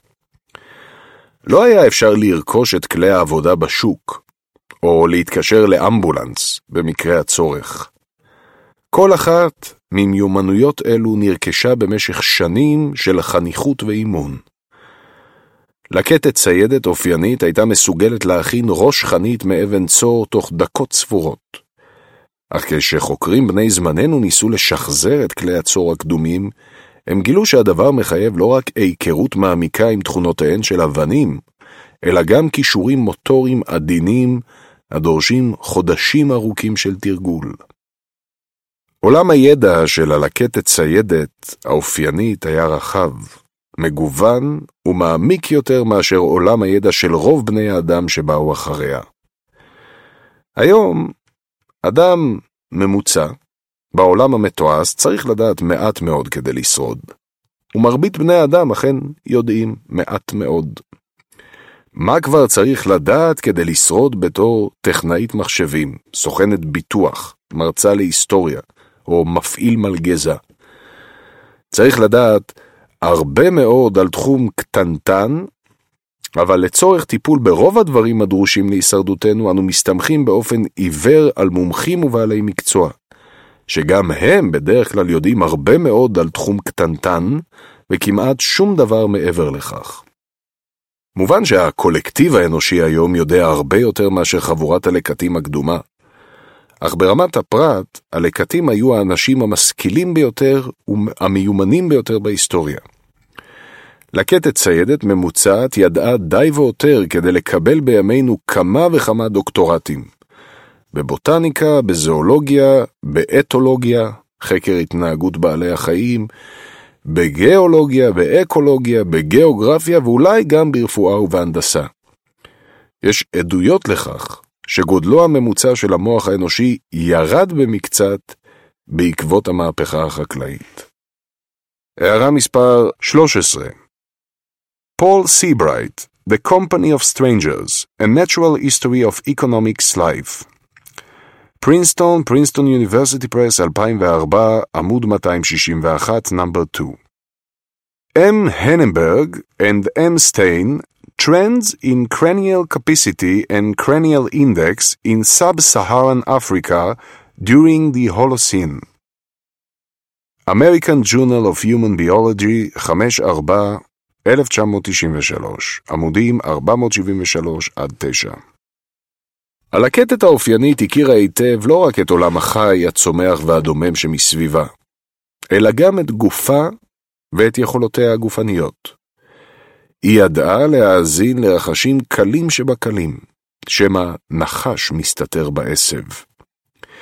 היא ידעה להתבונן בקפידה בעלבת העצים ולאתר פירות וקני ציפורים.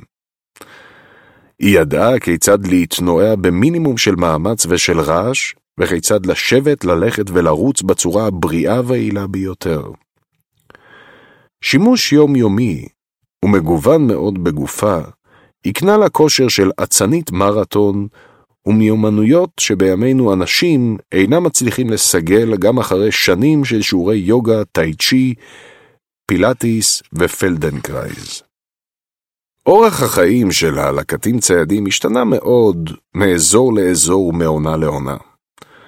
אולם הרושם הכללי הוא שחייהם של הלקטים היו נוחים יותר מחייהם של מרבית החקלאים, הפועלים והפקידים שבאו אחריהם. בעוד שפועלים ופקידים בחברות השפע של ימינו עובדים בממוצע כ-40 עד 45 שעות בשבוע, ופועלים חקלאים ופקידים בחברות העולם השלישי עובדים לעתים 60 ואפילו 80 שעות בשבוע, שבוע העבודה של לקטים ציידים, שחיים היום באזורים הקשים ביותר בכדור הארץ, כגון מדבר קלהרי, עומד על כ-35 עד 45 שעות בלבד. ציידים יוצאים לציד בממוצע רק יום אחד מתוך שלושה, ולקטים מקדישים רק כשלוש עד שש שעות בכל יום לליקוט. בימים כתיקונם די בכך כדי להאכיל את בני החבורה.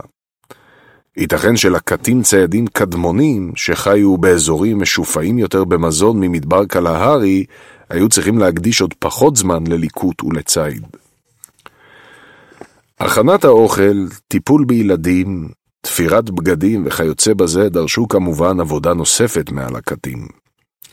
אולם גם בעידן המודרני אחרי יום העבודה הרשמי במפעל ובמשרד, אנשים רבים, בעיקר נשים, מתחילים יום עבודה נוסף בבית, הכולל בישול, טיפול בילדים ושלל מלאכות בית. גם מבחינה זו, יום העבודה של הלקטים היה קל יותר.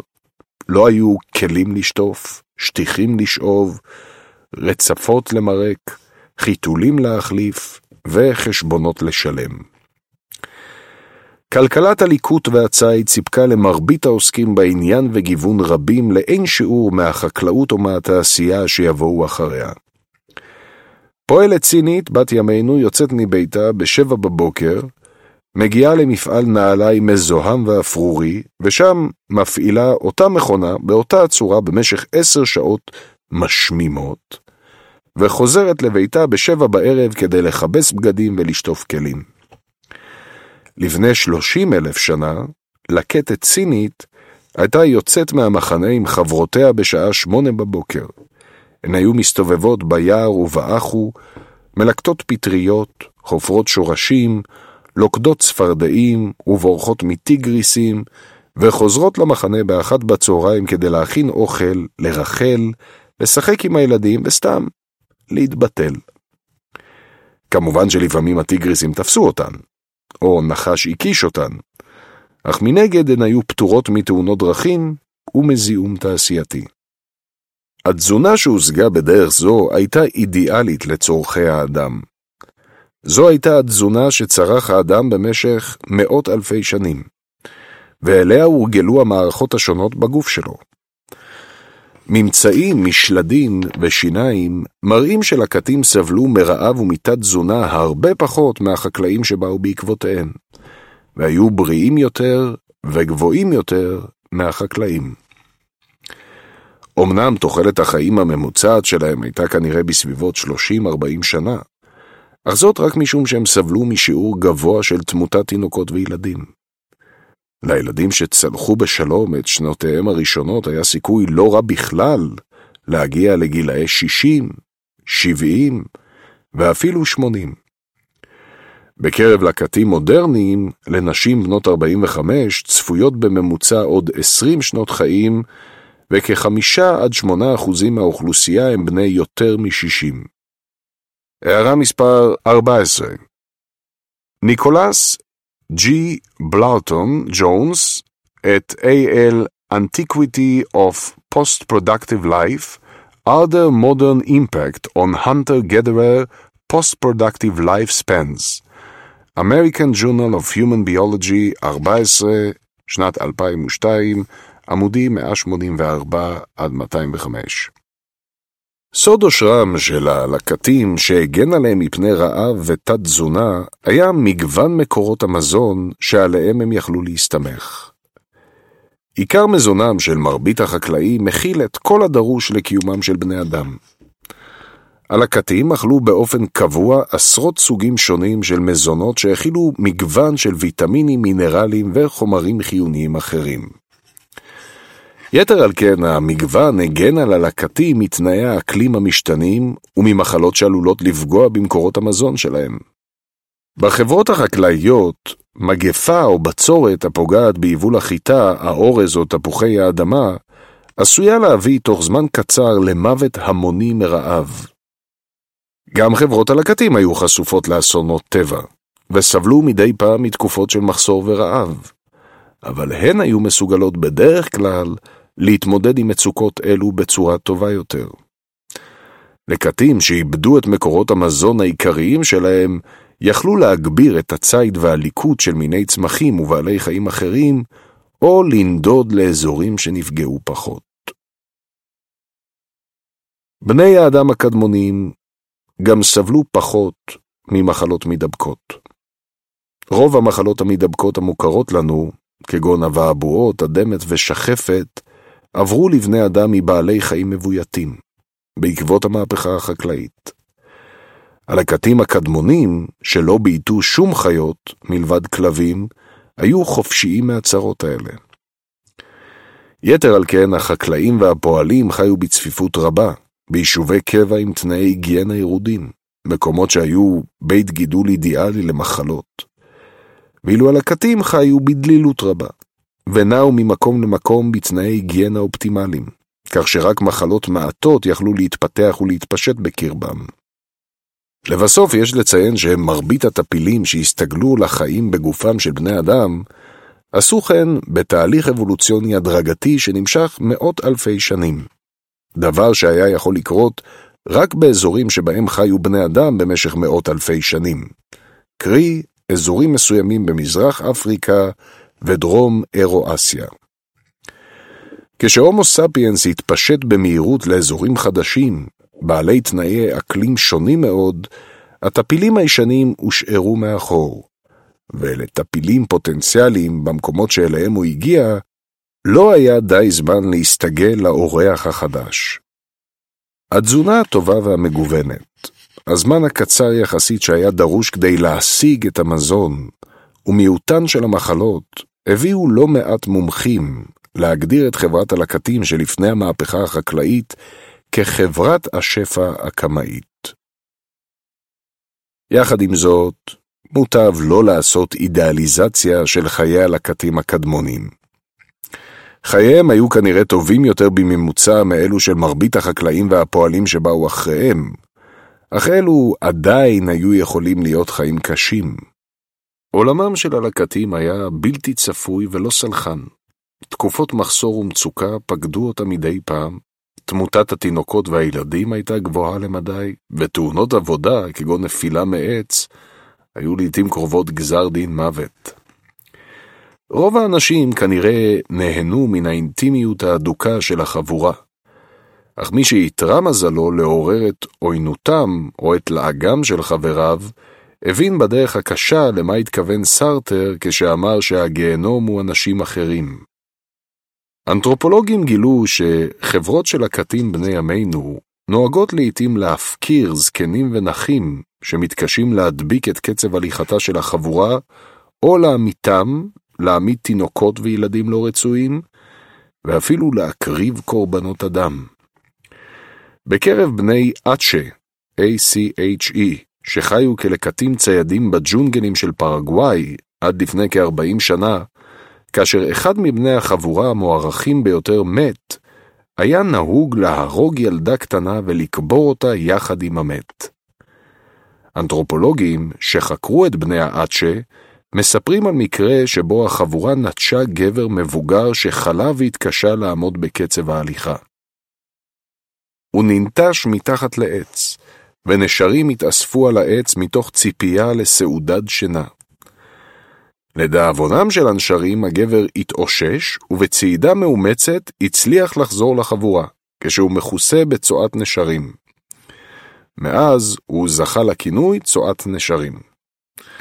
כשאישה זקנה הפכה לנטל על החבורה, אחד הגברים התגנב מאחוריה והרג אותה במכת גרזן על ראשה. אחד מבני האצ'ה סיפר לאנתרופולוגים שבצעירותו ביער הרגתי דרך קבע נשים זקנות, נהגתי להרוג את הדודות הזקנות שלי. אנשים פחדו ממני.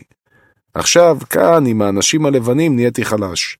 בעבר הרגתי הרבה נשים זקנות.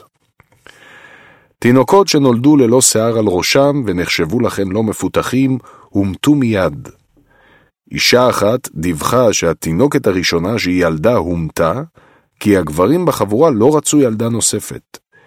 במקרה אחר, גבר הרג ילד קטן כיוון שהוא היה במצב רוח רע, והילד בכה בקול.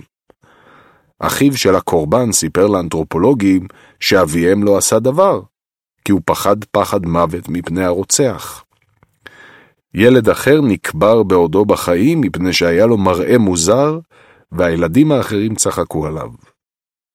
הערה מספר 15 קים היל and A. Magdalena Hartado, A. Clive History, The Ecology and Demography of a Foraging People, ניו יורק, ארדיין דה גרוטר, 1996, 164 ו-236.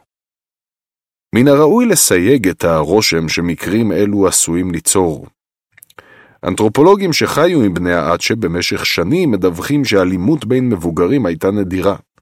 נשים וגברים כאחד היו חופשיים להחליף בני זוג כאוות נפשם, הם צחקו וחייכו כמעט ללא הרף. לא היו להם מנהיגים סמכותיים והם סלדו מפני אנשים תאבי כוח. הם לא רדפו אחרי הצלחה או עושר חומרי, הם גילו נדיבות מופלגת זה כלפי זה, והדבר החשוב להם ביותר היה ידידויות עמוקות וסביבה חברתית נעימה. הערה מספר 16 היל and הרטדו A. Clive History, 78 רצח תינוקות, חולים וזקנים נתפס בעיניהם כפי שאנו תופסים הפלות והמתות חסד. כדאי גם לציין שבני האצ'ה נרדפו מאות שנים בידי האיכרים הפרגוואים שהרגו בהם ללא רחם, וייתכן שהצורך להתחבא ולהימלט ללא הרף מפני רודפיהם, גרם להם לאמץ יחס נוקשה במיוחד כלפי כל מי שעשוי להיות לנטל על החברה. האמת היא שחברת האצ'ה, כמו כל חברה אנושית, פשוט מורכבת מאוד, וכל ניסיון לעשות לה אידיאליזציה או דמוניזציה לוקה בחסר. בני האצ'ה אינם שדים או מלאכים, אלא בני אדם. כאלה בוודאי היו גם על הקטים ציידים הקדמונים. מסך השתיקה מה אפשר לומר על חייהם הרוחניים והמנטליים של הלקטים הקדמונים? הנחת היסוד של החוקרים היא שכישוריהם הקוגניטיביים והרגשיים של הלקטים היו זהים ביסודם לאלו של אנשים כיום. אך מה הם בדיוק עשו עם הפוטנציאל הזה? כמעט בלתי אפשרי לדעת. קל יחסית לדעת דברים על הכלכלה של תקופת האבן, כיוון שמדובר בצרכים ידועים ובמגבלות ידועות. אפשר לחשב במידה רבה של דיוק נתונים כלכליים כגון כמות הקלוריות שאדם צרך ביום, כמות הקלוריות שניתן היה להפיק מגרם אגוזים, מספר האגוזים שהיה ניתן ללקט מקילומטר רבוע, והזמן שנדרש ללקט מהאגוזים. לעומת זאת, עולם המחשבה, הרגש והאמונה הוא מטבעו עולם פתוח ונזיל הרבה יותר. דבר אחד שבכל זאת אפשר לשער על סמך העדויות שברשותנו, הוא שאמונות אנימיסטיות היו נפוצות בקרב לקטים. אנימיזם, מאנימה, רוח או נשמה בלטינית, פירושו אמונה בכך שהעולם מלא בישויות בעלות תודעה, רגשות, כוח וכישורים חברתיים, אשר רק חלק קטן מהן הם בני אדם, והן מסוגלות לתקשר זו עם זו באופן ישיר. אנימיסטים מאמינים שכמעט כל מקום, כל בעל חיים, כל צמח וכל תופעת טבע הם ישות בעלת תודעה שממלא תפקיד פעיל בסדר השולט בעולם. כך למשל, אנימיסטים עשויים להאמין שלסלע גדול בראש גבעה יש תודעה, יש רצונות, יש צרכים ויש רגשות. הסלע עשוי לכעוס על דבר מסוים שבני אדם עשו, ולשמוח על דבר אחר. הסלע מסוגל לדבר עם בני האדם, ולהסביר להם מה הוא חושב. ומנגד, בני האדם יכולים לפנות אל הסלע ולפייס אותו, או לאיים עליו.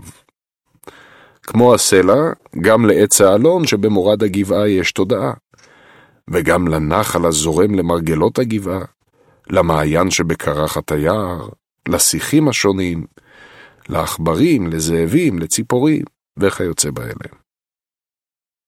ישויות נוספות כוללות את רוחותיהם של המתים, בני אדם ושאינם בני אדם, וכן מגוון ישויות לא אורגניות, מה שיקרא ברבות הימים שדים, פיות, מלאכים, דיבות וכדומה.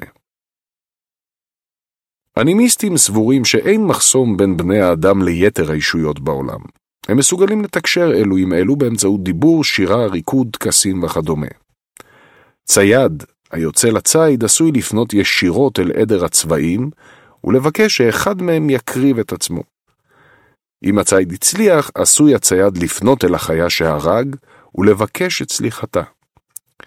כאשר נופל מישהו למשכב, אדם שמתמחה בתקשור עם רוחות המתים יכול להתקשר עם הרוח שגרמה למחלה ולברר מדוע היא עשתה זאת, לפייס אותה, לאיים עליה, להבריח אותה ובמידת הצורך גם לבקש עזרה מרוח אחרת.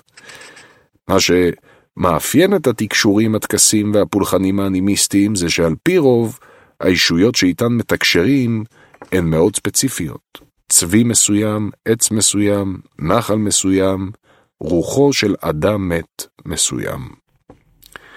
לא זו בלבד שאין מחסום בין בני האדם ליתר הישויות, אלא גם אין מדרג היררכי ברור. הישויות האחרות אינן קיימות רק כדי לספק את צורכי האדם.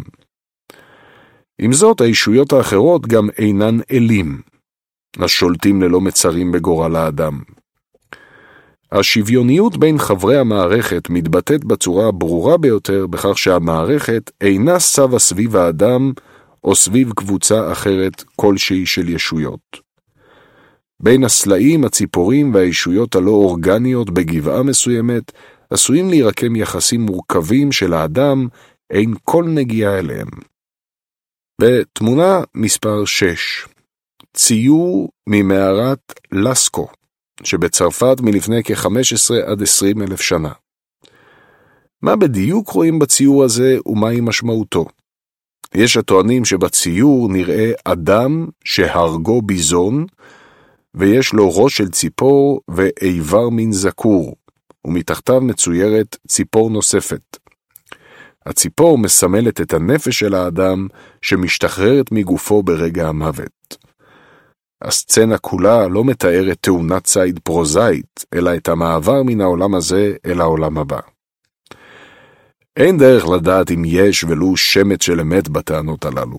זהו מבחן רורשך שמלמד אותנו הרבה על דעותיהם הקדומות של החוקרים, אך מלמד מעט מאוד על אמונותיהם של הלקטים.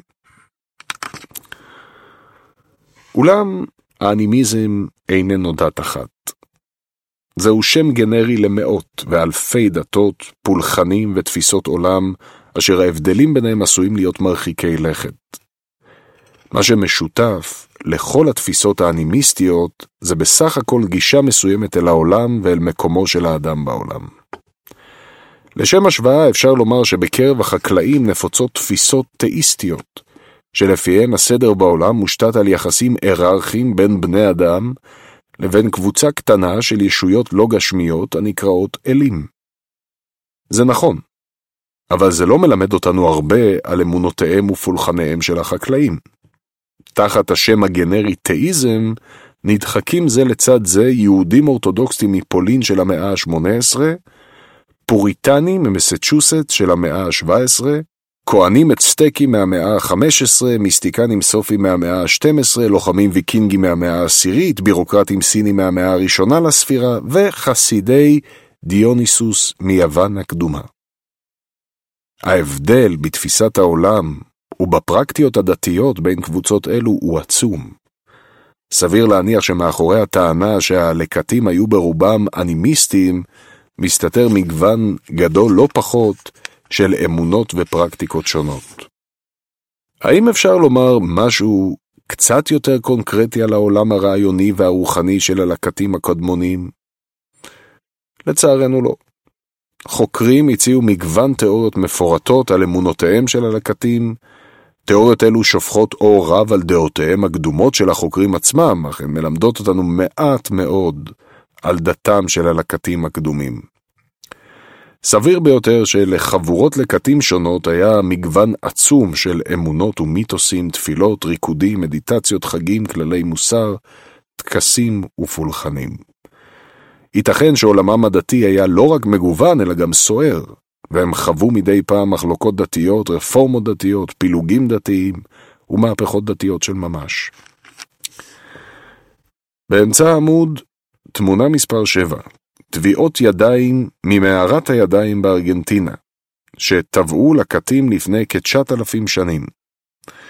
נראה כאילו ידיים בנות אלפי שנים מושטות אלינו מתוך הסלע. זהו אחד השרידים המרגשים ביותר מעולמם של הקטים הקדמונים, אך איש אינו יודע מה משמעותו. במקום לבנות תילי תילים של ספקולציות על כמה קברים, ציורי מערות, פסלוני אבן וחריצים שנחרטו בעצמות, מוטב להודות על האמת ולומר שיש לנו רק מושג מעורפל לגבי אמונותיהם של הלקטים הקדומים. אנו משערים שהם היו אנימיסטים, אבל זה אומר מעט. זהו אחד החורים הגדולים והמשמעותיים ביותר בהבנתנו את ההיסטוריה האנושית ואת אופק האפשרויות של המין האנושי. עוניים של הממצאים הארכיאולוגיים מסתיר מעינינו עושר אנושי עצום. חור גדול נוסף פעור בכל הנוגע לדפוסים הפוליטיים והחברתיים של הלקטים. כפי שהוסבר לעיל, חוקרים אינם מסכימים אפילו על סוגיות יסוד כגון קיומם של רכוש פרטי, משפחות גרעיניות או קשרי זוגיות מונוגמיים. רוב הסיכויים שחבורות שונות של לקטים נשלטו על ידי דפוסים שונים לגמרי. גם אם חבורות מסוימות חיו באוטופיה שוויונית ומינית, לחבורות אחרות היו היררכיות נוקשות. בסונגיר שברוסיה התגלו קברים מלפני כ-30 אלף שנה של לקטים שעסקו בציד ממוטות. בקבר אחד נמצא שלד של גבר מבוגר כבן 50. הגבר נקבר כשידיו, רגליו וגופו מכוסים במחרוזות עשויות משנהב ממוטות. בסך הכל התגלו בקבר כשלושת אלפים חרוזים משנהב ממוטות. לראשו חבש הגבר כובע מעוטר בשיני שועל. על ידיו הונחו כ-25 צמידים משנהב ממוטות. קברים אחרים מאותו אתר הכילו הרבה פחות תכשיטים. על סמך ממצאים אלו, מעריכים החוקרים שציידי הממוטות מסונגיר חיו בחברה היררכית, ושהגבר היה אולי מנהיג החבורה, או אפילו מנהיג של שבט שלם בין מספר חבורות. כמות כזו של חרוזים ותכשיטים מייצגת השקעה ניכרת של זמן ומשאבים מצד מספר רב של בני האדם. באתר התגלה קבר מפואר נוסף שהכיל מספר רב של תכשיטים. בקבר זה נקברו ראש אל ראש ילד כבן 12-13 וילדה כבת 9-10, שסבלה מעיוותים קשים בעצמות הירך. הילד כוסה בכחמשת אלפים חרוזי שנהב, לראשו היה כובע מעוטר בשיני שועל, ולמותניו חגורה ובה כ-250 שיני שועל, שכדי לספקן היה צורך לצוד לפחות 60 שועלים. לצידו הונחו פסלונים וחפצים שונים עשויים משנהב ממוטה. הילדה הייתה מכוסה בכ-5,250 חרוזים, וגם לצידה הונחו פסלונים וחפצים שונים משנהב ממוטה. מאחר שמעריכים שלקח לאומן מנוסה כ-45 דקות להכין חרוז שנהב אחד, הכנת עשרת אלפים חרוזי השנהב לבדם דרשה כ-7,500 שעות עבודה, שהם כאלף ימי עבודה של אומן מנוסה. אין זה סביר שבגיל כה צעיר הספיקו שני הילדים להוכיח את עצמם כמנהיגים, ציידי ממוטות או לוחמים. רק אמונות תרבותיות יכולות להסביר מדוע הם זכו לקבר כה מפואר. לפי סברה אחת, שני הילדים נהנו ממעמד חברתי גבוה בזכות הוריהם. אולי הם היו ילדיו של המנהיג, בחברה שהאמינה בכריזמה המשפחתית או בחוקי ירושה נוקשים. לפי סברה שנייה, הילדה זכתה למעמד מיוחד הודות לעיוות הגופני שלה, ולא בזכות ייחוסה המשפחתי. תרבויות רבות לאורך ההיסטוריה ייחסו קדושה לנכויות פיזיות ונפשיות. לפי סברה שלישית, הילדים זכו מרגע לידתם למעמד דתי חשוב, בדומה ללמות של טיבט. בטיבט המסורתית, כשלמה חשוב היה מת, הוא בדרך כלל היה משאיר הוראות היכן לאתר את גלגול החיים הבא שלו. הדלי למה הנוכחי נולד למשפחת איכרים בכפר נידח, זוהה בגיל שנתיים כגלגול של הדלי למה הקודם, ומכאן ואילך הוכר כמנהיגה של טיבט. לפי סברה רביעית, קברם של הילדים משקף את דרך מותם, ולא את מעמדם בעודם בחיים. שני הילדים הועלו קורבן במסגרת פולחן כלשהו, אולי בשעת לווייתו של המנהיג, ואז נקברו ברוב הדר. לשם השוואה, בפסגות ערי האנדים מצאו ארכיאולוגים מומיות של ילדים שהוקרבו בטקסים דתיים באימפריית האינקה, ואז נקברו עם תכשיטים וחפצים פולחניים רבים. הערה מספר 17 וינצ'נסו פורמיקולה and Alexandra P. Buzhilova, double child burial from Sanghir, Russia. Pathology and Inferences for Upper Paleolithic Funerary Practice. American Journal of Physical Anthropology, 124, 2004, עמודים 189 עד 98. וגיאקומו גיאקוביני, richness and diversity of burial rituals in the upper Paleolithic, דיוג'ינס 54-2, 2007, עמודים 19-39. תהא התשובה המדויקת אשר תהא, ילדי סונגיר הם אחת ההוכחות הטובות ביותר שיש לנו לכך שבני אדם לפני 30 אלף שנה המציאו מגוון של כללי התנהגות חברתיים שחרגו בצורה מרחיקת לכת מתכתיבי ה-DNA ומאופייני ההתנהגות של מיני אדם ויונקים אחרים. קשה מאוד לפענח את כללי ההתנהגות הללו באמצעות עדויות ארכיאולוגיות בלבד. חוקרים נוטים למשל להניח שבכל חברה, מי שעמדו בראש הסולם ודאי ניצלו זאת כדי לקיים יחסי מין עם כמה שיותר פרטנרים ולתמוך במספר רב ככל האפשר של צאצאים. לו חויב המנהיג מסונגיר להתנזר מיחסי מין, אילו ממצאים ארכיאולוגיים היו מוכיחים זאת? ויכוח חריף עוד יותר נסוב סביב שאלת האלימות והמלחמה. חוקרים רבים מדמיינים את חברות הלקטים הקדמוניות כאוטופיות של שלווה ושלום, וסבורים שסכסוכים ומלחמות החלו רק כתוצאה מהמהפכה החקלאית, כשבני אדם החלו לצבור רכוש. חוקרים אחרים סבורים שעולמם של הלקטים הקדמונים היה אלים ואכזר. שני הצדדים מתבססים על הרבה מאוד ספקולציות. מעט מחקרים אנתרופולוגיים על לקטים מודרניים ועוד פחות עדויות ארכיאולוגיות על לקטים קדמונים.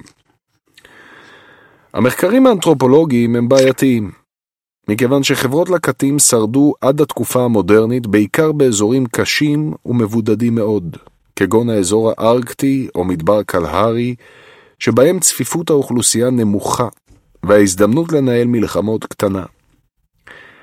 יתרה מזו, בעשורים האחרונים כפופות חברות אלו לשלטונן של מדינות מודרניות, שמונעות את פריצתם של סכסוכים מזוינים בהיקף רחב.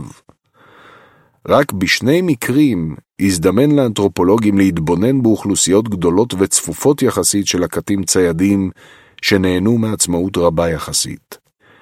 בצפון מערב אמריקה הצפונית של המאה ה-19 ובצפון אוסטרליה של המאה ה-19 וראשית המאה ה-20. בשני המקרים דיווחו אנתרופולוגים על תדירות גבוהה של סכסוכים מזוינים וקטלניים בקרב לקטים ציידים, אינדיאנים ואבוריג'ינים. גם המחקרים הארכיאולוגיים סובלים מבעיות רבות. אילו עדויות יכולה כבר מלחמה מלפני 30 אלף שנה להשאיר אחריה? לא היו אז חומות ומבצרים, ואיך בדיוק אפשר לדעת אם ראש חנית קדמון היה כלי ציד או כלי מלחמה? העדויות הוודאיות היחידות מגיעות משלדים ומגולגולות, וגם הן פתוחות לפרשנויות שונות. כשאנו מוצאים עצם קדמונית שבורה, אין זה קל לדעת אם השבר נגרם כתוצאה מאלימות אנושית או מתאונה. מנגד, היעדרם של שברים וחבלות אינו משמש הוכחה להיעדרה של אלימות. מוות עשוי להיגרם מפגיעה ברקמות רכות, שאינה משאירה אחריה שום עדות. חשוב מכך, במלחמות קדם-תעשייתיות, יותר מ-90% מהמתים נפלו קורבן לרעב, לקור ולמחלות, ולא לכלי נשק. נניח שלפני 30 אלף שנה שבט אחד הביס שבט יריב, וגירש אותו מהשטחים עתירי הציד שלו. בקרב המכריע נהרגו עשרה מבני השבט המובס. בשנה שאחרי אותו קרב מתו מאה מבני השבט מרעב, מקור וממחלות. ארכיאולוגים שמוצאים היום את מאה ועשרה השלדים הללו, עשויים להגיע למסקנה המוטעית שרובם המכריע נפלו קורבן לשינוי אקלים פתאומי או לאסון טבע. כיצד אפשר להוכיח שכולם קורבנותיה של מלחמה אכזרית? מה בכל זאת מצאו הארכיאולוגים? הם מצאו עדויות, מאוד מגוונות. בפורטוגל למשל התגלו כ-400 שלדים המתוארכים לתקופה שמקדימה במעט את המהפכה החקלאית, אך רק בשני מקרים יש סימני אלימות ברורים על השלד. בארץ ישראל התגלו יותר מ-400 שלדים המתוארכים לתקופה הנטופית, מיד לפני המהפכה החקלאית, אך רק בגולגולת אחת, שהתגלתה בנחל אורן, יש שבר שהיה עשוי להיגרם על ידי אלימות אנושית. גם בעמק הדנובה התגלו כ-400 שלדים מתקופה זו. אולם במקרה זה, על 18 מהשלדים התגלו סימנים ברורים של אלימות. 18 שלדים מתוך 400 לא נשמע הרבה, אבל זה המון. אם נניח שכל 18 האנשים מתו מוות אלים, פירוש הדבר הוא שבממוצע 4.5% ממקרי המוות בעמק הדונובה הקדמון נגרמו על ידי אלימות אנושית. לשם השוואה, בישראל של היום רק 0.75% ממקרי המוות נגרמים על ידי אלימות, פלילית ופוליטית יחד, ובעולם כולו הממוצע הוא אחוז וחצי. במאה ה-20 כולה, מעריכים שכחמישה אחוזים מסך מקרי המוות בעולם נגרמו עקב אלימות, וזאת כשמכניסים לחשבון את שתי מלחמות העולם, את שואת יהודי אירופה, ועשרות מלחמות ושואות אחרות מקמבודיה לביאפרה ומווייטנאם לרואנדה. הדנובים הקדמונים היו, אם כן, אלימים כמו אנשי המאה ה-20. אפשר כמובן לטעון שלא כל 18 הדנובים הקדמונים מתו כתוצאה מהאלימות שסימניה ניכרים על שלדיהם. חלקם רק נפצעו. אולם מנגד יש להכניס לחשבון את כל אותם דנובים שמתו מפגיעות ברקמות רכות ומתוצרי הלוואי של מלחמות, ושלדיהם אינם חושפים את סיבת המוות. הממצאים הקודרים מעמק הדנובה נתמכים על ידי שורה של ממצאים קודרים מאזורים נוספים. באתר ג'בל סחבה שבסודאן התגלה בית קברות מלפני כ-12 אלף שנה ובו 59 שלדים. ראשי חיצים וחניתות היו נעוצים בעצמותיהם או סמוכים לעצמותיהם של 24 מבין השלדים. 40 אחוז. בשלד של אישה אחת נראו כ-12 פציעות שונות. במערת אופנט, OFNET, שבבוואריה, התגלו שרידיהם של 38 לקטים, רובם נשים וילדים שנקברו יחד בשני בורות. כמחצית מהשלדים, לרבות שלדיהם של ילדים ותינוקות, נשאו סימנים ברורים של אלימות אנושית כגון מכות עלה וחתכים מכלי אבן. מעט הגברים שהתגלו במקום נשאו את סימני האלימות הקשים ביותר. ככל הנראה נטבחה במערה חבורת לקטים שלמה. מי מייצג טוב יותר את עולמם של הלקטים הקדמונים? השלדים שוחרי השלום של ארץ ישראל ופורטוגל, או שמא בית הקברות בג'בל סחבה וגיא ההריגה של מערת אופנט. לא אלו ולא אלו, אלא כולם יחד. כפי שהיו ללקטים מגוון אמונות דתיות ומגוון מבנים חברתיים, סביר להניח שהיה להם גם מגוון רחב של רמות אלימות. בזמן שבאזורים מסוימים שררו הרמוניה ושלווה, באזורים אחרים השתוללה אלימות רצחנית.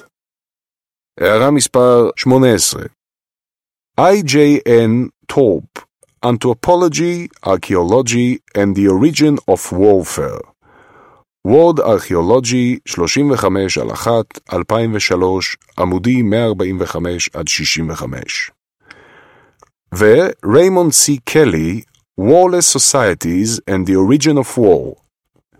אנ ארבו, University of Michigan Press, 2000, ועזר גת, War in Human Civilization, אוקספורד, אוקספורד University Press, 2006. ולורנס H. קילי, War Before Civilization, The Meat of the Peaceful Savage, אוקספורד, אוקספורד University Press, 1996. וסלבומיל ונקל, Stone Age Warfare, in John Carman and Anthony Harding, editors, Ancient Warfare, Archaeological Perspective. Phoenix Mill, Sutton Publishing, 2004, עמודים 57 עד 73. קשה לנו לשחזר את האמונות הדתיות והדפוסים החברתיים והפוליטיים של הלקטים. קשה לנו עוד יותר לשחזר אירועים ספציפיים.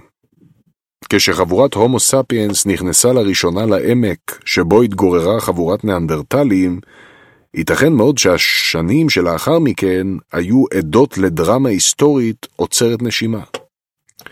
אולם דבר לא שרד מהדרמה הזאת.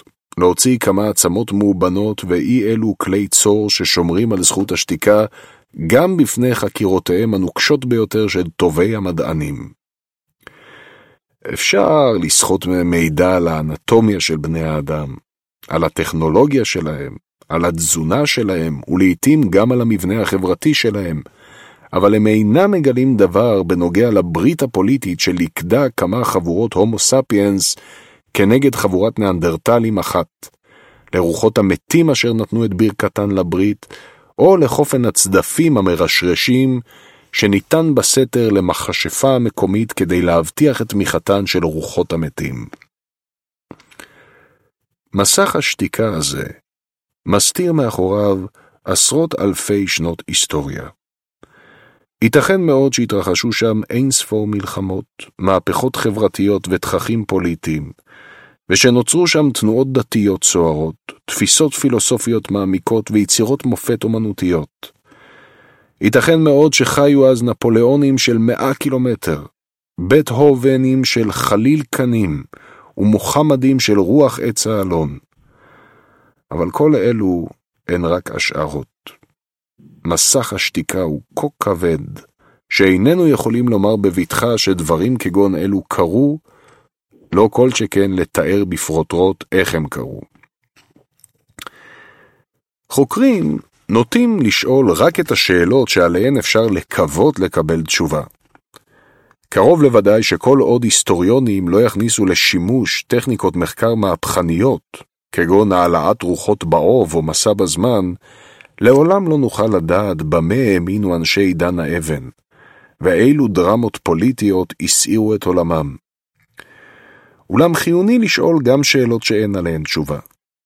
אם לא כן, גדול יהיה הפיתוי לפתור 60 אלף מתוך 70 אלף שנות היסטוריה במשיכת כתף ולומר, האנשים שחיו אז לא עשו שום דבר חשוב.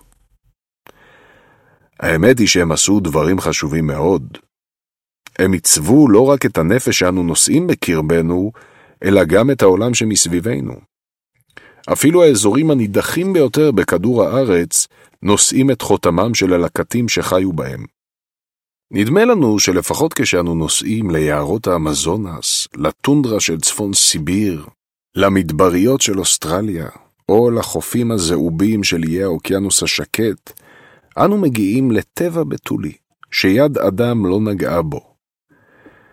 אבל הלקטים היו שם לפנינו, והם שינו לבלי ההיכר אפילו את האבותים שבג'ונגלים ואת המרוחקים שבאיים. כפי שמוסבר בפרק הבא, הלקטים הספיקו להכחיד כמחצית מהיונקים היבשתיים הגדולים של כדור הארץ, עוד לפני שנבנה הכפר החקלאי הראשון. עמוד 70, פרק מספר 4 ההכחדה הגדולה עד המהפכה הלשונית, כל מיני האדם נשארו מוגבלים לגוש היבשה של אפרו-אסיה.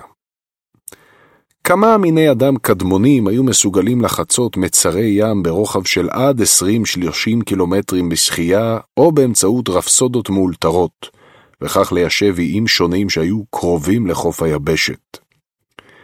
לדוגמה, איי המזרחיים של אינדונזיה יושבו בידי בני אדם כבר לפני כ-850 אלף שנה.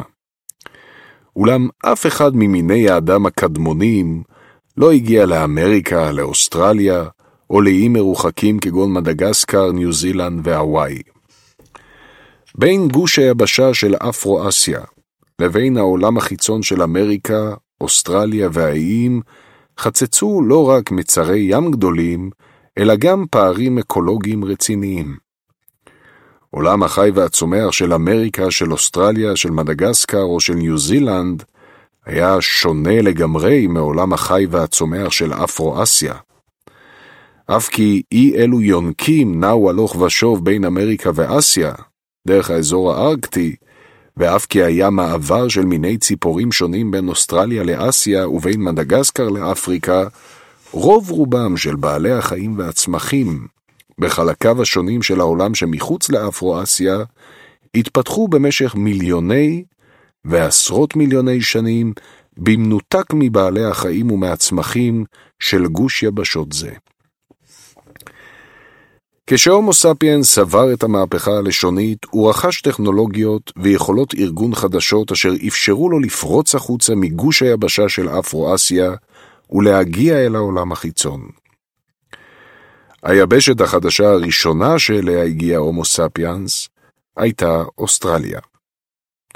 חוקרים מתקשים להסביר כיצד בדיוק הוא עשה זאת. כדי להגיע לאוסטרליה היה על בני אדם לחצות מספר רב של מצרי ים, שהגדולים בהם היו ברוחב של למעלה מ-100 קילומטר. ואז היה עליהם להסתגל בן לילה לעולם חי וצומח שונה לגמרי מכל מה שהם הכירו קודם לכן. התיאוריה הסבירה ביותר טוענת שאוסטרליה יושבה על ידי חברות של יורדי ים שהתפתחו באינדונזיה לפני כ-50 אלף שנה ואנשיהן ידעו כיצד לבנות ולהשית כלי שיט מלאכותיים מתוחכמים למדי, והם שחקרו ויישבו את אוסטרליה בצורה יזומה.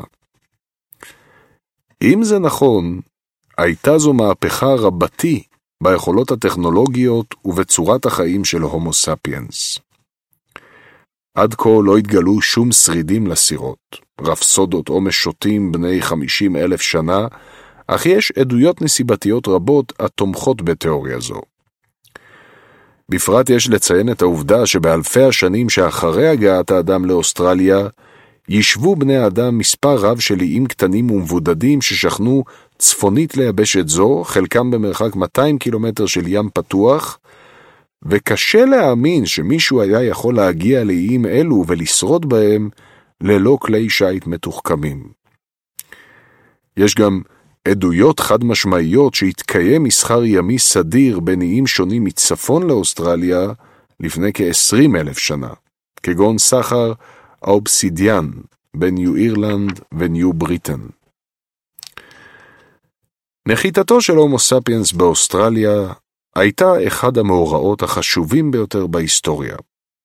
חשובה לפחות כמו מסעו של קולומבוס לאמריקה ומסעה של החללית אפולו 11 לירח.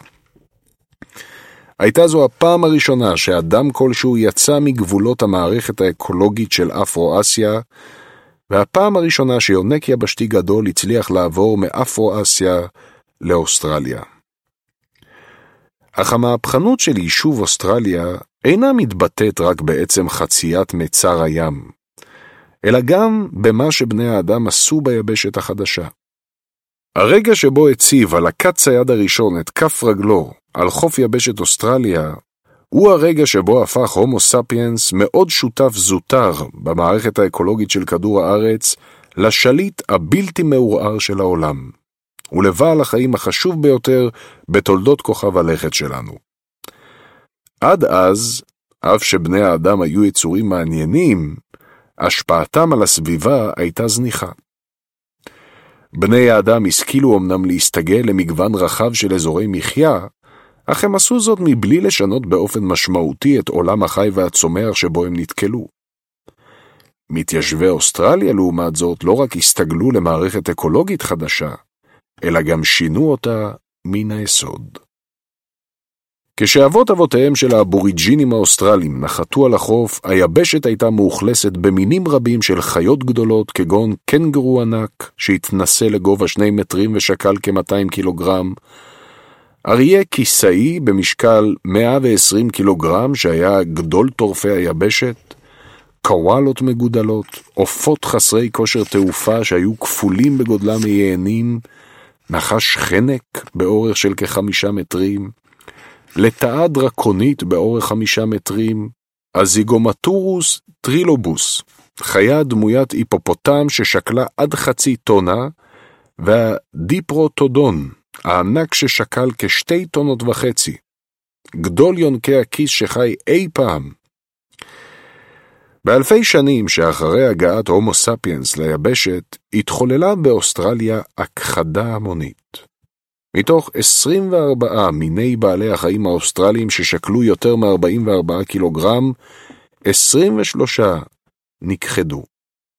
הערה מספר 19 T.F. Flannery, The Future Eaters, An Ecological History of the Australians' Lands and Peoples, צ'טסווד, Read Books Australia 1994 ואנטוני די ברנובסקי את A.L. Assessing the Causes of Late Pleistocene Extinctions on the Continents, Science 306 על 5693, שנת 2004, עמודים 70 עד 75. וברי W. ברוק and David M. J.S. באומן. The Uncertain Blitzkrieg of Pleistocene Megafauna. Journal of Biogeography 31 על 4, 2004, עמודים 517 עד 523. וגיפורד H. מילר את A.L. Ecosystem Collapse in Pleosticon Australia and a Human Rule in Megafaunal Extinction. Science 309 על 5732 שנת 2005, עמודים 287 עד 90. וריצ'רד ג'י רוברטס, את AL New Ages for the Last Australian Megafauna. Continent-wide extinction about 46,000 years ago. Science 292 על 5523, שנת 2001, עמודים 1888 עד 92. מספר רב של מינים קטנים יותר גם כן נכחדו. שרשראות המזון של המערכת האקולוגית האוסטרלית השתנו בהתאם. היה זה השינוי החשוב ביותר במערכת האקולוגית האוסטרלית מזה מיליוני שנים. האם בני האדם אחראים לו?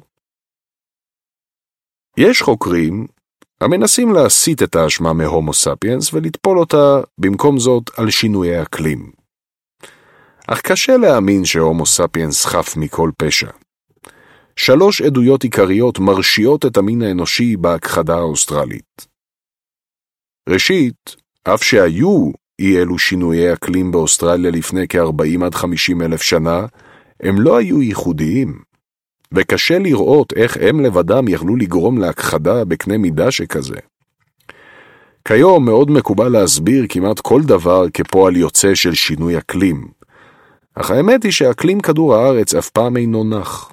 הוא משתנה ללא הרף. ולכן כל אירוע בהיסטוריה קרה במקביל לאיזשהו שינוי אקלים. כדור הארץ חווה מעגלים רבים של התחממות והתקררות, ובמיליון השנים האחרונות יש בממוצע עידן קרח כל מאה אלף שנה. עידן הקרח האחרון החל לפני כ-75 אלף שנה, והסתיים לפני כ-15 אלף שנה. הוא לא היה יוצא דופן בחומרתו, ותקופות השיא שלו היו לפני כ-70 אלף שנה, ולפני כ-20 אלף שנה, לא לפני 40 עד 50 אלף שנה. מאחר שהדיפרוטודון הענק התפתח באוסטרליה כבר לפני יותר ממיליון וחצי שנה, מסתבר שהוא צלח בשלום לפחות עשרה עידני קרח, ומספר רב של משברים אקולוגיים מסוגים אחרים. מדוע אם כן נעלם הדיפרוטודון דווקא לפני כ-40 אלף שנה? אילו הוא היה הקורבן היחיד, ניחא. אך מדוע נעלמו באותו הזמן 90% מבעלי החיים הגדולים האחרים של אוסטרליה, אשר גם הם צלחו בשלום עשרות משברים אקולוגיים קודמים? נראה ששום דבר מלבד מעורבות אנושית אינו יכול להסביר זאת. הערה מספר 20 סטפן רו וג'ודית פילד a review of evidence for a human role in the extinction of Australian megafauna and an alternative explanation. Quaternary Science Reviews 25 על עמודים 21 עד 22, שנת 2006, ועמודים 2692 עד 2703. ברי W. ברוקס, את A.L. would the Australian megafauna have become extinct if humans had never colonized the continent?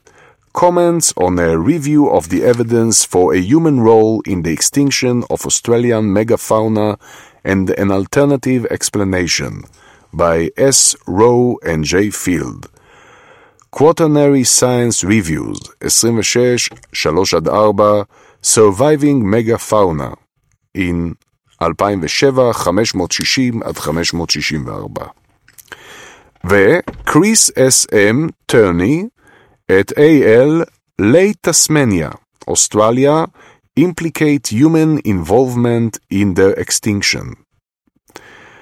Proceedings of the National Academy of Sciences 105-34, שנת 2008, עמודים 1215 עד 3.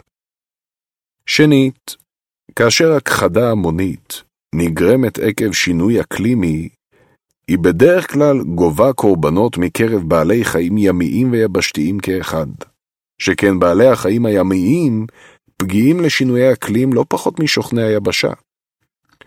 אך אין שום עדות להכחדתם של בעלי חיים ימיים ליד חופי אוסטרליה לפני כ-40 עד 50 אלף שנה.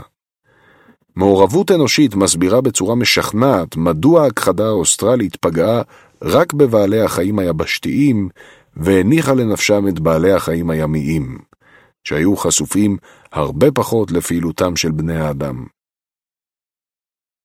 שלישית, הכחדות דומות מאוד להכחדה האוסטרלית התחוללו בתקופות מאוחרות יותר.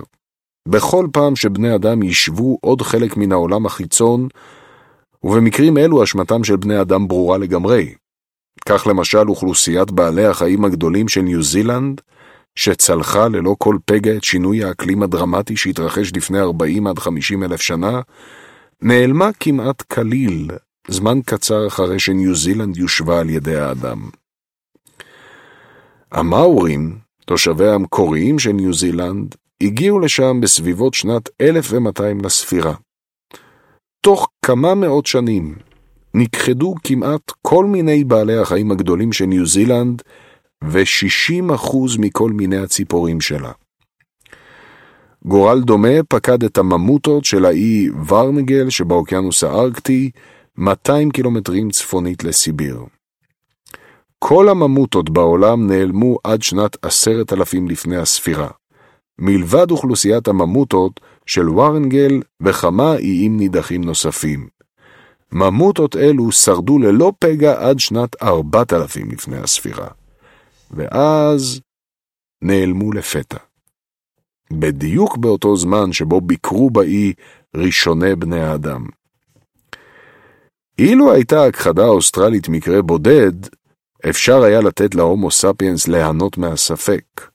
אך מאחר שהומו ספיאנס מתגלה כרוצח סדרתי, קשה להאמין שהוא היה רק עובר אורח תמים בהכחדה האוסטרלית.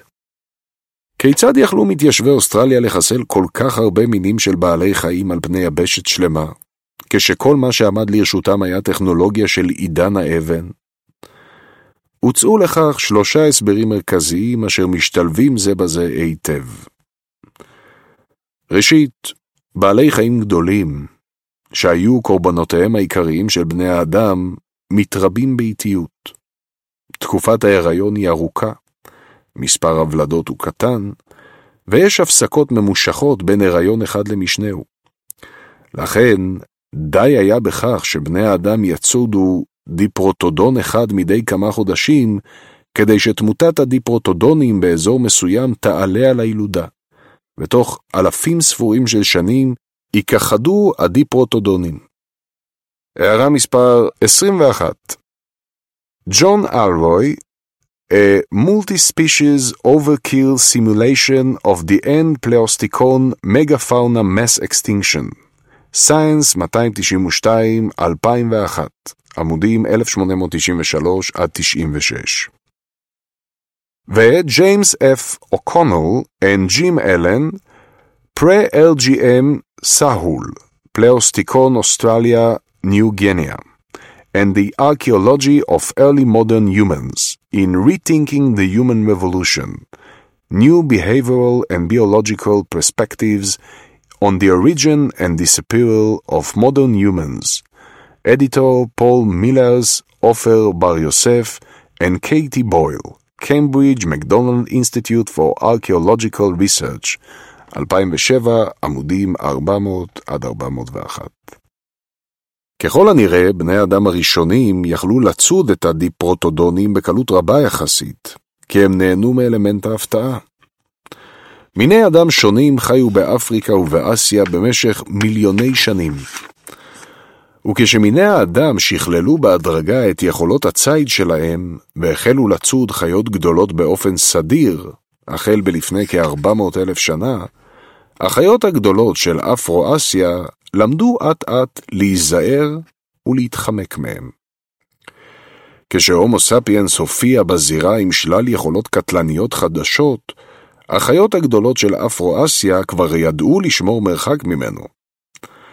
לעומת זאת, לבעלי החיים הגדולים של אוסטרליה לא התאפשר מרווח נשימה כדי להתרגל לטורף המוזר והחדש הזה.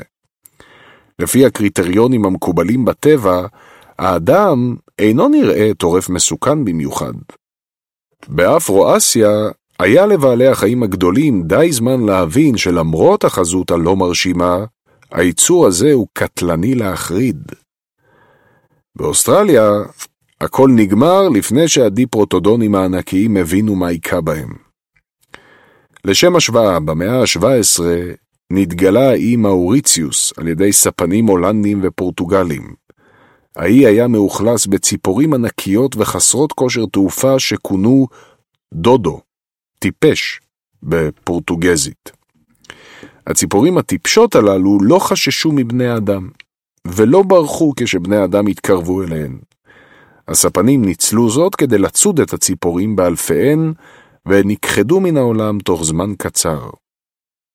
הסבר שני טוען שכשבני האדם הגיעו לאוסטרליה, הם השתמשו באש כדי לעשות מניפולציות מכוונות על בעלי החיים והצמחים שבסביבתם, ולהקל על עצמם את מלאכת הציד והליקוט. כך למשל, האדם שרף במכוון יערות וחורשות כדי לעודד את צמיחתם של מרבדי עשב, אשר משכו אליהם בעלי חיים אוכלי עשב, שהיו עיקר תרפו. חקלאות האש הזו שינתה תוך כמה אלפי שנים את האקולוגיה של אזורים נרחבים באוסטרליה.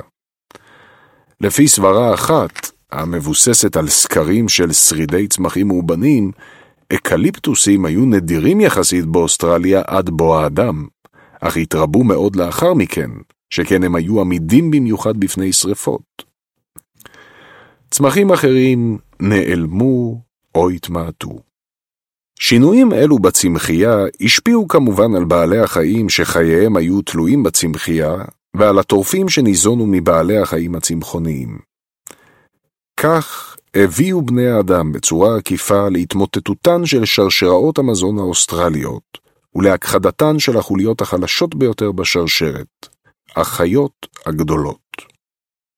הערה מספר 22 L.H. קילי Proto-Agricultural Practices Among Hunter-Gatherers A Cross-Cultural Survey in Last Hunters First Farmers New Perspectives on the Prehistoric Transition to Agriculture Editor T. Douglas Price and Anne-Brigitte Giwar Santa Fe NM School of American Research Press 1995 עמודים 243 עד 72. ו-R. ג'ונס, Firestick Farming, Australian Natural History, 16, 1969, עמודים 224 עד 8. ייתכן גם שאי אלו מינים פולשים אחרים הסתננו לאוסטרליה כנושאים סמויים על ספינתו של האדם, ומינים אלו תרמו לשינויים מרחיקי הלכת באקולוגיה האוסטרלית. אנו יודעים בוודאות שדברים כאלו קרו יותר מאוחר בהיסטוריה. למשל, כשבני אדם הביאו בטעות חולדות לאיי האוקיינוס השקט, וחולדות אלו חיסלו מינים רבים של ציפורים, חרקים וזוחלים מקומיים. הסבר שלישי מסכים שלציד, לשימוש באש ולהגעתם של מינים פולשים הייתה חשיבות מסוימת בהכחדה, אך מדגיש ששינויי האקלים שאירעו בו זמנית תרמו גם הם תרומה חשובה. שינויי האקלים הללו ערערו את יציבותה של המערכת האקולוגית והפכו אותה לפגיעה במיוחד. במצב רגיל הייתה המערכת מצליחה קרוב לוודאי להתאושש, כפי שקרה במקרים רבים בעבר. אך האדם הופיע על הבימה בדיוק ברגע הקריטי, ודחף את המערכת האקולוגית המעורערת אל התהום. השילוב בין שינוי אקלימי לבין ציד הוא קטלני במיוחד, כי הוא תוקף את אוכלוסיית בעלי החיים מכיוונים שונים, וקשה למצוא אסטרטגיה מתאימה כדי להתגונן בפני שני האיומים בו זמנית. שילוב כזה יכול להביא להכחדה טוטלית של מיני בעלי חיים גדולים תוך מאות שנים ספורות. כל עוד לא יהיו בידינו עדויות נוספות, קשה יהיה להכריע סופית בין ההסברים, אך סביר שלבני האדם היה תפקיד חשוב בהכחדה הזו. יש סיבות טובות להאמין שאילולא הגיע הומו ספיאנס לאוסטרליה, עדיין היו שם אריות כיס, דיפרוטודונים וקנגרו ענקיים. יום הדין של עצלני הקרקע הכחדת בעלי החיים הגדולים של אוסטרליה הייתה החותם המשמעותי הראשון שהטביע הומו ספיאנס על כדור הארץ. החותם המשמעותי השני היה אסון אקולוגי גדול עוד יותר באמריקה. הומו ספיאנס היה מין האדם הראשון שהגיע לאמריקה, לפני כ-14 אלף שנה, סביב שנת 12 אלף לפני הספירה. היה זה מבצע מאתגר לא פחות מאשר יישוב אוסטרליה. אמנם ראשוני המתיישבים הגיעו לאמריקה ברגל, בתקופה שבה גשר יבשתי חיבר בין סיביר שבצפון מזרח אסיה לבין אלסקה שבצפון מערב אמריקה. אולם כדי לעלות על הגשר הזה, היה הומו ספיאנס חייב קודם כל לגלות איך שורדים באקלים הארקטי הקיצוני של צפון סיביר, אזור שבו בחורף השמש כלל לא זורחת, והטמפרטורות צונחות לעתים עד 50 מעלות צלזיוס מתחת לאפס. אף מין אדם קודם לא הצליח לעשות זאת. הניאנדרטלים למשל נשארו מוגבלים לאזורים דרומיים וחמים יותר. אף שגופם היה מותאם במיוחד לחיים באקלים קר, הם לא הגיעו אפילו לסקנדינביה, שלא לדבר על סיביר. הומו ספיאנס שגופו היה מותאם לחיים בסוואנה האפריקני דווקא, ולא בארצות השלג והקרח, מצא פתרונות. כשחבורות נודדות של הקטים נתקלו בתנאי אקלים יותר ויותר קרים, הן החלו לפתח ביגוד טרמי יעיל. שכבות של פרוות ואורות, התפורות זו לזו בצורה אדוקה, ששמר על חום הגוף. נעליים המתאימות להליכה בשלג ובקרח, כלי נשק חדשים ושיטות ציד מתוחכמות במיוחד, שאפשרו לצוד בסיטונות את הממוטות וחיות הענק האחרות שאפיינו את האזורים הצפוניים. ככל שהביגוד הטרמי ושיטות הציד השתכללו, כך העזו בני אדם לחדור עמוק יותר ויותר אל העולם הקפוא של צפון אירופה וסיביר. וככל שהם נעו צפונה, כך הם שכללו עוד יותר את הביגוד, הנעליים ושיטות הציד שלהם. מדוע רצו בכלל בני אדם לחיות בסיביר? יש הסבורים שבני אדם נדחפו לסיביר בעל כורחם, על ידי מלחמות לחץ דמוגרפי או אסונות אקולוגיים באזורים החמים יותר של הדרום. אולם ככל הנראה בני אדם נמשכו לערבות הקרח הצפוניות מרצון, כמוצאי אוצר רב, שכן ערבות אלו היו מלאות בעדרים של חיות ענק מפתות. כל ממותה הייתה סופרמרקט מהלך של בשר שאפשר להקפיא, שומן טעים, פרווה מחממת, שנהב יקר ערך, ועצמות ששימשו את בני האדם כחומר בניין. חבורות הלקטים לא רק שרדו, אלא ממש פרחו בטונדרה הסיבירית, כפי שמעידים למשל הממצאים מסונגיר. עם הזמן נפוצו החבורות הללו לכל עבר, במרדף אחרי הממוטות, המסטודונים, הקרנפים והאיילי הצפון שאכלסו את האזור. בסביבות שנת 12,000 לפני הספירה, נדדו בני אדם מצפון סיביר לאלסקה בעקבותיהם של עדרי בעלי החיים שהם צדו, ולא היו מודעים כלל לעובדה שהם מגלים את אמריקה. כאמור, סיביר הייתה אז מחוברת לאלסקה בגשר יבשתי.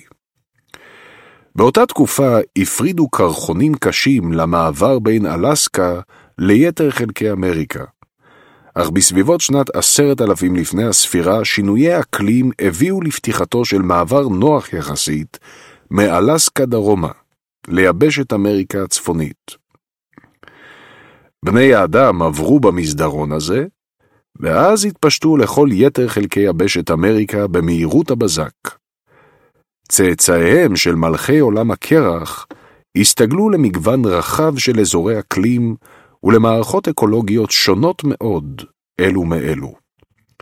הם התיישבו במה שהיום הם הטונדרה הקנדית, היערות האבותים של מזרח ארצות הברית, הביצות של המיסיסיפי, המדבריות של מקסיקו, וכן בג'ונגלים של מרכז אמריקה ואגן האמזונס, בערי האנדים הגבוהים, בערבות הפמפס של ארגנטינה של ימינו, ובארץ האש הקפואה בדרום צ'ילה.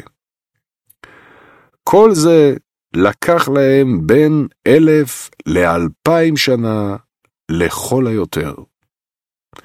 בתשעת אלפים לפני הספירה כבר ישבו בני אדם בקצה הדרומי של אמריקה. מסע הבזק של בני האדם באמריקה מעיד על כושר ההמצאה ועל יכולת הסתגלות מעוררי השתאות, שאין להם אח ורע בתולדות החיים בכדור הארץ.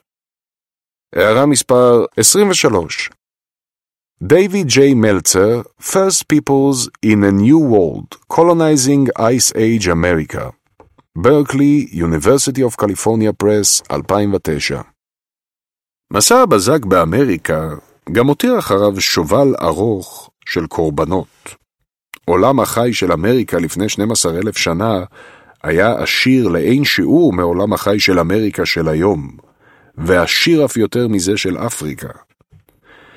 כשהדרימו ראשוני האמריקנים מאלסקה למישורים של קנדה ומערב ארצות הברית, הם נתקלו שם בממוטות, בגמלים עצומים, במכרסמים בגודל של דובים, באריות מגודלים, בעדרים של סוסים, ובעשרות מינים של יונקים בלתי מוכרים כגון נמרי שן חרב ועצלני קרקע.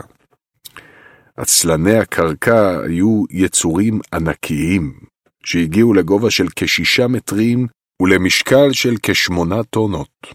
הם נקראים עצלנים, סלוט, מכיוון שהמינים היחידים ששרדו עד לימינו הם עצלני עצים קטנים, ששוקלים קילוגרמים ספורים ושמתחבאים בעלבת העצים, זזים באיטיות רבה ומרבים בשינה. בדרום אמריקה היה באותו זמן מגוון עשיר עוד יותר של יונקים זוחלים ועופות מגודלי ממדים.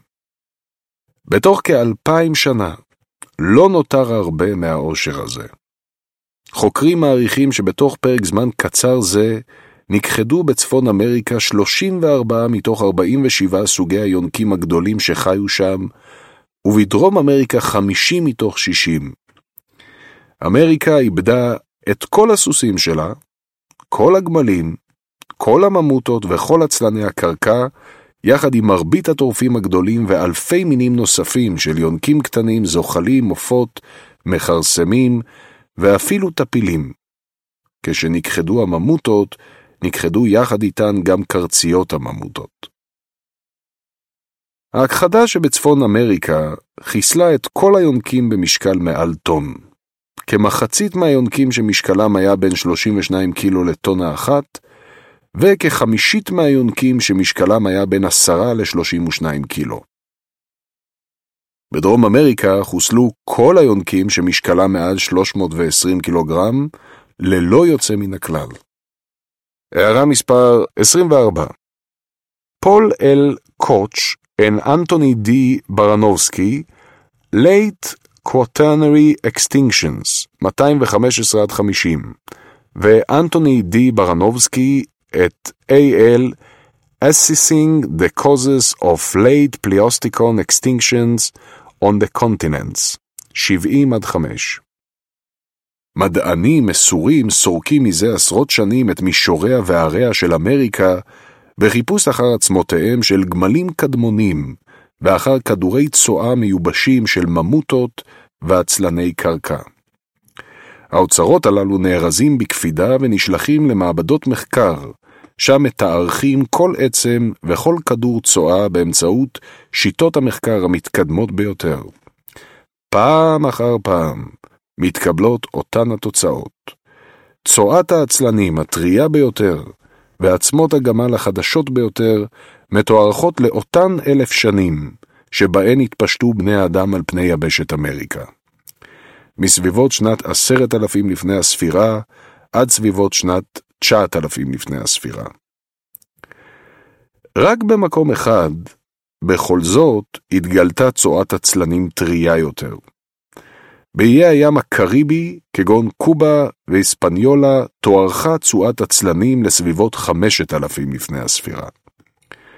שלא במפתיע, זה בדיוק הזמן שבו הצליחו ראשוני בני האדם לחצות את הים הקריבי ולהתיישב בקובה ובאספניולה. גם במקרה זה, יש חוקרים שמנסים להסיט את האשמה מכתפי האדם לכתפיהם של דינמיקות אקולוגיות מורכבות ושינויי אקלים. אשר משום מה פגעו ביבשת אמריקה בסביבות עשרת אלפים לפני הספירה, אבל פגעו באיי הים הקריבי רק בסביבות חמשת אלפים לפני הספירה. אלא שבאמריקה אשמתם של בני האדם צועקת לשמיים. גם אם בני האדם לא נושאים לבדם במלוא האחריות להכחדה, אין ספק שהם תרמו לה תרומה מכרעת. הערה מספר 25 פול אל קוך and Anthony D. Baranovsky Late Quaternary Extinctions 215 עד 50 אנטוני די ברנובסקי את A.L. Assessing the Causes of Late Pleistocene Extinctions on the Continents 70 עד 75 או עד 5 אם נצרף יחד את ההכחדות באוסטרליה ובאמריקה, נוסיף להן הכחדות בקנה מידה קטן יותר, שהתרחשו בזמן התפשטותו של הומו ספיאנס באפרו-אסיה עצמה, כגון הכחדת הניאנדרטלים, והכחדות שהתרחשו כשלקטים קדמונים ישבו איים קטנים יותר, כגון קובה ואספניולה, נגלה שהגל הראשון של התפשטות הומו ספיאנס ברחבי העולם היה אחד האסונות האקולוגיים הגדולים והמהירים ביותר בהיסטוריה של כדור הארץ. את הפגיעה הקשה ביותר ספגו ככל הנראה היונקים היבשתיים הגדולים. מתוך כ-200 סוגי יונקים יבשתיים גדולים, השוקלים מעל 44 קילוגרם, שחיו בכדור הארץ בזמן המהפכה הלשונית, רק כמאה עדיין היו בחיים כשפרצה המהפכה החקלאית. מחצית מהיונקים היבשתיים הגדולים של כדור הארץ הוכחדו בידי הומו ספיאנס עוד לפני שהוא גילה את הגלגל, את הכתב או את כלי הברזל. הטרגדיה האקולוגית הזו חזרה על עצמה בקנה מידה קטן יותר באלפי השנים שאחרי המהפכה החקלאית, כשחקלאים גילו ויישבו איים לא נודעים. פעם אחר פעם מספרים הממצאים הארכיאולוגיים את אותו סיפור עגום. הסיפור נפתח עם עדויות לאוכלוסייה עשירה ומגוונת של בעלי חיים גדולים, וללא כל עדויות לבני אדם. בנקודה מסוימת מופיעה העדות הראשונה לנוכחותם של בני אדם. עצם ירך אנושית, או ראש חנית, או אולי שבר כד. תוך זמן קצר נעלמות העדויות למרבית בעלי החיים הגדולים, ולחלק לא מבוטל מבעלי החיים הקטנים והצמחים. דוגמה טובה היא האי מדגסקר. זהו אי גדול מאוד, השוכן מזרחית לחופי אפריקה. במשך מיליוני שנים, שבהן היה אי מנותק מיבשת אפריקה, התפתח בו מגוון ייחודי של בעלי חיים, כגון מינים שונים של ציפור הפיל, ציפור ענקית וחסרת כושר תעופה, שהגיעה לגובה של שלושה מטרים, ולמשקל של כמעט חצי טונה, והייתה הגדולה בעופות העולם. ומגוון של קופי למור ענקיים, שהיו הקופים הגדולים ביותר בכדור הארץ, גדולים יותר מגורילות בנות ימינו. ציפורי הפיל והלמורים הענקיים, יחד עם מרבית בעלי החיים הגדולים האחרים של מדגסקר, נכחדו לפני כ-1,500 שנה. לפני 1,500 שנה מופיעות גם העדויות הראשונות לנוכחות האנושית במדגסקר. באוקיינוס השקט נפתח גל ההכחדה המרכזי בסביבות שנת 1500 לפני הספירה, כשחקלאים פולינזים יישבו את איי שלמה, איי פיג'י וקלדוניה החדשה, והכחידו מאות מיני עופות, חרקים, חלזונות ובעלי חיים מקומיים אחרים. משם נע הגל בהתמדה מזרחה, דרומה וצפונה אל מרחבי האוקיינוס. כשהוא מטביע את אוכלוסיית בעלי החיים הייחודית של סמואה וטונגה, 1200 לפני הספירה, אי המרכיז, סביבות אחת לפני הספירה, אי הפסחא, איי קוק ואיי הוואי, 500 לספירה, וניו זילנד, 1200 לספירה. אסונות אקולוגיים דומים התרחשו כמעט בכל אחד ואחד מאלפי האיים של האוקיינוס האטלנטי, האוקיינוס ההודי, הים התיכון והאוקיינוס הארקטי. אפילו על הזעירים שבאיי העולם החיצון, גילו ארכיאולוגים עדויות לקיומם של עופות, חרקים וחלזונות שחיו שם דורות אין ספור, עד שנכחדו לפתע עם הגעתם של ראשוני המתיישבים האנושיים. רק כמה איים נידחים במיוחד חמקו מתשומת ליבו של האדם עד לעידן המודרני, ואיים אלו שמרו על אוכלוסיית בעלי החיים הייחודית שלהם. כך למשל, בני אדם לא התיישבו באיי גלפגוס עד המאה ה-19, ולכן שרדה שם אוכלוסייה ייחודית במינה של עופות, זוחלים ומיני צורים אחרים. ובכלל זה צבי הענק המפורסמים, שבדומה לדודו ממאורוציוס, אינם מגלים כל פחד מפני האדם. אסון הגל הראשון, שליווה את התפשטות הלקטים ציידים בעולם, ואסון הגל השני, שליווה את התפשטות החקלאים, מספקים לנו פרספקטיבה חשובה על אסון הגל השלישי, שמתרחש בימים אלו עם התפשטות התעשייה ברחבי העולם. הדימוי הרומנטי, המנגיד בין האדם המתועש המודרני שהורס את הטבע לאבותיו החקלאים והלקטים שחיו בהרמוניה עם הטבע, משולל יסוד. המין שלנו הספיק כבר הרבה לפני המהפכה התעשייתית להכחיד יותר מיני בעלי חיים מאשר כל מין בעל חיים אחר שחי אי פעם על פני כדור הארץ. מצער הדבר שרק אנשים מעטים מודעים לאסון הגל הראשון ולאסון הגל השני. אילו ידענו כמה מיני בעלי חיים כבר הכחדנו, אולי היינו מתאמצים קצת יותר להגן על אלו ששרדו. במיוחד אמורים הדברים בבעלי החיים הגדולים של האוקיינוסים. הומו ספיאנס הספיק להכחיד בחמישים אלף השנים האחרונות את רוב בעלי החיים הגדולים של יבשות העולם. בעלי החיים הגדולים של האוקיינוסים, לוויתנים, דולפינים, כרישים, צבי ים, דיונוני ענק, נפגעו עד כה הרבה פחות. אולם, בשנים האחרונות, יותר ויותר מהם עומדים על סף הכחדה. הן בשל ניצול גובר של משאבי האוקיינוסים בידי האדם, והן בגלל זיהום גובר של מי האוקיינוסים בשפכים ובפסולת. אם יימשכו הדברים בקצב הנוכחי, סביר שהלוויתנים והדולפינים ילכו בעקבותיהם של הדיפרוטודונים, עצלני הקרקע והממוטות. עמוד 81, חלק ב' המהפכה החקלאית בתמונה סצנות אופייניות מחייהם של חקלאים קדמונים, ציור קיר מקבר מצרי מלפני כ-3,500 שנה. עמוד 83, פרק מספר 5 התרמית הגדולה בהיסטוריה במשך כשני מיליון וחצי שנים הזין עצמו האדם מליקוט צמחים ומציד בעלי חיים שגדלו והתרבו בלי התערבותו. הומו הביליס, הומו ארקטוס והנאנדרטלים כתפו תאנים וצדו כבשי בר, אך הם לא ניסו לשלוט בחייהם של התאנים ושל כבשי הבר. הם לא קבעו היכן יגדלו עצי תאנה, לאן ילך הבוקר עדר הכבשים, או איזה איל יזדווג עם איזו כבשה.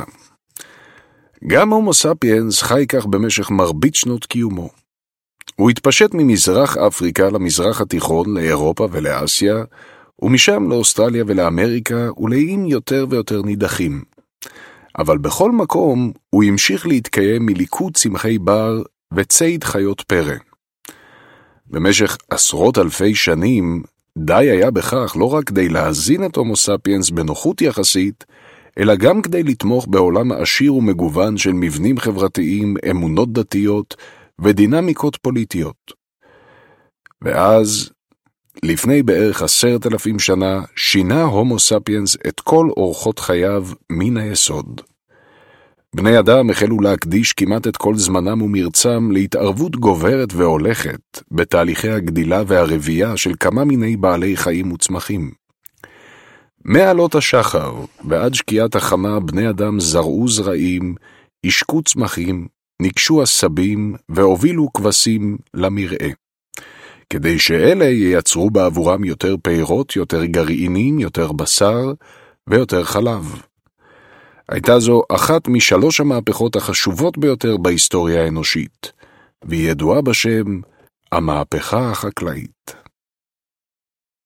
המהפכה החקלאית הקדומה ביותר פרצה בשיפולי הערים של טורקיה, איראן, סוריה וארץ ישראל בסביבות 9,500 עד 8,500 לפני הספירה, כשבני אדם בייתו בהדרגה דגנים כגון חיטה ושעורה, קטניות כגון אפונה ועדשים, עצי פרי כגון תאנה, וכמה מיני בעלי חיים כגון כבשים ועיזים.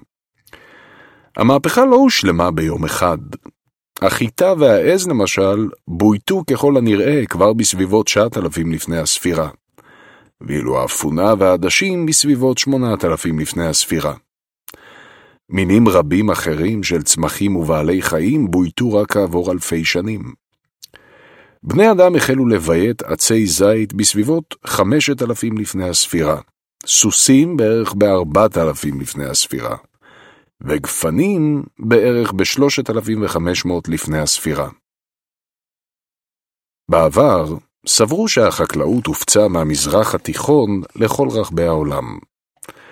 היום כל החוקרים תמימי דעים שבמקומות שונים בעולם פרצו מהפכות חקלאיות עצמאיות לגמרי, שלא היו תלויות בעזרה מהמזרח התיכון.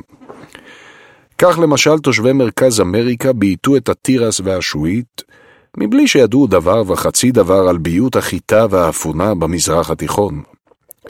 רוב החוקרים מסכימים שמהפכות חקלאיות עצמאיות פרצו גם בסין, שם בויתו האורז, הדוחן והחזיר. בדרום אמריקה, תפוח אדמה, בטטה, למה? במזרח ארצות הברית של ימינו, דלעת, בגינאה החדשה, סוכר, בננות, ובמערב אפריקה, דוחן אפריקני, אורז אפריקני וסורגום. ממוקדים ראשוניים אלו התפשטה החקלאות לכל עבר, ובשנת אחת לספירה, הרוב המכריע של בני אדם בכדור הארץ כבר היו חקלאים. גם היום יותר מ-90% מהקלוריות שמקיימות את תושבי כדור הארץ מופקות מאותם צמחים ספורים שבייתו אבות אבותינו לפני אלפי שנים. חיטה, אורז, תירס, תפוחי אדמה, דוחן, שעורה. שום צמח או בעל חיים חשוב לא בוית באלפיים השנים האחרונות. אם הנפש שלנו היא נפש של לקטים, הרי המטבח שלנו הוא מטבח של חקלאים קדמונים. מדוע פרצו מהפכות חקלאיות דווקא במזרח התיכון, בסין ובמרכז אמריקה, ולא באזורים אחרים, כגון אוסטרליה, סקנדינביה או דרום אפריקה? הסיבה היא שלא כל צמח או בעל חיים אפשר וכדאי לביית. כך למשל, כבשי הבר של המזרח התיכון היו רגילות לחיות בעדרים, והיה להן מזג נוח יחסית, ולכן היה אפשר לביתן. לעומת זאת, לשור הבר האפריקני היה מזג כה תוקפני שהיה בלתי אפשרי לביתו. חיטה היא צמח שמשתלם לביתו, כי הזרעים המזינים שלו גדולים מאוד ביחס לחלקיו האחרים הבלתי מזינים. חמציץ, לעומת זאת, הוא צמח אשר לא משתלם במיוחד לביית. כי ערכו התזונתי שולי, ובכמויות גדולות הוא אף עשוי להיות רעיל. מתוך אלפי מיני הצמחים ובעלי החיים שבני אדם ליקטו וצדו, רק בודדים היו בעלי תכונות מתאימות לביות. המהפכות החקלאיות אירעו באותם אזורים ספורים שבהם היו במקרה ריכוזים של צמחים ובעלי חיים מתאימים. בעמוד הבא, מפה מספר 2. האזורים והתאריכים שבהם אירעו מהפכות חקלאיות, התאריכים שנויים במחלוקת. מדי שנה מתגלים ממצאים ארכיאולוגיים חדשים, אשר מזינים את התאריכים במאות ולעיתים באלפי שנים. נא להיעזר במסייע.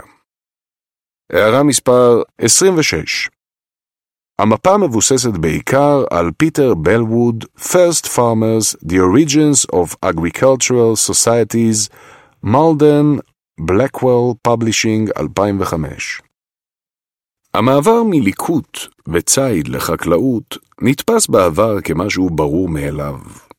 התיאוריה השלטת אמרה שעם הזמן בני אדם נהיו יותר ויותר אינטליגנטים ולמדו להכיר את צפונות הטבע טוב יותר, עד שהגיע הרגע שבו הם גילו כיצד ניתן לביית כבשה או לזרוע ולטפח חיטה. ברגע שהם גילו את זה, הם קפצו על המציאה. נטשו את דרך החיים הקשה וחסרת הביטחון של הלקטים, והתיישבו ליהנות מחייהם השבעים והנעימים הרבה יותר של חקלאים. שום דבר בתיאוריה הזו אינו נכון. אין ראיות לכך שבני אדם הלכו ונעשו אינטליגנטים יותר.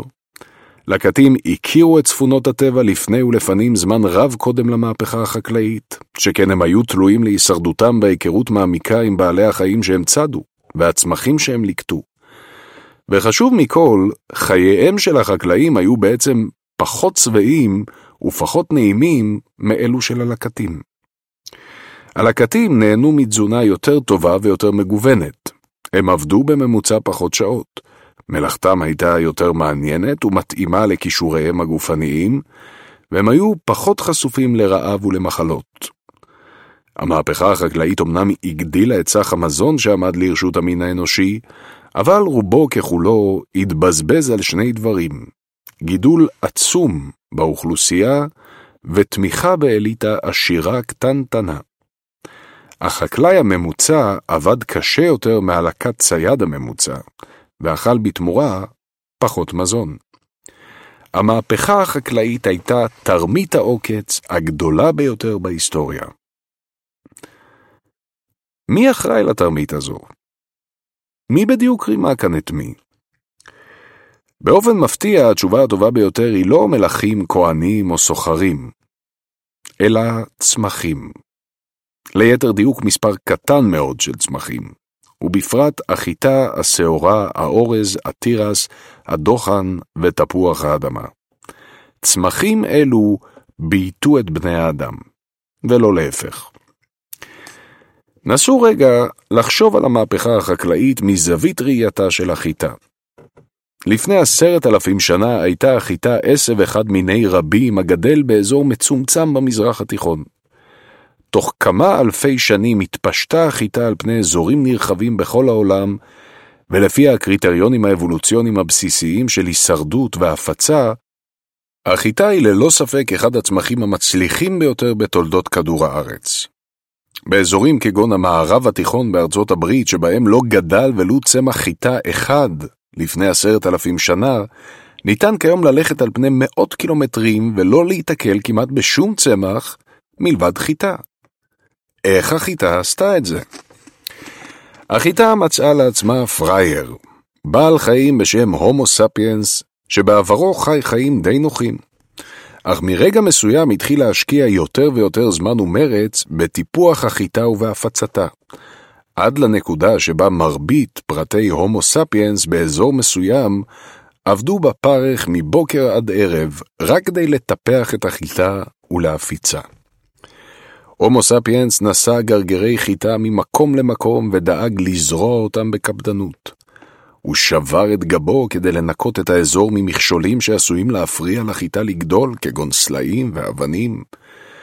הוא בילה ימים ארוכים בשמש הקופחת כדי לנקש עשבים שוטים שהתחרו עם החיטה על המים והקרקע. הוא נלחם בטפילים ובמזיקים שאכלו את החיטה, כגון חרקים, תולעים וארנבים. הוא שפך זיעה ודם כדי להשקות את החיטה במים, ואסף במסירות הפרשות של בעלי חיים כדי לזבל את הקרקע לגידולה של החיטה. גוף האדם מתפתח במהלך מיליוני שנים מתוך התאמה לליקוט ולציד, ולא לעיבוד שדות. עבודות חקלאיות רבות, כגון סיכול אבנים, עיסוב, נשיאת דליי מים וקציר התבואה, אינן מותאמות למבנה הגוף האנושי. עמוד השדרה, הברכיים, הצוואר, הפרקים וחלקי הגוף האחרים של האיכרים שילמו את מלוא מחירה של המהפכה החקלאית. עדויות ארכיאולוגיות משלדים מצביעות על כך שבעקבות המעבר לחקלאות החלו בני אדם לסבול ממגוון רחב של מיחושים ובעיות רפואיות, כאבי גב וצוואר, כאבי פרקים, פריצות דיסק וכיוצא בזה. יתר על כן, המשימות החדשות דרשו מהומו ספיאנס זמן כה רב, שהוא נאלץ להתגורר דרך קבע סמוך למקום גדילתה של החיטה, ולשנות את כל אורחות חייו והרגליו החברתיים. החיטה היא זו שבייתה את האדם, ולא להפך. לראיה, אנחנו אלה שחיים בבתים, לא היא. כיצד שכנעה החיטה את הומו ספיאנס להתביית ולהחליף אורח חיים טוב באורח חיים גרוע ממנו? מה הציע לו בתמורה לטיפול המסור שהוא העניק לה? באופן חד משמעי אפשר לומר שהחיטה לא נתנה לאדם תזונה טובה יותר. תזונה המבוססת בעיקר על חיטה, כמו גם על דגנים אחרים, אינה מתאימה לבני האדם. אשר התפתחו לאורך מיליוני שנים כאוכלי קול, שדגנים הם מרכיב קטן בתפריט שלהם. תזונה שמבוססת בעיקר על דגנים ענייה במינרלים ובוויטמינים חיוניים, קשה לעיכול והרסנית לשיניים ולחניכיים. המעבר לתזונה המבוססת על דגנים עתירי פחמימות הביאה לעלייה בעששת ובדלקות חניכיים. אפשר גם לומר באופן חד משמעי שהחיטה לא נתנה להומו ספיאנס ביטחון כלכלי. חיי העיקר הרבה פחות בטוחים מחיי הלקת צייד. הלקת צייד מסתמך על עשרות מיני צמחים ובעלי חיים כדי להתקיים, ולכן יכול לשרוד גם בשנים קשות, ללא מאגרים של מזון משומר.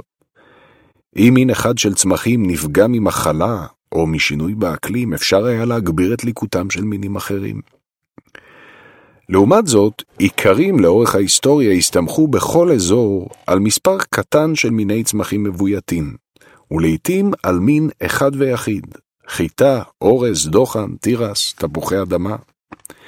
אם מחלה או שינוי אקלים פגעו במין האחד הזה, האיכרים היו עלולים למות בהמוניהם מרעב. החיטה גם לא נתנה ביטחון מפני אלימות. החקלאים הראשונים היו אלימים לפחות כמו הלקטים, אם לא יותר.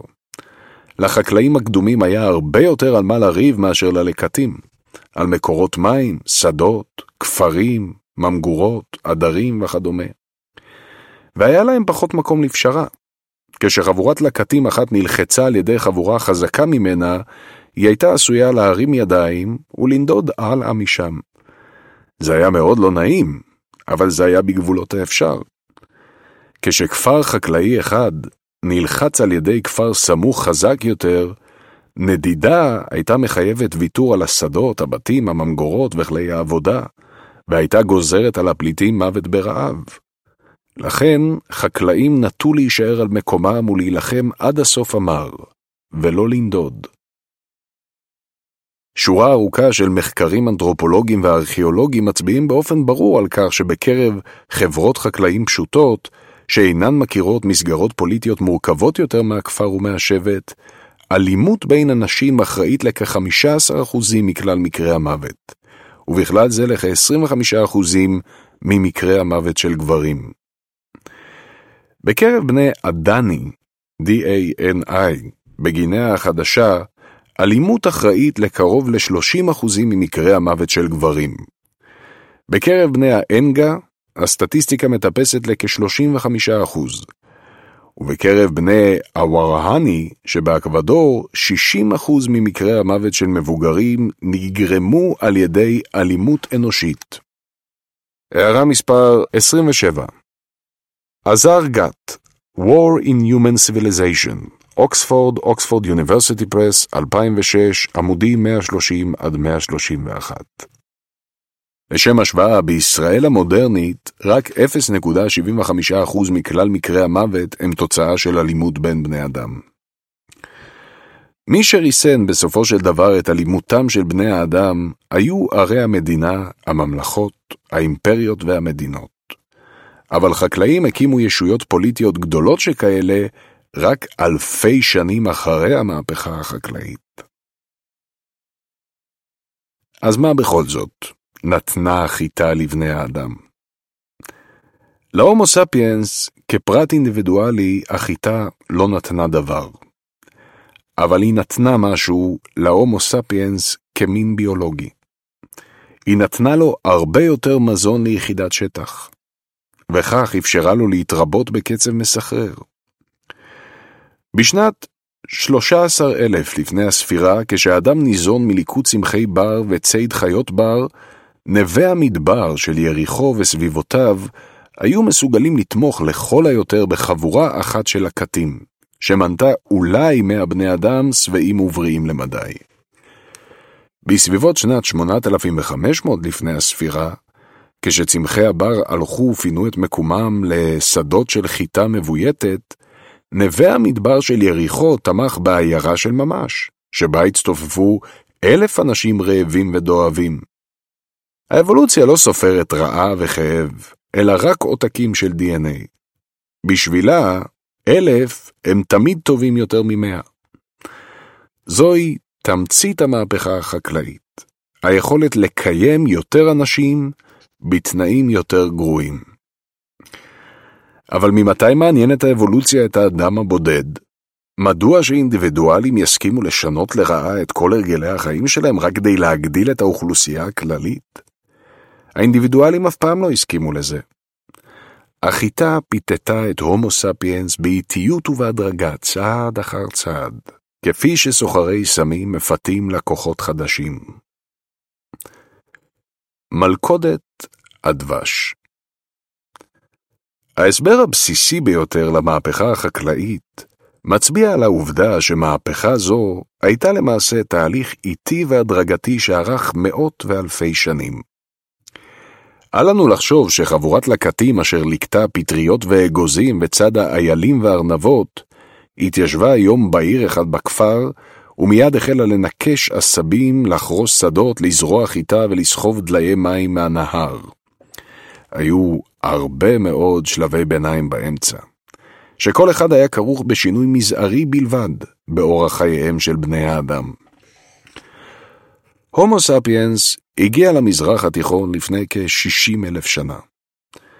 במשך יותר מ-40 אלף שנה חיו אבות אבותינו במזרח התיכון, וקיימו עצמם היטב ללא חקלאות. די היה במשאבים הטבעיים של האזור כדי לקיים את האוכלוסייה האנושית, כיוון שהריבוי הטבעי של האוכלוסייה הלך יד ביד עם תנודת המשאבים הללו. בתקופות שפע בני אדם ילדו קצת יותר ילדים, ובתקופות צנע קצת פחות. לבעלי חיים רבים יש מנגנונים הורמונליים וגנטיים אשר מסייעים בוויסות הריבוי הטבעי. בתקופות שפע, נקבות נוטות להגיע לבגרות מינית קצת יותר מוקדם, ולהיות פוריות קצת יותר. כלומר סיכוייהן הממוצעים להיכנס להיריון גדולים יותר. בתקופות צנע, ההגעה לבגרות מינית מתעכבת, והפוריות יורדת. בני אדם יכלו להוסיף למנגנונים הטבעיים האלה גם הרגלים תרבותיים. תינוקות וילדים אשר מתקשים בתנועה ודורשים טיפול ותשומת לב רבה, היו נטל כבד על חבורות לקטים שנעו ללא הרף ממקום למקום. ונשים השתדלו לשמור על מרווחים גדולים בין ילד לילד, כשלוש-ארבע שנים, אם נסמוך על תצפיות על לקטים מודרניים. הן לא יכלו להרשות לעצמם ללדת ילד נוסף טרם יוכל הפעוט הנוכחי ללכת מרחקים בכוחות עצמו. שמירת המרווחים נעשתה על ידי כך שהעניקו ילדים עד גיל מאוחר, לאורך כל שעות היממה, דבר שמקטין את הסיכוי להיכנס להיריון. על ידי התנזרות חלקית או מלאה מיחסי מין, למשל איסור דתי על קיום יחסי מין בתקופה מסוימת של השנה, קיום יחסי מין לא מיסיונרים, הפלות, ולעיתים גם רצח תינוקות לא רצויים. הערה מספר 28 קתרין A. ספילמן, A Review Dietary Restriction on Hunter-Gatherer Women and the Implications for Fertility and Infant Mortality. Human Ecology, 17 על 3, 1989, עמודים 321 על 45. See also Bruce Winterhalder and Eric Alder Smith Analyzing Adaptive Strategies Human Behavioral Ecology at 25 Evolutionary Anthropology 9 על 2, 2000, 51 על 72 בתקופה זו בני אדם הכירו את החיטה, ואכלו גרעיני חיטה. אבל חיטה הייתה מרכיב שולי בתפריט שלהם. לפני כ-18 אלף שנה החל בכדור הארץ תהליך התחממות שהביא אל קיצו את עידן הקרח האחרון. הטמפרטורות הלכו ועלו, וגם כמויות המשקעים הלכו ועלו. תנאי האקלים החדשים היו אופטימליים בשביל בעלי חיים וצמחים רבים, ובכלל זה הדגנים במזרח התיכון אשר נפוצו יותר ויותר. בני האדם החלו לאכול יותר חיטה, ובתמורה שימשו מבלי משים כסוכני ההפצה שלה. כיוון שלא ניתן היה לאכול את גרעיני חיטת הבר בלי לקלף, לקטוש ולבשל אותם, בני אדם שליקטו גרעיני חיטה נהגו להביא אותם למחנות הארעיים שלהם לשם עיבוד. אלא שהעיבוד לווה בעיבוד. מאחר שגרעיני החיטה היו מרובים וקטנים, כמה מהם נפלו בכל פעם באזור המחנה ועבדו. מגרעינים אלו צמחה בעונה הבאה חיטה חדשה. עם הזמן החלה יותר חיטה לצמוח דווקא במקומות שבהם נעו וחנו בני האדם. כמו לבני אדם שונים, כך גם לצמחי חיטה שונים יש מטען גנטי שונה במקצת, המתבטא בתכונות שונות במקצת. צמח אחד הוא בעל גרעינים גדולים קצת יותר, ואחר בעל גרעינים קטנים. גרעינו של צמח אחד הוא עקשן, ונאחז בגבעול בחוזקה. ואילו גרעיניו של צמח אחר הם רופפים, ואחיזתם בגבעול חלשה. כשלקטים קדמונים ליקטו חיטה, הם העדיפו כמובן ללקט גרעינים גדולים, ולא קטנים. הם התקשו ללקט גרעינים רופפים, שהתפזרו ברגע שמישהו נגע בצמח, והביאו איתם חזרה למחנה בעיקר את העקשנים. ככל שעברו הדורות, באזור נדודיהם של בני אדם נפוץ החיטה בעלת גרעינים גדולים ועקשנים במיוחד. החיטה הפכה להיות יותר ויותר מפתה. במקביל, בני אדם נהגו לעתים לשרוף חלקות יער וחורש, כדי להקל על עצמם את התנועה במרחב, וכדי להשיג במחי יד כמות גדולה של בשר, פקעות ואגוזים, מבעלי חיים וצמחים שנלכדו באש. חקלאות אש זו עזרה מבלי משים למיני עשבים רבים ובהם החיטה, אשר נפטרו בדרך זו מהעצים ומהשיחים שהתחרו איתם על אור השמש, המים והמינרלים.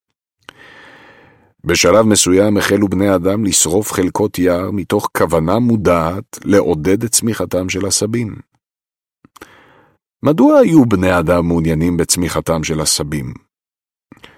חלקית, מפני שהללו משכו אליהם אוכלי עשב, שהיו עיקר תרפו של האדם. וחלקית, מפני שהאדם עצמו נהנה מליקוט עשבים מסוימים כגון החיטה.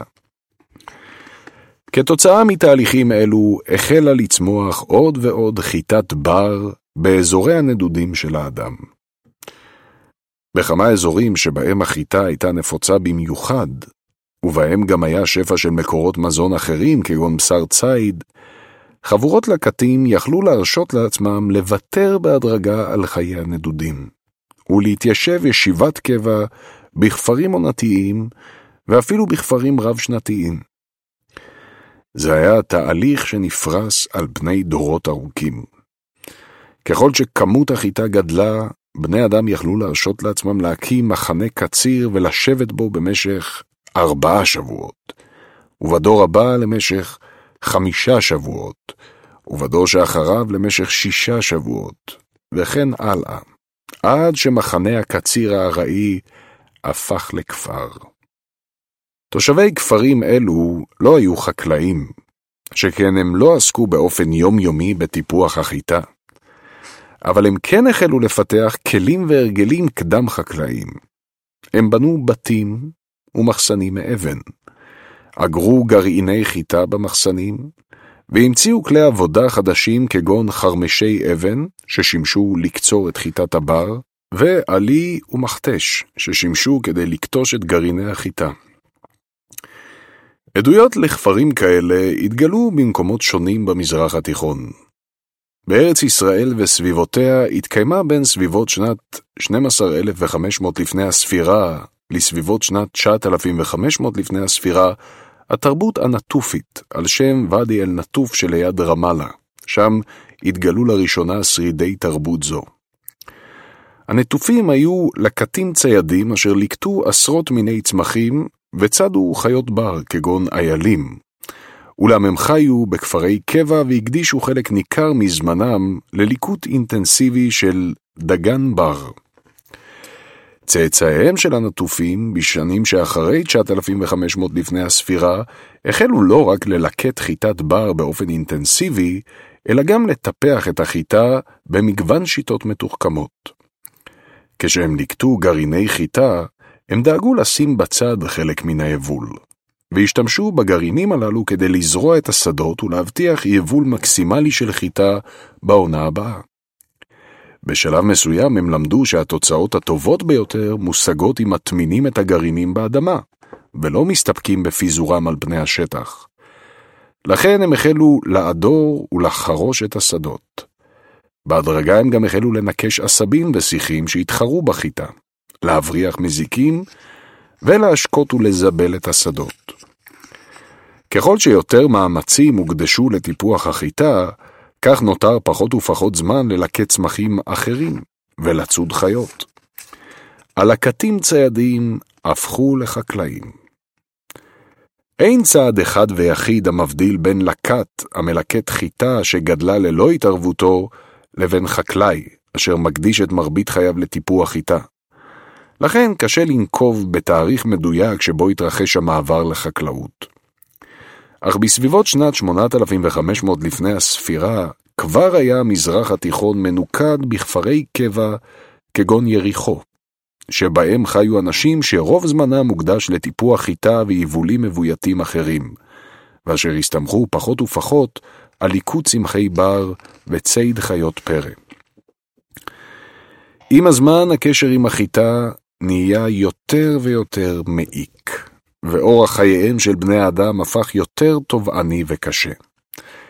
האדם הממוצע ביריחו של שנת 8500 לפני הספירה חי חיים קשים יותר מאשר האדם הממוצע ביריחו של 9500 לפני הספירה, או 13,000 לפני הספירה. אבל אף אחד לא חי די זמן כדי לשים לב לכך. כל דור המשיך להתנהג בדיוק כמו אבותיו. רק קצת יותר ביעילות. באופן פרדוקסלי, סדרה של צעדי התייעלות קטנים, שכל אחד מהם אמור היה להקל על חיי האנשים, הצטברו עם השנים לנטל מפרך. חלק מצעדי ההתייעלות הללו, למשל התמקדות בליקוט גרעיני חיטה גדולים, נעשו מבלי משים.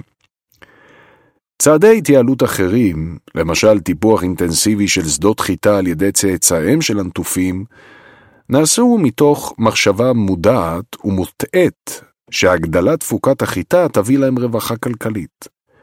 בשני המקרים התוצאה הייתה אחת. צעדי ההתייעלות הביאו בטווח הקצר לגידול בכמות המזון, אך הגידול בכמות המזון גרר בעקבותיו גידול דמוגרפי. ולכן בטווח הארוך בני האדם עבדו קשה יותר, מבלי ליהנות מתזונה טובה יותר.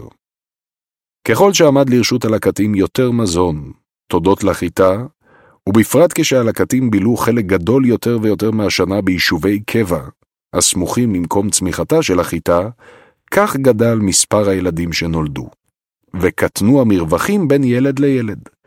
ילדים נגמלו מוקדם יותר מחלב והם, ועברו לאכול דייסות ולחם.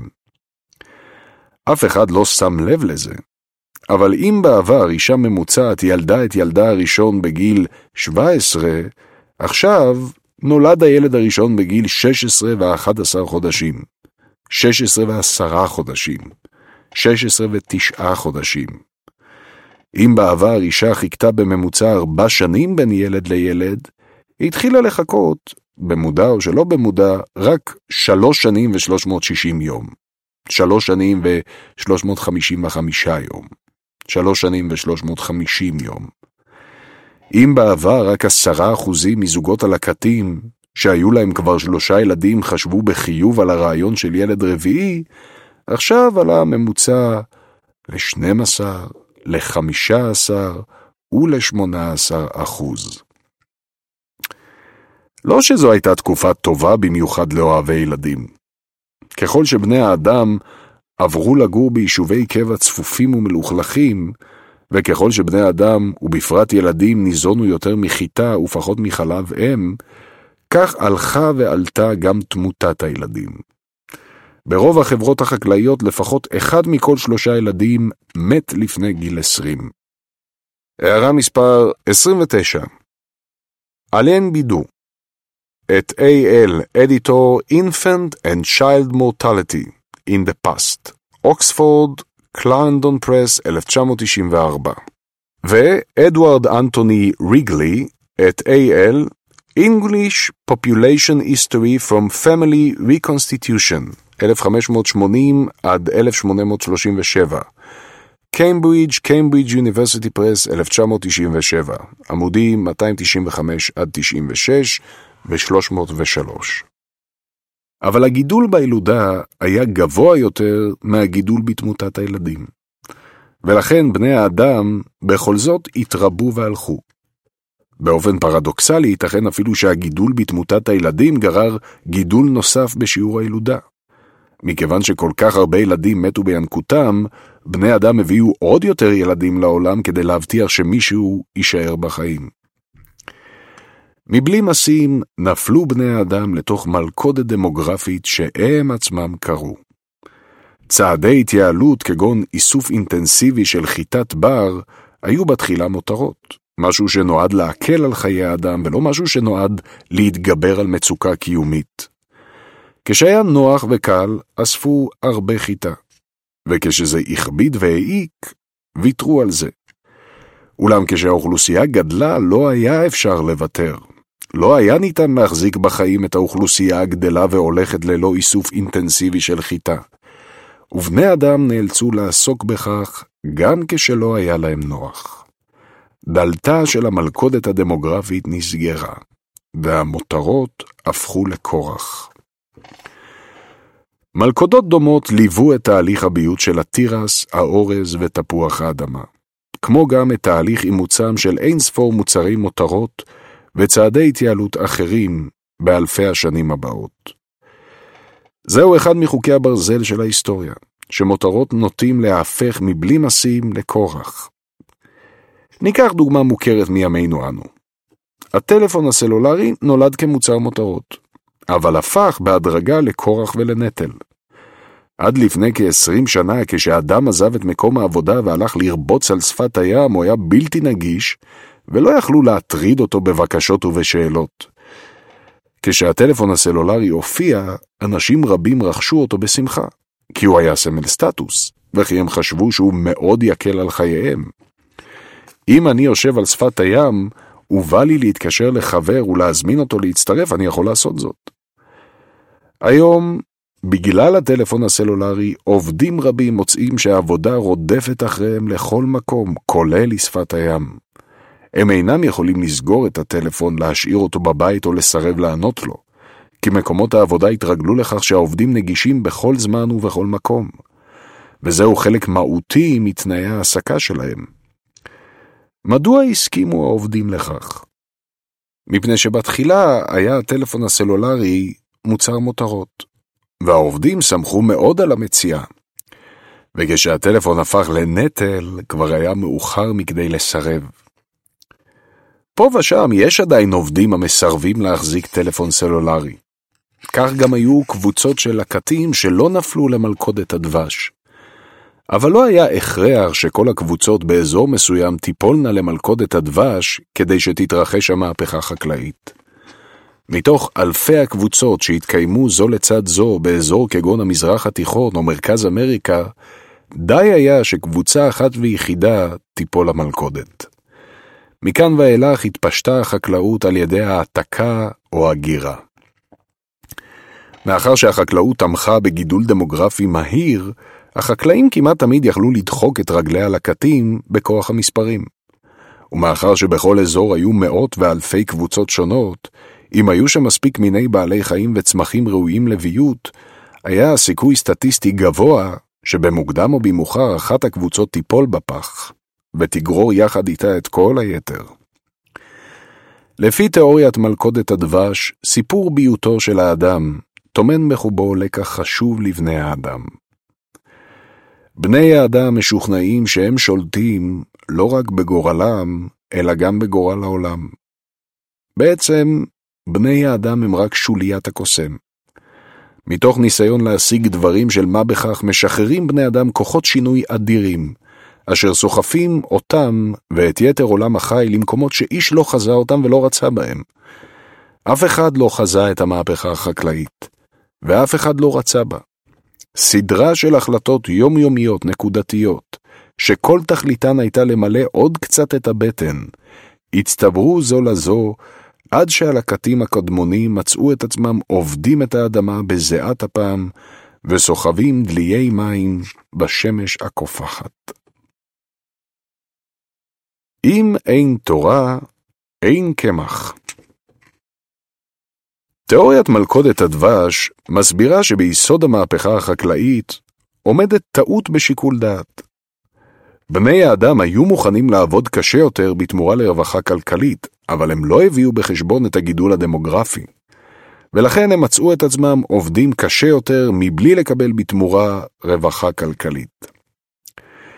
אפשרות נוספת היא שלבני אדם היו שאיפות מרחיקות לכת יותר מאשר רווחה כלכלית, והם היו מוכנים להקשות את חייהם במודע בשביל למלא את השאיפות הללו. אחד הממצאים המעניינים ביותר התומכים בגישה הזו התגלה בשנת 1995, כשהארכיאולוגים החלו לחפור אתר בדרום-מזרח טורקיה הנקרא גובקלי טפה. בתמונה למעלה שרידי מבנים מונומנטליים בגובוקלי טפה. למטה, אחד מעמודי האבן של גובוקלי טפה. בשכבה הקדומה ביותר באתר לא התגלו כל סימנים ליישוב, בתי מגורים ופעילויות יומיומיות. לעומת זאת, נתגלו מבני אבן מונומנטליים עם עמודי אבן במשקל שבעה טונות כל אחד, שעליהם תחריטים מרהיבים. במחצבה סמוכה נמצא אף עמוד אבן מסוטט למחצה במשקל 50 טונות. בסך הכל התגלו באתר יותר מעשרה מעגלי אבן שהגדול שבהם הוא בקוטר של כ-30 מטר, ושגובה עמודיהם מגיע לכחמישה מטרים. מבנים מונימונטליים דומים היו מוכרים לארכיאולוגים ממקומות רבים בעולם, כגון מסטונהנג' שבבריטניה. אולם ככל שהעמיקו ארכיאולוגים לחפור, כך נחשפה בפניהם עובדה מדהימה, שעשויה לשנות מן היסוד את הבנתנו את המהפכה החקלאית ואת העולם שקדם לה. סטונהנג' הוא אתר מסביבות שנת 2500 לפני הספירה, שנבנה על ידי חברה חקלאית מפותחת.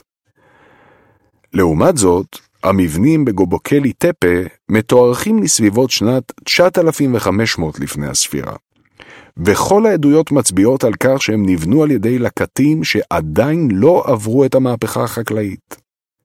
לא התגלו במקום שום עדויות לצמחים או לבעלי חיים מבויתים. הקהילה הארכיאולוגית התקשתה בתחילה להאמין לממצאים, אך בדיקה אחר בדיקה איששה את המסקנה הזו. והארכיאולוגים החלו להכיר בכך שיכולתיהם של הלקטים הקדמונים ורמת המורכבות של החברות שלהם ושל עולמם התרבותי היו כנראה גדולות בהרבה מכל מה שחוקרים שיערו עד אז. למה שימשו המבנים? ככל הנראה לא היה להם שום שימוש פרקטי במובן הצר של המילה, ובני האדם יכלו לשרוד גם מבלי לבנות אותם. אלה לא היו בתי מטבחיים לממוטות או מקומות מסתור מפני גשם ואריות. הם נבנו למטרה תרבותית כלשהי, שהארכיאולוגים מתקשים לפענחה. מה שאנו כן יודעים, במידה רבה של ודאות, זה שכדי לבנות מבנים בסדר גודל שכזה, מאות ואולי אלפי לקטים המשתייכים למספר רב של חבורות ושבטים, היו צריכים לשתף פעולה זה עם זה לאורך זמן. וכדי לארגן שיתוף פעולה מסוג זה, היה ודאי צורך במערכת דתית או אידיאולוגית מתוחכמת למדי.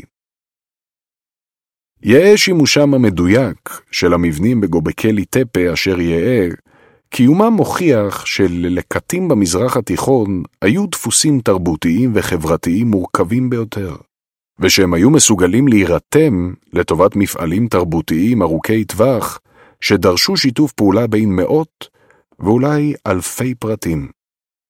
יש הסבורים שאתר גובקלי טפה נבנה לפחות בחלקו בעבודת עבדים, אם יתגלו סימוכין להשערה זו, הדבר יפריך דעה נפוצה נוספת, שלפיה העבדות הופיעה רק בעקבות המהפכה החקלאית. האתר של גובקלי טפה טמן בחובו עוד הפתעה. בעוד הארכיאולוגים עמלים על חשיפת המבנים המונומנטליים של האתר, גנטיקאים היו עסוקים בהתחקות אחרי מקורותיה של החיטה המבויתת. הם ניתחו את המטען הגנטי של גרעיני חיטה מבויתת קדומה מזן איינקורן, והשוו אותו למטען הגנטי של גרעיני חיטת בר לא מבויתת, ששרדה פה ושם בכמה אזורים במזרח התיכון. הם רצו לדעת איפה גדלה כיום חיטת בר שמבחינה גנטית היא הקרובה ביותר לחיטה המבויתת הקדומה. הם הניחו שזהו המקום שבו בויתה לראשונה חיטת איינקורן במהפכה החקלאית. הגנטיקאים שעשו את המחקר אספו וישבו דוגמיות מחיטת בר שגדלה כיום בארץ ישראל, בסוריה, בירדן, בלבנון, בטורקיה ובאיראן.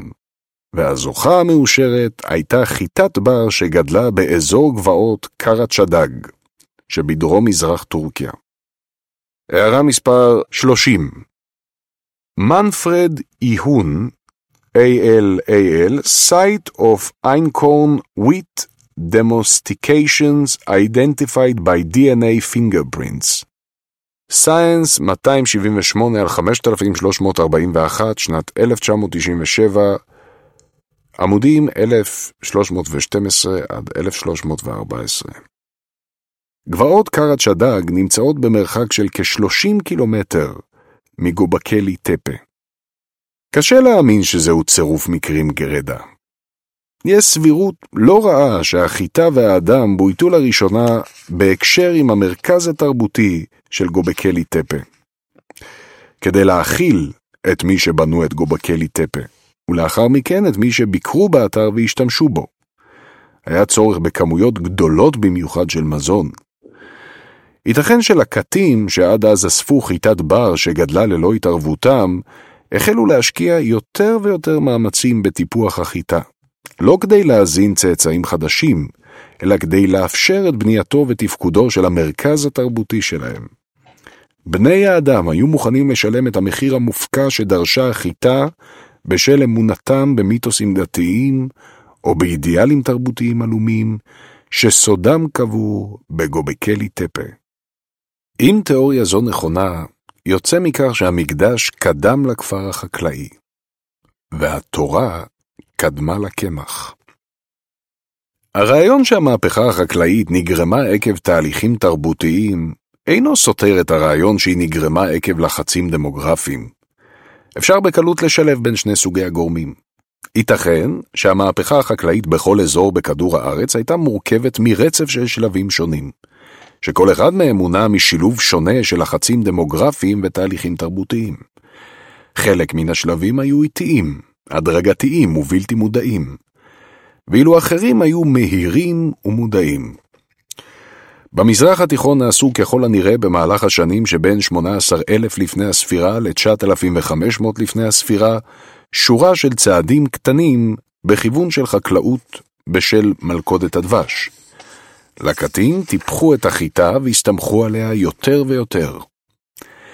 ההסתמכות הגוברת על החיטה הגדילה את צפיפות האוכלוסייה, ויצרה הזדמנויות למאות לקטים להתקהל יחד באותו מקום לאורך זמן. התקהלויות אלו אפשרו את הופעתה של הדת המסתורית של גובקלי טפה. מאמיניה של דת זו יכלו להמשיך ולחיות כלקטים עוד אלפי שנים, אולם רצונם לבנות ולתחזק מקדש ענק שכנע אותם להפוך לחקלאים. החקלאים הללו, שגרו בכפרי קבע ואיבדו שדות חיטה, הולידו הרבה יותר ילדים. אם אחרי כמה מאות שנים נמאס לבני האדם מהדת של גובקלי טפה, הם יכלו אולי להפסיק לעבוד את האלים המגלומנים שלה, אבל הוכרחו להמשיך ולאבד את שדות החיטה. ייתכן שבמקומות אחרים, כגון דרום אמריקה או גינאה החדשה, סדר הדברים היה הפוך. בני אדם שהתקיימו ללא כל בעיה מליקוט ומציד, החליטו לפתע להשקיע מאמץ רב בטיפוח הבטטה או הבננה, כדי לאפשר קיום של חגיגה דתית או תחרות ספורט המונית. מרגע שהופיעו בטטות מבויתות או בננות מבויתות, החלו בני אדם להסתמך עליהן לא רק למטרות דתיות וספורטיביות, אלא גם לתזונה יומיומית. הגידול באספקת המזון גרר בעקבותיו מעבר ליישובי קבע וגידול דמוגרפי. ורק אז נלכדו בני האדם במלכודת הדבש. קורבנות המהפכה לעסקה בין בני האדם לבין הצמחים היו עוד כמה שותפים. מספר קטן של מיני בעלי חיים כגון כבשים, עיזים, חזירים ותרנגולות בויתו במקביל לתהליך ביות האדם, החיטה, התירס והאורז. בחלק מהאזורים בויתו בעלי חיים רק אחרי שהושלם ביות הצמחים, והוקמו כפרי הקבע הראשונים. בחלק מהאזורים קרו תהליכים אלו במקביל. ובחלק מהאזורים ייתכן שביות בעלי החיים קדם במקצת לביות הצמחים והאדם וזירז אותו. כך למשל, חוקרים מעריכים שחברות של הקטים נוודים, שהסתמכו לקיומם על ציד עדרים של כבשי בר, החלו בשלב מסוים לעקוב אחרי עדר אחד ולעשות עליו מניפולציות, אולי בשל הצמצום במקורות מזון אלטרנטיביים.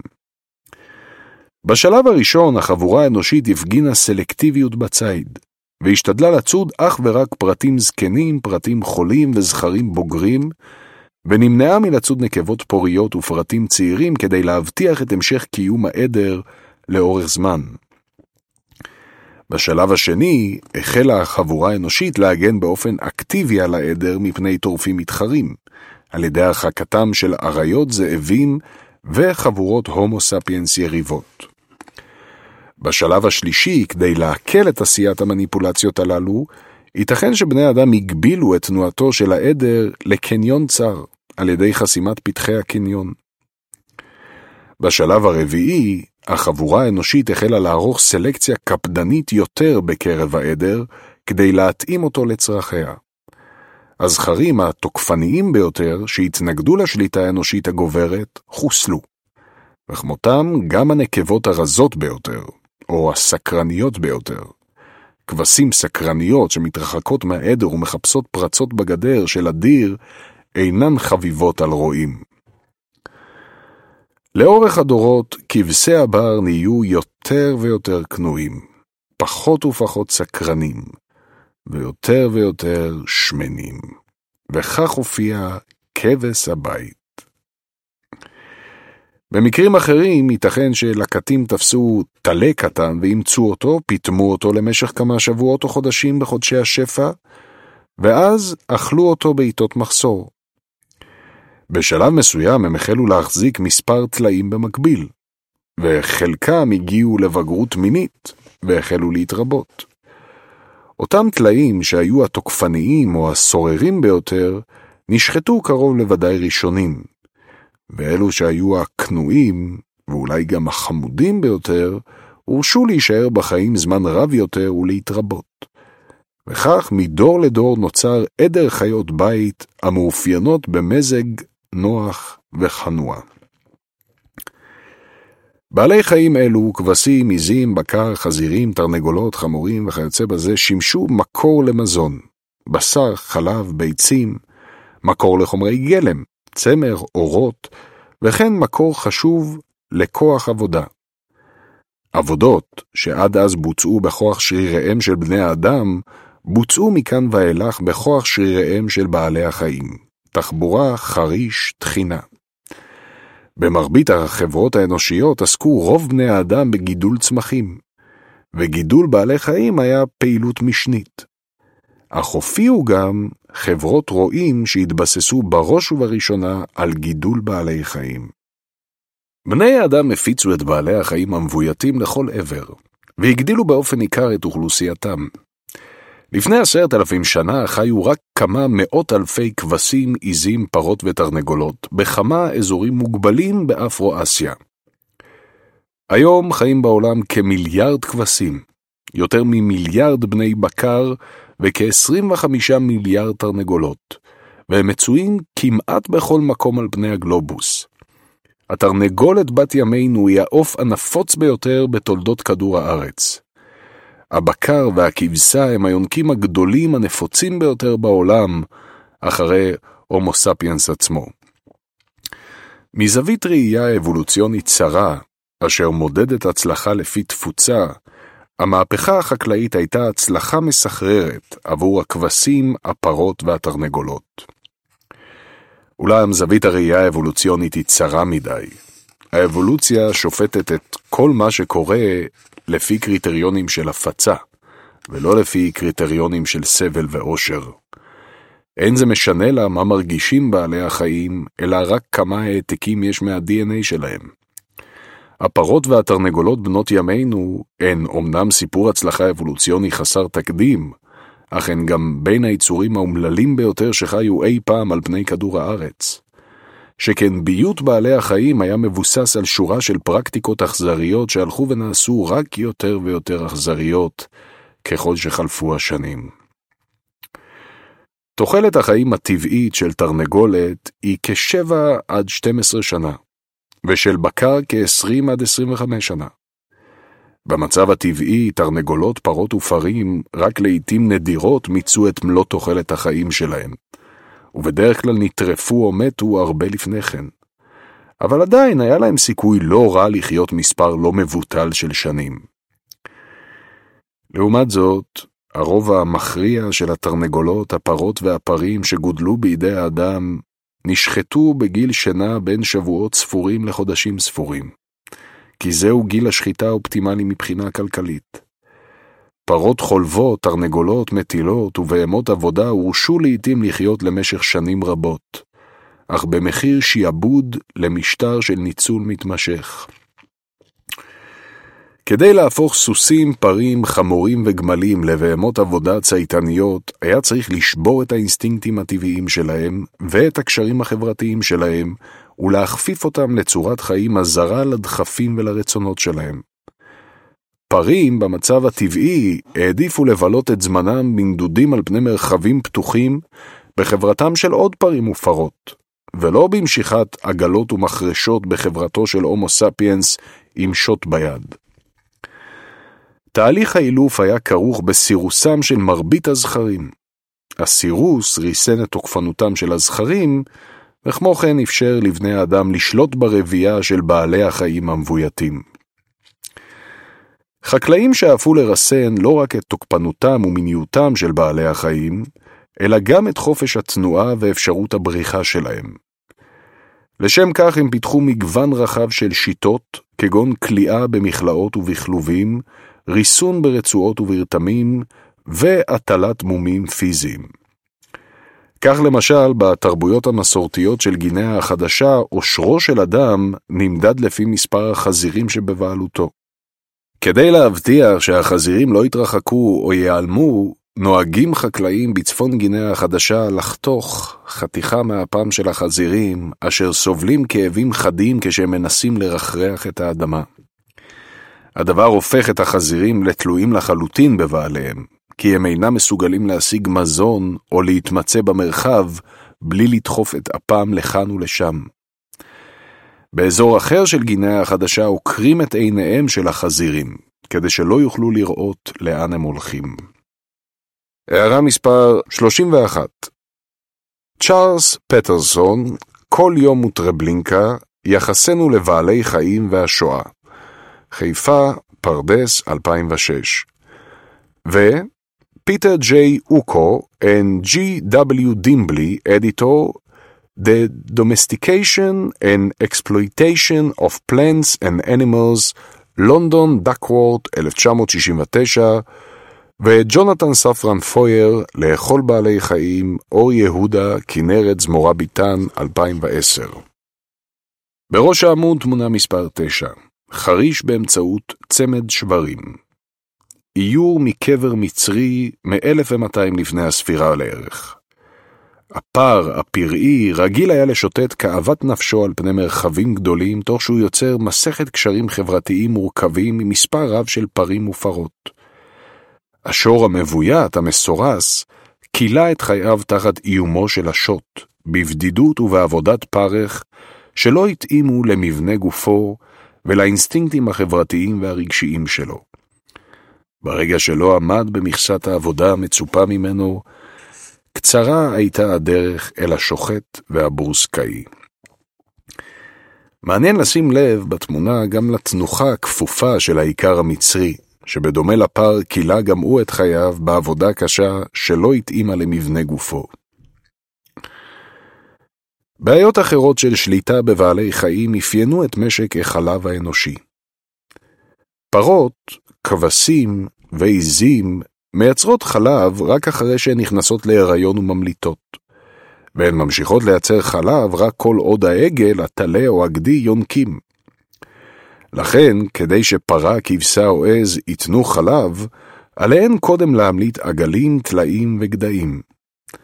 אך החקלאי צריך להבטיח שהחלב יגיע אליו, ולא אליהם. משק החלב האנושי מתבסס בדרך כלל על כך שמפרידים את העגלים, הטלאים והגדיים מאימם מיד לאחר ההמלטה, ואז חולבים את האם לצורכי האדם. ברפתות ישראליות מודרניות, פרה חולבת חיה כחמש שנים בממוצע לפני ששוחטים אותה. במהלך חמש שנים אלו היא מעוברת כמעט כל הזמן, ובדרך כלל מוזרעת 60 עד 120 יום לאחר ההמלטה הקודמת, כדי לשמור על תנובת חלב מקסימלית. הערה מספר 32 אבי פנקס עורך חיות משק בישראל, מחקר, הומניות ועשייה, ראשון לציון, העמותה למען חיות משק, 2009, עמודים 169 עד 199.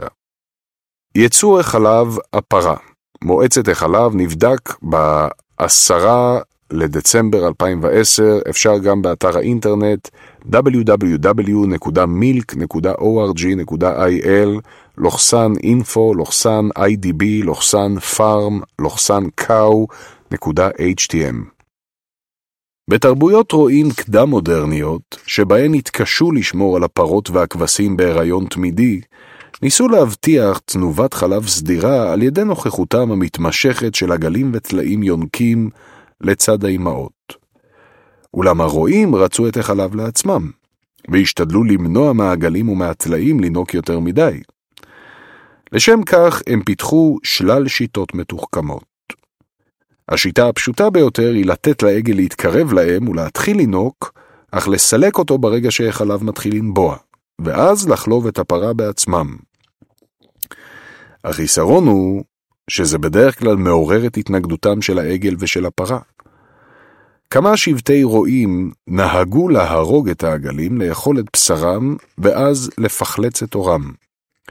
הפוחלץ הוגש לאם, כדי שנוכחותו של העגל תעורר את תפוקת החלב שלה. בני שבט הנואר בסודאן אף נהגו למרוח את הפוחלץ בשתן של האם, כדי שיפיץ ריח חי ומוכר. טכניקה אחרת של בני שבט הנואר הייתה לקשור טבעת קוצים סביב פיו של העגל, כך שידקור את האם כשהוא מנסה לינוק, ויגרום לה להתנגד לניסיונות היניקה שלו. הערה מספר 33 אדוארד אבן אבנס פרטרייכט, The Nuer, a description of the modes of livelihood and political institution of Neolithic people. אוקספורד, אוקספורד יוניברסיטי פרס, 1969. ו-E.C. אמורוזו and P.A. Jewell, The Exploitation of the Milk Ejection Reflex by Primitive People, in Men and Cattle, Proceedings of Symposium on Domestication at the Royal Anthropological Institute, 24-26, מאי 1960. אדיטור A.E. מורנט and F.E. זאונר, לונדון, The Royal Anthropological Institute, 1963, עמודים 129-34. מגדלי גמלים, בני שבט הטאורג, נוהגים לנקב או לקטום את אפם ושפתם העליונה של גמלים צעירים ועגלי בקר, כדי להכאיב להם בזמן שהם יונקים. וכך להניא אותם מלינוק יותר מדי. הערה מספר 34 ג'והנס ניקולייזן Ecology and Culture of the Pastoral Tuareg קופנהגן, National Museum, 1963, 63. לא כל חברות הרועים והחקלאים נהגו באכזריות דומה כלפי בעלי החיים המבויתים. ובמקרים מסוימים חייהם של לפחות חלק מבעלי חיים אלו היו טובים למדי. כלבי מחמד, חתולי בית, כבשים שגודלו לטובת הצמר שלהם וסוסי מלחמה, נהנו בדרך כלל מתנאים משופרים. הקיסר הרומי קליגולה מינה את סוסו, אינקיטטוס, לסנטור. כמו כן, יש להדגיש שרועים וחקלאים רבים גילו חיבה לבעלי החיים שלהם ודאגו להם במסירות, כפי שבעלי עבדים רבים לאורך ההיסטוריה גילו חיבה ודאגה לעבדים שלהם. לא בכדי הפכה דמותו של רועה הצאן לאב טיפוס של הנביא ושל המלך הטוב. אולם, מזווית הראייה של הצאן, ולא של הרועה, קשה להימנע מהרושם שבעבור הרוב המכריע של בעלי החיים המבויתים, המהפכה החקלאית הייתה האסון הגדול ביותר בתולדותיהם. הצלחתם האבולוציונית היא חסרת משמעות עבורם. אילו ניתנה לכם האפשרות לבחור בין להיות זן נכחד של קרנף לבין להיות עגל חלב המבלה את חודשי חייו המועטים בתוך כלוב קטנטן, כשאינו יכול לזוז וכשהוא מואבס ללא הרף על מנת לייצר סטייקים עסיסיים, מי יבחר להיות העגל? העובדה שהגנים של הקרנף עומדים להיעלם, ואילו אלו של העגל משוכפלים בקצב מסחרר, היא רק לעג לרש. הפער הזה בין הצלחה אבולוציונית לבין סבל אינדיבידואלי הוא אולי הלקח החשוב ביותר שאפשר להפיק מהמהפכה החקלאית. כשחוקרים את תולדותיהם של צמחים כגון חיטה ותירס, אפשר בהחלט להסתפק בראייה אבולוציונית אשר מבינה הצלחה במונחים של מספר עותקי DNA. אולם כשחוקרים את תולדותיהם של יצורים בעלי עולם תחושתי ורגשי מורכב, כגון פרות, סוסים, והומו ספיאנס, כדאי לבחון את האופן שבו מתרגמת ההצלחה האבולוציונית הזו לחוויותיהם של פרטים. זהו לקח חשוב במיוחד להמשך ההיסטוריה של הומו ספיאנס. בפרקים הבאים נראה כיצד עלייה דרמטית בכוחו הקולקטיבי של המין שלנו יכלה ללכת יד ביד עם סבל רב ברמה האינדיבידואלית. בתחתית העמוד תצלום תצלום מספר 10 עגל חלב ברפת מודרנית.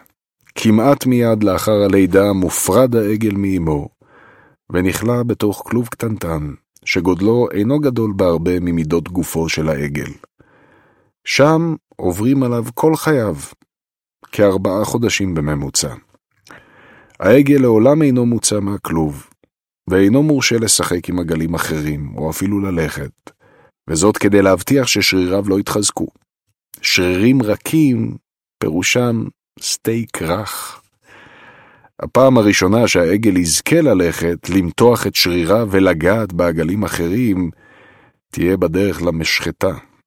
במונחים אבולוציוניים, הבקר הוא אחד היצורים המצליחים ביותר בתולדות כדור הארץ. הוא גם אחד היצורים האומללים ביותר בתולדות כדור הארץ. עמוד 104, פרק מספר 6, עיקרים ומלכים. המהפכה החקלאית היא אחד האירועים השנויים ביותר במחלוקת בהיסטוריה. יש המציירים אותה כשחר חדש של שגשוג וקדמה, ויש מי שרואים אותה כשעת דמדומים שבה איבדה האנושות את הקשר לסביבתה הטבעית, ועלתה על מסלול של ניכור, חמדנות ודאגנות. תהא האמת אשר תהא, מה שבטוח הוא שהמהפכה החקלאית הייתה בלתי הפיכה. לאחר שהאנושות עברה בדלת הזו, הדלת נטרקה מאחוריה וננעלה. הגידול הדמוגרפי הבטיח שאף חברה חקלאית גדולה לא תוכל שוב לחיות מליקוט ומציד, אלא במחיר מותם של מרבית חבריה. בסביבות שנת עשרת אלפים לפני הספירה, לפני תחילת המהפכה החקלאית, מספר האנשים בכל כדור הארץ מוערך בכחמישה עד שמונה מיליון לקטים, שנדדו ענה ואנה על פני מרחבים גדולים. בשנת אחת לספירה חיו בעולם אולי מיליון או שני מיליון לקטים ועוד כ-250 מיליון חקלאים. רובם המכריע חיו ביישובי קבע להוציא אחוז קטן של רועים נוודים. הערה מספר 35 אנגוס מדיסון, The World Economy, Volume 2, פריז Development Center of the Organization of Economic Cooperation and Development 2006, עמוד 636. ו-Historical Estimates of World Population, US Census Bureau, Accessed דצמבר 10, 2010, אפשר גם באתר האינטרנט www.census.gov, לוחסן IPC, לוחסן WW, לוחסן WORLDHIS.HTML. המעבר ליישובי קבע והאינטנסיביות של עבודת האדמה הביאו להתכווצות דרמטית של המרחב שבו התנהלו חייהם של מרבית בני האדם. להוציא כמה יוצאים מן הכלל, כגון דייגי הסלמון של צפון מערב ארצות הברית והנטופים של ארץ ישראל הקדומה, לקטים נדדו בדרך כלל על פני שטח מחיה בין עשרות או מאות קילומטרים רבועים. הבית היה לגביהם שטח המחיה כולו, על גבעותיו, נחליו, יערותיו וכיפת השמיים שמעל. חקלאים, לעומת זאת, בילו את רוב חייהם בתוך שדה או מטע של כמה דונמים, והבית היה לגביהם מבנה תחוב מעץ, או אבן, או בוץ וקש, ששטחו לכל היותר כמה עשרות מטרים רבועים, ושבו הם נולדו, חיו ומתו. החקלאים פיתחו קשרים עזים ביותר אל הבית שלי, החדר שלי, המטבח שלי, החצר שלי. הייתה זו לא רק מהפכה כלכלית וארכיטקטונית, אלא גם מהפכה פסיכולוגית מרחיקת לכת. מכאן ואילך ההיקשרות לבית שלי וההיבדלות מהשכנים תהפך להיות אחד הסממנים הפסיכולוגיים והחברתיים החשובים ביותר של הומו ספיאנס. יוצאי הדופן העיקריים היו הרועים. גם הרועים הם מתוצריה של המהפכה החקלאית, ויש להבחין בצורה ברורה בין רועים לבין לקטים. לקטים מאופיינים בכך שהם ממעטים לעשות מניפולציות על צמחים ובעלי חיים. רועים, לעומת זאת, מתקיימים מעשיית מניפולציות אינטנסיביות על בעלי חיים. אך בניגוד למגדלי צמחים, הכבולים לקרקע שעליה גדלים הצמחים, הרועים מסוגלים, ולעיתים חייבים, לנוע עם אדריהם ממקום למקום. אף שהרועים אינם יושבי קבע, יש להם הרבה יותר מן המשותף עם עובדי האדמה מאשר עם הלקטים. שבט רועים הוא כפר חקלאי בתנועה, והוא דומה יותר באורח חייו ובמנטליות שלו לכפר חקלאי מאשר לחבורת לקטים. אופייני הדבר שלרועים יש בדרך כלל בית בדמות אוהל נייד או עגלה, אשר מלווה אותם לכל מקום שאליו הם הולכים. המרחב החדש של רוב בני האדם היה לא רק קטן בהרבה מזה של הלקטים, אלא גם מלאכותי בהרבה. בדרך כלל לקטים עשו רק שינויים מועטים במרחב המחיה שלהם, החקלאים לעומת זאת חיו באיים מלאכותיים שהם כבשו בעמל רב מידי הטבע הפראי שסביבם. הם בירעו יערות, חפרו תעלות, הכשירו שדות, בנו בתים, חרשו תלמים ונטעו עצי פרי בשורות מסודרות. האי המלאכותי הזה יועד רק לבני האדם ולצמחים ולבעלי החיים שלהם, וגודר בדרך כלל בגדרות ובחומות. אם עשבים שוטים או חיות יער ניסו להיכנס אל האי, החקלאי עשה כל שביכולתו כדי לחסום את דרכם, לגרש אותם או לחסל אותם. הגנות גבוהות במיוחד הוקמו מסביב לקודש הקודשים של האי, הבית. עד היום מנהלים מיליארדי אנשים החמושים בכפכפים ובתרסיסי רעל מלחמת חורמה כנגד כל עכביש או חיפושית צוררת שמעזים להסתנן פנימה. איים מלאכותיים אלו היו במשך רוב ההיסטוריה קטנים מאוד, והם היו מוקפים באוקיינוסים של טבע פראי. אפילו בשנת 1400 לספירה, הרוב המכריע של החקלאים ובעלי החיים והצמחים שלהם הצטופפו בשטח של כ-11 מיליון קילומטרים רבועים, מתוך שטח יבשה כולל בכדור הארץ של כ-155 מיליון קילומטרים רבועים. הערה מספר 36 רוברט בי מרק, The Origins of the Modern World, a Global and Ecological Narrative, לונדון, ראומן and Littlefield Publishers, 2002, עמוד 24. רוב השטחים האחרים היו קרים מדי, חמים מדי, ושים מדי, תובעניים מדי, או לא מתאימים לחקלאות ולמגורי אדם מסיבות אחרות.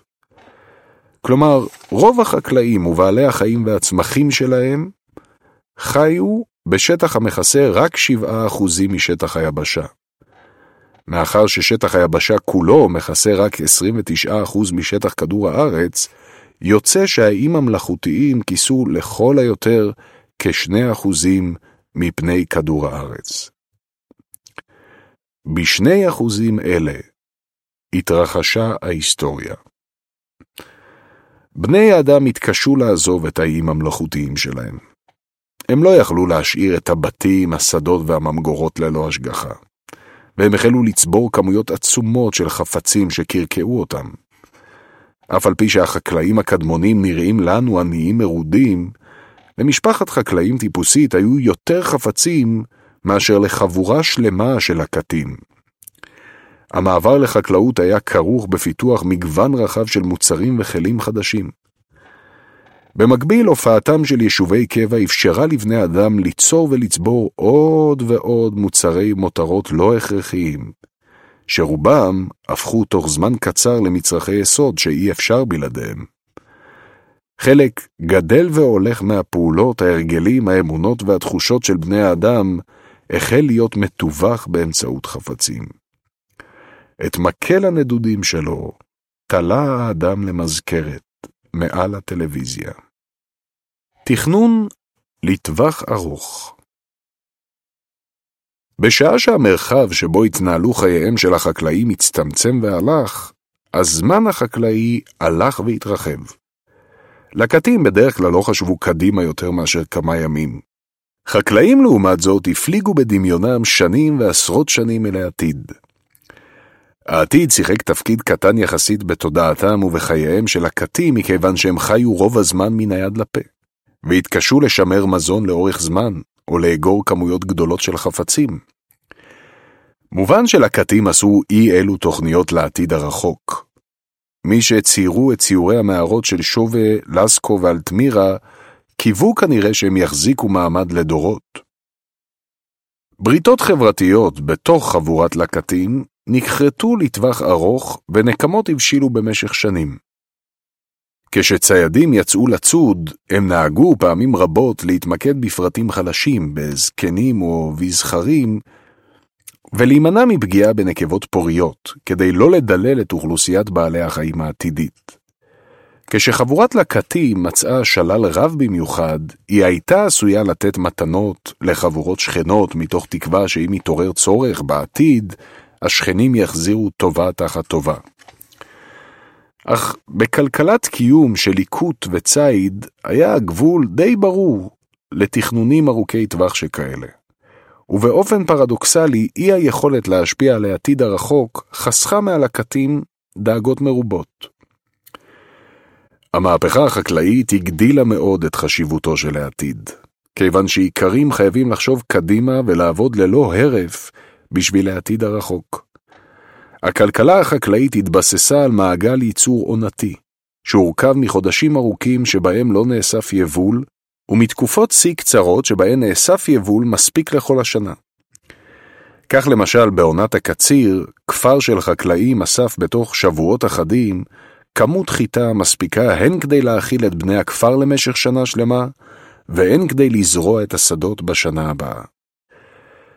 אך ביום שאחרי תום הקציר, העיקר עדיין היה צריך לקום עם הנץ החמה וללכת לעבוד בשדה. אף שהיה לו די מה לאכול היום ומחר, ועוד שבוע ועוד חודש, הוא דאג מה יהיה בעוד שנה, ובעוד שנתיים. הדאגה לעתיד הייתה פועל יוצא לא רק של מעגל הייצור העונתי, אלא גם של חוסר הוודאות הבסיסי הכרוך בייצור חקלאי.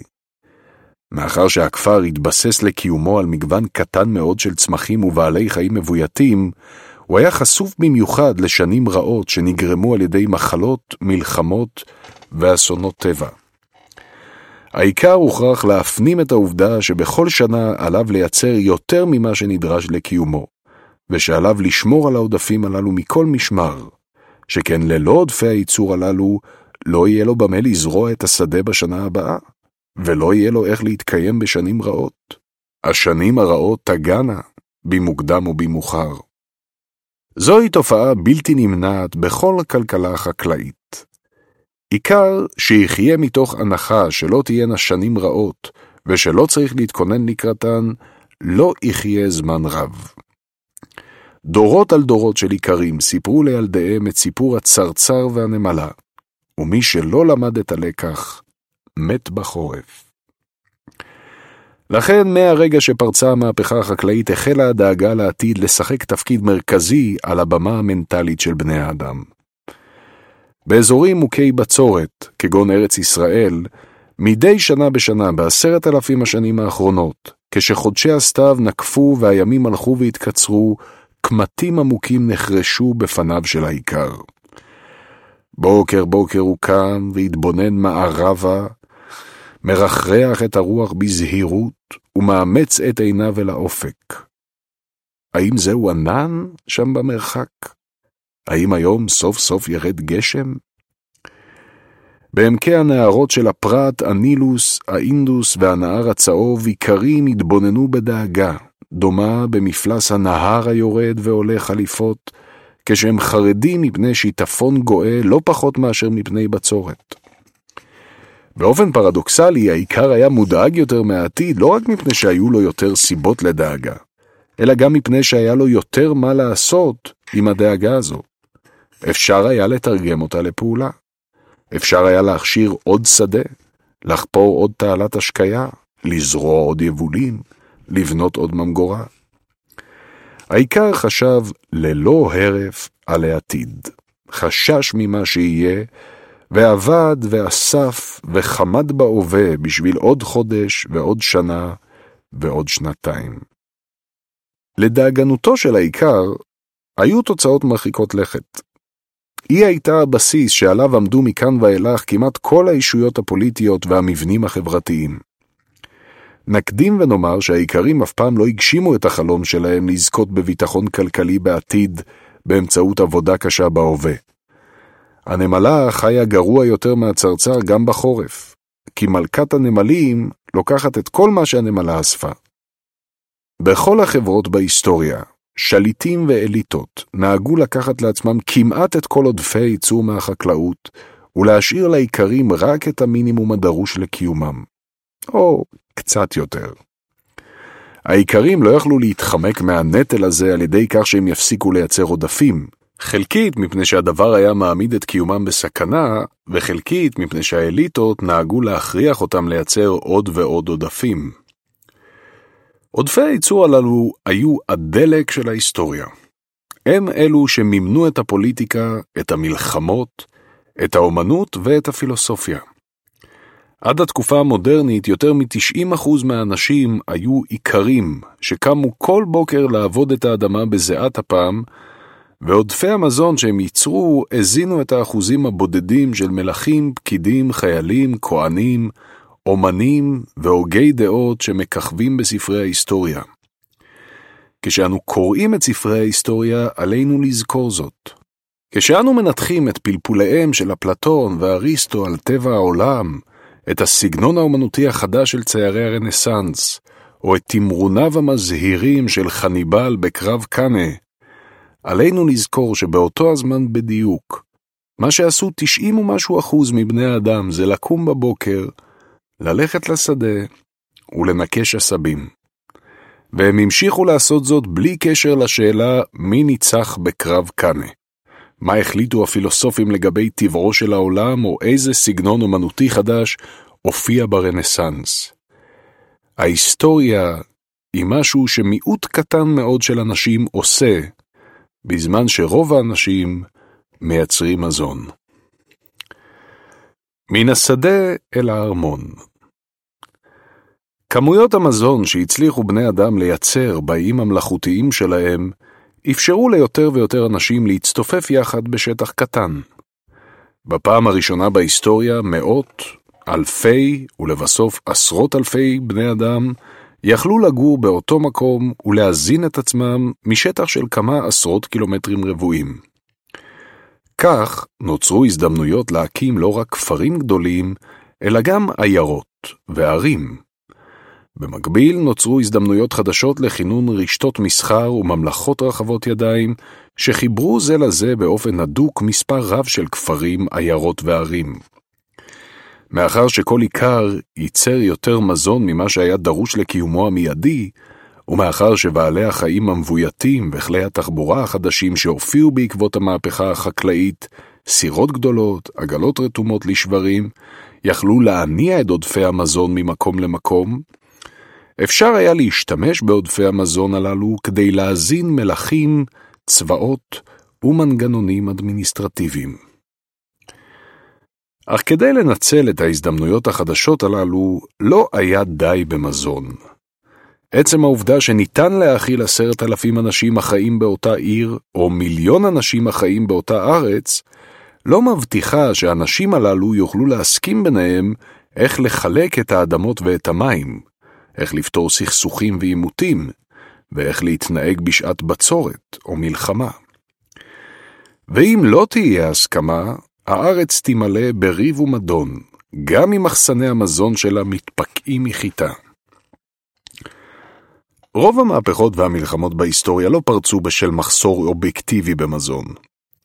הרפובליקה הרומית הגיעה לשיא כוחה במאה הראשונה לפני הספירה, וציי אוצרות מכל אגן הים התיכון זרמו לרומא.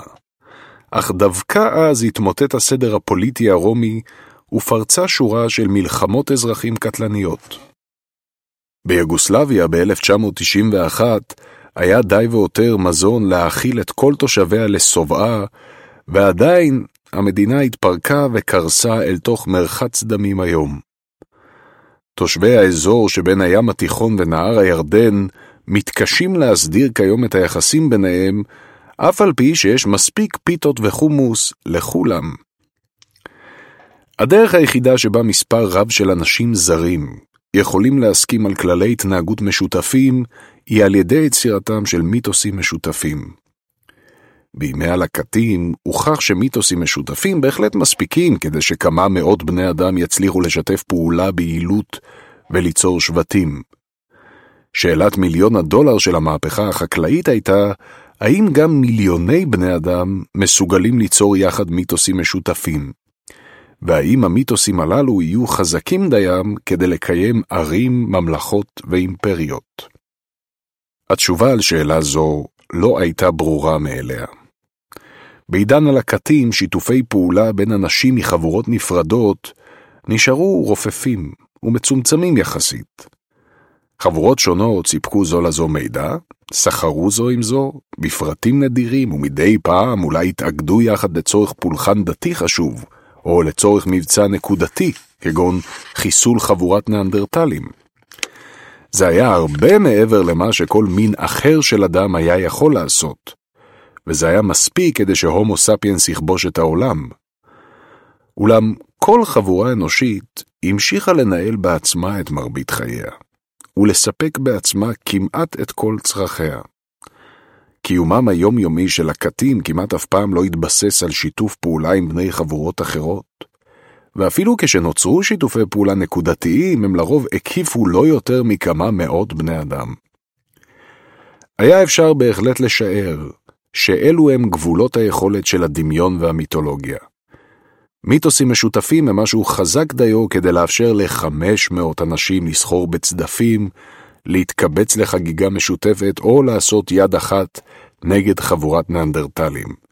אך אולי אין הם חזקים דיים לקיים עיר בת עשרת אלפים תושבים, או אימפריה ריכוזית בת מיליוני נתינים?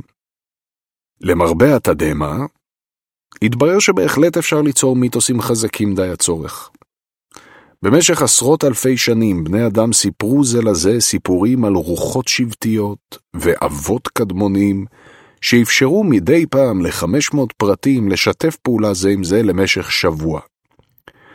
כשהמהפכה החקלאית יצרה הזדמנויות ל-5,000 ול-50,000 ול-50 מיליון פרטים לשתף פעולה זה עם זה כל רגע ורגע במהלך חייהם, בני אדם יצרו סיפורים חדשים על אלים גדולים, אדמת המולדת וניירות ערך שאפשרו גם לזה לקרות. בשנת 8500 לפני הספירה, היישובים הגדולים ביותר בעולם היו כפרים כגון יריחו, אשר מנו לכל היותר כמה מאות תושבים. עוד לא היה סימן לממלכות ולאימפריות. בשנת 7000 לפני הספירה מנתה אוכלוסיית העיירה צ'טל הויוק שבאנטוליה בין 5,000 ל-10,000 בני אדם. היה זה אולי היישוב הגדול ביותר בעולם דאז.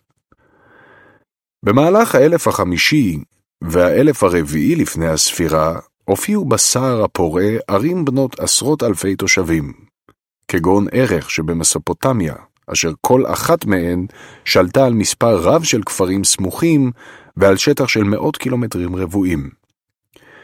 בסביבות שנת 3100 לפני הספירה, אוחדה מצרים כולה לממלכה ריכוזית אחת בת אלפי קילומטרים רבועים ומאות אלפי תושבים. בסביבות שנת 2250 לפני הספירה חושלה האימפריה הראשונה בעולם, האימפריה האכדית של סרגון, שמספר תושביה כבר עבר את המיליון, ולרשותה עמד צבא קבע של 5,400 איש. בין שנת 1000 לפני הספירה לשנת 500 לפני הספירה, נוצרו אימפריות הענק הראשונות במזרח התיכון. האימפריה האשורית המאוחרת, האימפריה הבבלית והאימפריה הפרסית האחמנית, שמספר תושביהן הגיע למיליונים רבים. והן החזיקו צבאות קבע בני עשרות אלפי חיילים. בשנת 221 לפני הספירה אוחדה סין לראשונה תחת שלטונה של אימפריית צ'ין, ואילו אגן הים התיכון אוחד זמן קצר אחר כך תחת שלטון האימפריה הרומית. אימפריית צ'ין גבתה מיסים מכ-40 מיליון בני אדם, ובאמצעותם מימנה צבא קבע של כמה מאות אלפי חיילים. ומערכת בירוקרטית מסועפת בת יותר ממאה אלף פקידים. האימפריה הרומית בשיאה גבתה מיסים מקרוב למאה מיליון בני אדם, ובאמצעותם מימנה בין השאר צבא קבע של בין רבע מיליון לחצי מיליון חיילים, סללה רשת דרכים שעדיין הייתה בשימוש 1,500 שנה מאוחר יותר, והקימה תיאטראות ואמפיתיאטראות שבהם מועלים מחזות ומופעי בידור גם בימינו. לדוגמה בקיסריה. אל לנו לשגות באשליות זוהרות מדי לגבי אופיין של רשתות שיתוף פעולה כגון מצרים הפרעונית, אימפריית שין או האימפריה הרומית. שיתוף פעולה נשמע דבר מאוד חביב ואלטרואיסטי. אך יש לזכור ששיתוף פעולה אינו בהכרח מרצון, ואינו בהכרח מיטיב באופן שווה עם כל מי שנוטל בו חלק. רוב רשתות שיתוף הפעולה שנוצרו בהיסטוריה הוקמו בכוח הזרוע. היו מבוססות על מידה ניכרת מאוד של כפייה ומניפולציה, והיו כרוכות ברמה גבוהה של דיכוי וניצול. האמפיתיאטראות הרומיים נבנו בעזרת עבדים, ושימשו בין השאר כדי לשעשע את בני האליטה בקרבות גלדיאטורים שבהם שבויי מלחמה הרגו אלו את אלו. האיכרים הפשוטים שעבדו חודשים בפרך בשדות החיטה ובמטעי הזיתים, ראו בעיניים כלות איך בא גובה המיסים של הקיסר הרומי, וביום אחד מוריד את כל עמלם לטמיון. המילה העברית, טמיון, משמעותה בלשון חז"ל אוצר המדינה. ולרדת לטמיון פירושו המקורי היה להילקח לאוצר המדינה. האדם מחפש מסגרת. באלפי השנים שאחרי המהפכה החקלאית, הדביקו בני האדם מילה למילה ומיתוס למיתוס, וכך בנו סדרים מדומיינים שהיו חזקים דיים לקשור יחד מיליוני זרים. סדר מדומיין הינו מערכת של כללי התנהגות המשותפים למספרים גדולים של בני אדם, אשר מבוססים לא על אינסטינקטים חברתיים או על היכרות אישית, אלא על אמונה במיתוסים משותפים. אנו כה רגילים לכך שמיתוסים משותפים מאפשרים למיליוני בני אדם להסכים על אותם כללי התנהגות, שאנו בדרך כלל תופסים זאת כמובן מאליו. האמת היא שזה דבר מפליא מאין כמותו. כבר יכולתם של מיתוסים לארגן שיתופי פעולה בין כמה מאות לקטים הייתה מדהימה. יכולתם של מיתוסים להדביק יחד אימפריות, בנות מיליוני אנשים, היא לאין שיעור מדהימה יותר. מה פירוש הדבר שאימפריות בנות מיליוני אנשים מודבקות יחד על ידי מיתוסים? ראינו כבר דוגמה אחת לכך, חברת פז'ו. כדי לוודא שהדברים ברורים, הבה נבחן שניים מהמיתוסים הידועים ביותר בהיסטוריה. חוקי חמורבי, מסביבות שנת 1776 לפני הספירה, ששימשו קו מנחה לשיתוף פעולה בין מאות אלפי תושבי האימפריה הבבלית, והצהרת העצמאות של ארצות הברית מ-1776 לספירה, ששימשה קו מנחה לשיתוף פעולה בין מיליוני תושבי האימפריה האמריקנית. בסביבות שנת 1776 לפני הספירה, בבל הייתה העיר הגדולה בעולם, והאימפריה הבבלית הייתה בין הישויות הפוליטיות הגדולות והמורכבות ביותר בעולם. היא התפרסה על פני מרבית שטחה של מדינת עיראק המודרנית, וחלקים מסוריה ומאיראן דהיום, ומספר תושביה נאמד ביותר ממיליון. המפורסם מבין מלכיה של בבל הקדומה היה המלך חמורבי, שהכרתי עילתו על הטקסט הידוע בשם חוקי חמורבי. בשנת 1901 גילו ארכיאולוגים צרפתים מצבת אבן ועליה כתובת באכדית, שבה מפרט המלך חמורבי מה שנראה במבט ראשון כקובץ חוקים. היה זה קובץ החוקים הקדום ביותר שהתגלה עד אז, והוא עורר עניין רב בין השאר מכיוון שרבים מהחוקים המפורטים בו דומים לחוקים הכתובים בתורה. במהלך המאה ה-20 גילו ארכיאולוגים קבצי חוקים קדומים עוד יותר, אך חוקי חמורבי שמרו על תהילתם, בפרט מכיוון שעוד ועוד העתקים של חוקים אלו התגלו בכל רחבי המזרח התיכון. עם זאת, ככל שבחנו החוקרים את הטקסט והשוו אותו לקבצי חוקים אחרים מאותה תקופה, התברר להם שהטקסט איננו קודקס חוקי מסודר, אלא אוסף של דוגמאות לפסקי דין שהוציא המלך חמורבי במקרים שונים, ולכן נכון יותר היה לקרוא לו דיני חמורבי, אך המונח חוקי חמורבי כבר נעשה קנוני. מטרתו של האוסף הייתה להציג את חמורבי כמודל חיקוי של מלך טוב המבטיח לנתיניו משפט צדק, ולתת דוגמה לדורות הבאים מהו צדק ומיהו מלך שומר צדק. הדורות הבאים לקחו זאת לתשומת ליבם. ארכיאולוגים מצאו כל כך הרבה העתקים של חוקי חמורבי, מכיוון שהטקסט הפך עם הזמן לטקסט קנוני, שדורות של סופרים מתלמדים ברחבי המזרח התיכון הקדום העתיקו כתרגיל כתיבה, גם מאות שנים אחרי שחמורבי מת והאימפריה הבבלית חרבה. ככל הנראה, האליטה האינטלקטואלית והפקידותית של מסופוטמיה החשיבה את הטקסט כמודל ראוי להעתקה ולחיקוי. חוקי חמורבי הם לכן מקור טוב להבין את אידיאל הצדק של התרבות המסופוטמית הקדומה כולה, ולא רק של המלך חמורבי. הערה מספר 37 ריימונד ווסטברוק Old Babylonian Period in a History of Ancient Near Eastern Law, editor ריימונד ווסטברוק, volume 1, ליידן, Brill, 2003, עמודים 361 עד 430. ומרתה טי רוט, Law Collections from Mesopotamia and Asia Minor, Second Edition, אטלנטה Scholars Press 1997, עמודים 71 עד 142. ו-M.E.J. ריצ'רדסון, המורבי's Law, Text, Translation and Glossary, שפילד, שפילד אקדמיק, פרס 2000, ומאיר מלול, קובצי הדינים ואוספים משפטיים אחרים מן המזרח הקדום. חיפה, פרדס, 2010, עמודים 101 עד 175. הטקסט מתחיל בקטע פתיחה, שבו נאמר שהאלים אנום, אנליל ומורדוך, מראשי פנתיאון האלים המסופוטמי, מינו את חמורבי להשכין צדק בארץ ולהעניש את הרשעים לבל יעשוק התקיף את החלש.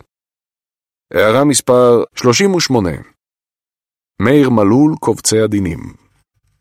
עמוד 109 חמורבי מעיד על עצמו שבעת שהאל מרדוך הפקידני להנחות במעגלי צדק את עם הארץ וללמדם דרך ארץ, אמת ומישרים בפי עם הארץ שמתי, ואת בריאות עמי היטב היטבתי. הערה מספר 39 מלול קובצי הדינים, עמוד 109 אז הוא מונה כ-300 דוגמאות למשפט הצדק שלו.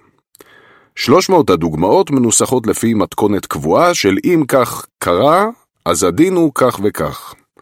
להלן דוגמאות 196 עד 199 ו-209 עד 214.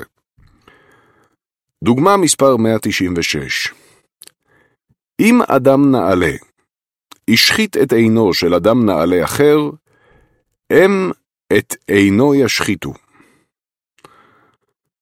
197. אם הוא שיבר עצם של אדם נעלה, ישברו אחת מעצמותיו.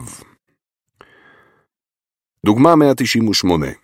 אם הוא השחית את עינו של אדם נחות, או שיבר עצם של אדם נחות, הוא ישלם מנה אחת של כסף, מנה, M-A-N-A, שווה ערך ל-60 שקלי כסף שהם 500 גרם כסף. 199.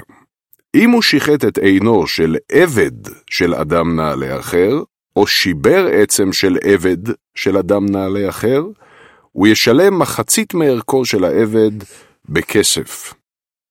הערה מספר 40 root low collections 121, ומופיע גם במלול קובצי הדינים 156. להקשבה לספר המלא, יש לגשת לכתובת ספרים.r